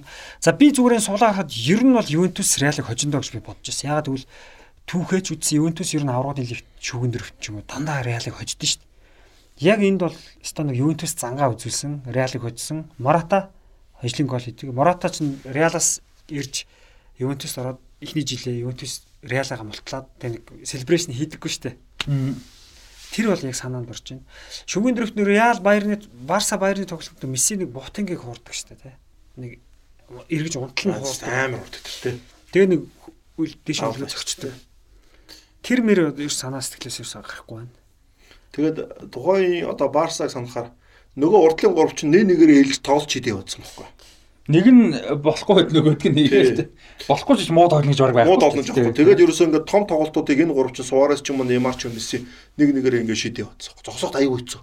Дартнер Акид чи Инеста хоёр. Тэгээ Бускетс найдвартай. Бускетс гэснээс одоо Бускетс чинь энэ үлээр сүүлийнх нь одоо болж байгаа шүү. Шав? Бускетс А одоо амьдрал дээр одоо одоо энэ үлээр. А би 14-өөс 12 би бас гайхлаа. Одоо гэдэг нөгөө нэг Бускетс гэснээс гэж байхгүй. Тийм. Тэгээд аврагын лигт Суарес нэг тийм сонирхолтой гол муудад. Яг энэ үлрэл амар л байсан л та. Гэхдээ ер нь карьерийнх нь хувьд сонирхолтой тийм. Аврагын лиг. Энэ угаасаа Барсад л тоглоо шүү дээ. Өөр тийм Ливерпул. Ливерпул олигтой тоглоогүй, Аякс олигтой тоглоогүй тийм. Тэгэхээр бас харамсалтай юм шиг. Тэгэхээр наа Суарес ч амар чухал чухал тоглолтууд. Одоо наа аврагын тоглолтын дээр ч ожлын гол хийж байгаа шүү дээ яг нөгөө Ювентус баахан давталж байгаа дээр нь дуусгаж өгч байгаа шүү дээ. Ер нь бол тэр Ювентус Барсагийн тоглолтын дээр дугаасаа Барса нүддээ. Тэ? Барса нь үдж байгаа тэр Энеста орж ирээд нэг дамжуулаад хин гэдэг үлээ. Хитиг бол ракет чи. Тийм, Энестаг дамжуулаад хоёр хагасан шидчихсэн шүү дээ, тий. Тэгээ Мората нэг тэнцүүлж өгөө тэгэл Суарес игээд хойд бүр сүлд Неймар гэж байна те. Гол ажлын гол. Тэр чинь Ювентусын түүхэн дээр 9 удаа аврагууд лигийн финалд үлдээд 7 очигдсон. 7 очигдсон бүх цаг үеийн хамгийн их финалд очигдсон аврагууд лиг. Хоёрхан дөрөвдөө 7 очиж юу гэсэн үг бэ? Финалийн тэнгэргүй. Ювентус 85 онд төрүүлсэн 96 онд төрүүлсэн шүү дээ. Тэгээ 2003 онд байна уу? Тэрний 3 онд өмнө. пенальтаар очигдж байгаа. Тий. Миланд. Тэгээ энэ өстэй дараагийнхан тий. Энийн дунд нэг байхгүй ч тий. Нийт 17 онд лөө. Тэ? Сүүлд Дахиад нэг байгаа. Сүүл 17 онд очигдсон. Тийм. 15 онд Барсад очигдсон. Байж байж нэг байгаа. Буфон 4 очигдсон. Харч тэ. Буфон финалд 4 очигдсон гэдэг шүү. Тэгвэл тэрнээс өмнө шүү. 3 3 2 дээр биш, 1 дээр биш. Тэр дундуур Ювентус орж ирэх боломж байхгүй шүү дээ. За ямар ч байсан харч та хоёр бодож байгаарай. 3 юм байна те. За аа 3 л болгочих. За юу юм бэ? Сая ярьсан дээ 85 он бол 96 төрүүлсэн. Аа шгшээ тожигчснууд нь 73, 83, 97, 98, 2003, 15, 17 юм ба шүү. 97 98 он дараалаад. Дараалж тожигдсон. Тэр чинь хиний юу шүү дээ. Липи. Жишээлбэл Яа, амар. Гэтэ амар гоо шүү. 96-нд дөрүүлчихэж байгаа шүү дээ. м тэг 97 8 3 жилийн алдсан шүү таслаа. тий 3 жил дараалж байна л да. Эхнийх нь Аргагүй ч чи Эдгар Давид Зидан хоёр төвднөө чи тэр хоёрыг чи одоо орчин үеийн Инеста Шави хоёр шиг л ухс тэр чи. Делперо хоёр байгаа юм чинь. Делперо тий. Давид сууж шүү дээ Эдгар Давид. За ер нь бол Дэлбэро ч гэдэг тотлогч дээ энэ бол яг second striker шүү дээ. ер нь бол Зидан Делперо хоёр нийлээл дийлддэг байсан гэдэг шүү дээ. Дард нь Эдгар Давид. Эдгар Давид чи амар өсөв шүү бурхан маань ёо. Ювентус анх финалд ялгсан хэдэн он гинэ? А бүр сая өмнө 60 дом байсан мэт. 70 он байсан баг сая. Тий 60 70 он байсан. Тэгээ Зидан яваал Ювентус чинь яаж байгаа шүү дээ тий. Тэгэхээр Зидан нар амар чухал болгоч. Амар чухал болгож байсан баг. Лидер яг класс суулгачтай Зидан бол. Бодолтой Ювентустай аврагууд лиг 3 финалда дэлхийн аваргын аваргыг Франц авчирч энэ амонд. Тэгвэл 2000 оны Европ аварга авчирч байгаа шүү дээ. Би тэгтээ Зиданыг 98 оны дэлхийн аварга авч өгсөн гэж би боддог шүү дээ. Финалд бол сайн тоглосон. Би бол Зиданы тэр хэсгийн тоглолтууд яг хав Гэтэ бүр муу бол байхгүй шүү дээ. За яг шүгэн 8 дээр Италитай их тоглолтод л орж ирж нөлөө үзүүлсэн л их юм да. Угаасаа хэсэгт хэсэгт муу хэсэгт ч байсан шүү дээ. Би бол Зиданыг бол хэлнэ. Хэсэгт Өмнөд Африк, Сауди Сауди Араб, Дан. Дан шүү дээ. Тэгэл бодол. Тэгээ 16 дахь Парагвайг нэг Зидангүй ялсан. Тий. Хайда Зидангу тоглоо Парагвай дээр чинь бүр шүү дээ махаа иддэг. Тэгээ Парагвай ч амар баг байсан шүү дээ. Тухайд амар байсан л дээ. За яг яг тийм. Тий. Итали дээр тэгдэг. Тэгээд Хорват дээр бол Тюрам авч явдیں۔ тий. Тэр ганц хоёр хоёр хийдгэн дээрээс тэ шгшээ тэ. А анхны э, шгшээд гарсан 72-оос 73 оны үйлрэл юм байна. Юуны хувьд бол Ювентусын хувьд. Аякс. Тэгээд дараа нь тэрнээс хойш 10 жилийн дараа нь 89 83 онд гарч ирээд 85 онд төрүүлээд 90 он хүртэл таг байж байгаад 96 онд. Наа чин 80 бол Ливерпултэй яадаг юу 85 онд Эзэл 95 Эзэл онд. Эзэл авах. Тий. Нойзли Бельгийн. Амар юм болдог те. За тэгээ 14 оноос 15 оны удирлын хоргуудын лигт Неймар, Кристиано Роналдо, Месси 3-3-10 гол хийж мэрэгэн буучиг бол хуваалцсан. Харин баг шүү хаа. Тийм ба 10 гэтээ тэр үед бол 10 гэдэг бас чангал байсан те. Яг Роналдо Месси Роналдо ч 17 өгөөд бүх цаг юм. Цагийн нэг үлрэлтийн Тий. тэмцэл тогтолцсон. Сүүлд тогтдоггүй шүү. Аргуудын лигт 17 гол гэдэг л те. Ер нь бол одоо Нестрой, Анри, Раул те тэр хэд ингээ Инзаги, Инзаги тэднийг ингээд нөгөө бүх цагийн мэрэгэн буучиг тэргүүлдэг байсан үед бол нэг улирал 7 ба 8 гол оруулах. Тэгээ ер нь бол те 9 10 гэдэг бол бүр амар өндөртэй л ордог байсан шүү дээ. 3 10. Тэгэд тэгэд энэ бол ингээ гуруулаа 10. Араас нь Луис Адриано 9 орж ирж байгаа. Луис Адрианаас ч юу яасан? 3 удаа хэдрэг хийсэн байсан энэ бол. Хэсэгтээ бата Хоёр удаа. хэсэгтээ бататай тоглохгүй юу? 3 4 дэх төрөх таарна шүү дээ. Бата дээр эхлээд хэтрэг, дөрөв дээр хэтрэг. Аврагдлыг хэсгийн шатнд хоёр дараалж хэтрэг гэсэн анхны юм баггүй. Наач. Луис Адриано чинь шахтер Шахтер. байсан дээ тухайд. За тэгээд аврагуудын лигийн хувьд юм. Өөр нэмж нэг хэцүү лана. Аврагын лигийн үйлрэлтэр. Өөрчтөө нэмээд тах юу вэ? Ямар ч сан Ливерпул Барса хоёр бол угаасаа э, Ливерпулийн Ювентус Барса хоёр бол хамгийн мондо бүрэлдэхүүнтэй хоёр баг нь яхахгүй л тийм үү үлдсэн. Аль аль да хоёр цам авцсан байсан тий трибл хийх байсан. Хагсууд нь амар товтлогоон дээр Тэвис чи амар өсөн шүү дээ чи Карс Тэвис бол. Наад финал чинь 6 дугаар сарын 6-нд болдог санагдаж байна. Хагасаа өдрөө машингүй өдөр байд. Тэгээд оройн финал Амар юу бол тэр. 6 сард аврагдлын лигийн финал болсон баг анхны тохиолдол шүү наач. Бас тийм баг. Тэгээд тухайн үед чинь тэгэж 6 сарын 1-нд мэгэнд болж байгааг үл тийм. Түүнээс хойш. хоош тэ нэр. Одоо бол 6 сар сонирмшилчаад шүү дээ. Одоо 6 сарын дунд руу орж дунд руу орж ирэх аврахтай байна. За тэгээд 10 2014-с 15 оны удирдал гэснээс өөр Азийн цомын тэмцээн чинь болж байгаа шүү дээ. 15 оны 2 дугаар сард Австралид бол Австрал төв авраг болж байгаа шүү. Майк Идинак цом өргөт. Тэгээ энэс хойшоогоо сүултээ Жил болгоно. тийм. А тэгээ Барселона нэр нь Ер нь 11 оноос эхэлсэн байхгүй. 11 онд Япон төрүүлдэн шүү дээ. Тэгэл Азийн Азийн Азийн цом билүү? Азийн цом шиг дэлхийн авраг шалралт тэмцээний дараа жил нь А тийм тийм дарааш л тий. 1 2 сард болдог болсон. Барселона нэг лалиг төрүүлж байгаа шүү дээ. Тэрнээсээ гадна сонирхолтой нөгөө өмнөх улиралд ярьсан шүү дээ. Улирлын сүүлийн тойрог дээр Nou-д Атлетико Мадрид тэнцээ төрүүлсэн гэдэг. Тэгсэн чинь бүр яг жилийн дараа бүр өдөр нь хിവэрэж байгаа. Өмнө нь болохоор 14 оны 5 сарын 17-нд Атлетико Мадрид Nou төрүүлж байгаа. Тэгсэн чинь энэ удаад 15 оны 5 сарын 17-нд Висенте Калдерон цэнгэлтэхэд Барселона Атлетико Мадридыг хожиж авраа. Одоо юу аа. Хариугаа авч байгаа юм шүү. аа. Тэг яг л талбай дээр. Наа чи бас эйгүү зөө. Барса ер нь Реалаас 2 онооны илүү авраг авсан байхгүй. Висенте Калдеронд очиод хожигчод шүү дээ. Тэгээ яаж зах тэгвэл Реал те бас айгүй. А тэгээд зүгээр хожигт очиж зүгээр тэнцэхэд эйгүү. Яг тэгвэл Реал чинь 3-1 Барса 2-1-ээр хожоод хоорондын тоглолт Реал илүү байсан байхгүй. Бас Бас байгаа. юу тийм байна те. Тэгээд тий чинь бас амархан хожиг нэг нөлөө л авч байгаа. Мессигийн нэг голоор. Бас бас. Барса ингээ 3 фронт төрүүлэх гэж за мэдээж аврагын лиг хасагдах тэмцээн. Копа дель Рей хасагдах тэмцээн. Атлетик Билбаотой үзэж байгаа юу. Лигтээ бүр 38 дугаар тойрогтой төрүүлж штэ тий. Тэгээ юунд болохоор дөрвөн улсын аварга хожиж байгаа. Тэ Аварга дэлгт тэ топ 5 лигийн Тэр нөгөө Луис Энрикегийн анхны жил Тэ. 3 цам. Гвардиола анхны жилээс 3 цам. За нэг иймэрхүү мундаг бодлол өнгөрсөн байна. Айл алын хавьд. За нэмэх зүйл байна яг энэ үйлрэл дээр нийлээд. Сайн бол их гоё. Одоо бүгдийг л ярьлаа та. Яг хөө мэдээж нэмэг бидний яриаг нь зөндөө Тий манай үдшнэр нэмээрээ. Тий, нэмэн шүү. Одоо гоё тоглолтын деталь метал Гой харааг мараагүй гой гой нүдэг одоо чи нэг үзэж бич Роналдо ингээд 17 гол хийсэн бид Гоё шүү дээ. Мартцсан яриг байна байхгүй те. Нэмжимээ бич. Зөндөө гоё юм байгаа. Та хэд маань гоё өнцгөө өөр өөр өнцгөр. Би тэднийг за- та хэд сайхан сануулж өгөөд нэлээд дэлгэрэнгүй сануулж байгаа ч бас те. Тэгээ та тэндээсээ сайхан өшөөгөө ярина одоо гой санаарай.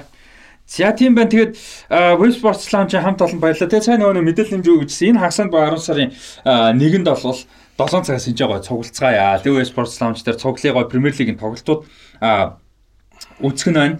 За 7 цаг 30 минутаас Хойд Лондонгийн дерби буюу одоо Арсенал Тоттенхэмийн тоглолт болно. шүү те. 10 цагаас 2 тоглолт гарна. Ливерпул Брайтон болон Челси Кристал Палас гэсэн хоёр сонирхолтой. Ливерпул талбадаа Кристал Пас талбадаа. Челси талбайтай. А тийм. Тийм. Аль аль талбайтай байсан гэж Хоёр чанга огтой үзгэр. Кристал талбадаа шүү. Тийм үү. За түрүүн бол тэгж харах шүү. Зүүр зүү саан зовлт Кристал талбадаа. За тэгээ аль аль нь бол нэ 10 цагаас байсан. Тэгэхээр 7 цагаас цуглая бас энэ чинь жижигхэн уралдаан тэмцээн бас явуулаад Лондонны дерби, за тэгээд Челси, Ливерпул, маргааш нь Юнайтед, Манчестерийн дерби. Манчестерийн дерби маргааш нь. Энэ план нэг Премьер амар лигийг бас нэг нилээ юу яахан дээ те. Бас нэг шин өнгө төрх оруулах нь Тэгээ. Брайтон Кристал Пас гэдэг хоёр эвгүй багт тоглож байгаа шүү дээ. Брайтон Челситэй биш те. Брайтон Ливерпул хэл бадарч байна. Брайтонс Грэм Потриг нөгөө нэг гэрээ цуцлсан үн мөн гээд тэр чинь бас хоёр торох юм байлаа шүү те. Тий. Хоёр Нагelsманы ард орчлоо Тийм. тий. Одоо ч сая юу игээд нэг юм яригдаад тавьчихсан шүү те. Хин ха Томас Түгэл халагдсан Нагelsман таарахын одоо уйлалаа таарах эхлүүлж байгаа Бундслигтэйгээд Нагelsманыг халаад түүхлийг авах. Түүхлийг гэдэг юм бас бас сураг бол яг арайч үгүй бах ийм эрттэй. Гэхдээ ер нь бол бас яриа. Одоо багуудын үед бол түүхэл алгацсан гоё ш. За түүхлийг авч болох юм байна гэдэг юутай болчихж байгаа. Одоо тий. Почтино түүхлээ өрөө тий. Яг том тасалж болж Гэтэ байна. Поч бол бас жоо хэцүү болчихжээ. Тэгээ Поч нөгөө нэг гол нь юу л да түүхлийн хажууд нөгөө авсан цом байхгүй байгаа юм л тий. Тэр нь бас нэг том асуудал наваад. Түүхэл бол цомтой Тооч одоо ахаад болохгүй л дунд жогроо очоод тэндээс явсан нэг батлаад тий. Ахаад асуудалгүй шүү дээ тий. Ямар богроо болох вэ? Яа болохгүй бол Лестер рүү хөвчл яа гэм бэ. Энэ Брендер Роджерсын онд. Гэтэ гол нь Лестер муу шүү дээ одоо. Гэтэ гол нь Лестер мөнгө гаргаж өгөхгүй бол энэ бүрэлдэхүүнээр л хийж байгаа яг дахиж 8 хийх яг үнтэй 8 хийхгүй нь ойлгомжтой. Гэхдээ ядаж сайн бол бүр 1 8 хийсэн юм шүү дээ ганц. Нэг ч одоо хийгээгүй юм чи одоо хийж дарах байж их боломж жоох. Тэрэн дээр нь поч поч орж ирэх тийм. Поч ягаад Лестер дээр гэж болдгоо. Эвертон дээр ягаад гэж болдгоо. Лампард одоо яг сүүлийн тоглолт Монгол. Тос Герфилд рэчил яах вэ гэдэг байхгүй юу? Лапи дараа гарахгүй. Герфилд поч гарахгүй. Тэр жил нөгөө юу ядаж нэг Алан Фард нэг Ньюкасл дээрөө Алан Курбишли гэдэг нэг Чарлтоныг салжуулж байсан шүү дээ. 5-6 оны удирдлаа 6-7 оны удирдлаа хоёлаа муудаад Алан Пардиг Ньюкасл халаад Курбишлиг авсан чинь Чарлтон Алан Пардиг авчдаг гэдэг өргөс сольждаг. Даалан Бардууч дараа Ньюкасл дээр алдсан шүү дээ бас дараа тий. За тэгээд энэ хагас өдөр бол цуглааны бүтцэн бас гой тоглолт байгаа тийм энэ ч ярьж үлдцгээгээр Манчестерийн дерби байгаа сонирхолтой болох гэж бодож Тэр уу бас. Тэгээ хасан бүтцэнд орой энэ ч бас э, цуглах юм бол байгаа юм бэ шүү. Тэгээд эрцгээгээрээ Westport Lounge хамт олондоо бас баярлалаа. Продюсер Тулгаатаа бас баярлалаа. Тэгээд өнөөдрийн дугаартай хамт байсан та бүхэндээ баярлалаа сонирхолтой байсан гэж найдаж байна. Тэгээд дараагийн буюу 19 дэх дугаараараа эргээд уулзлаа баяр та.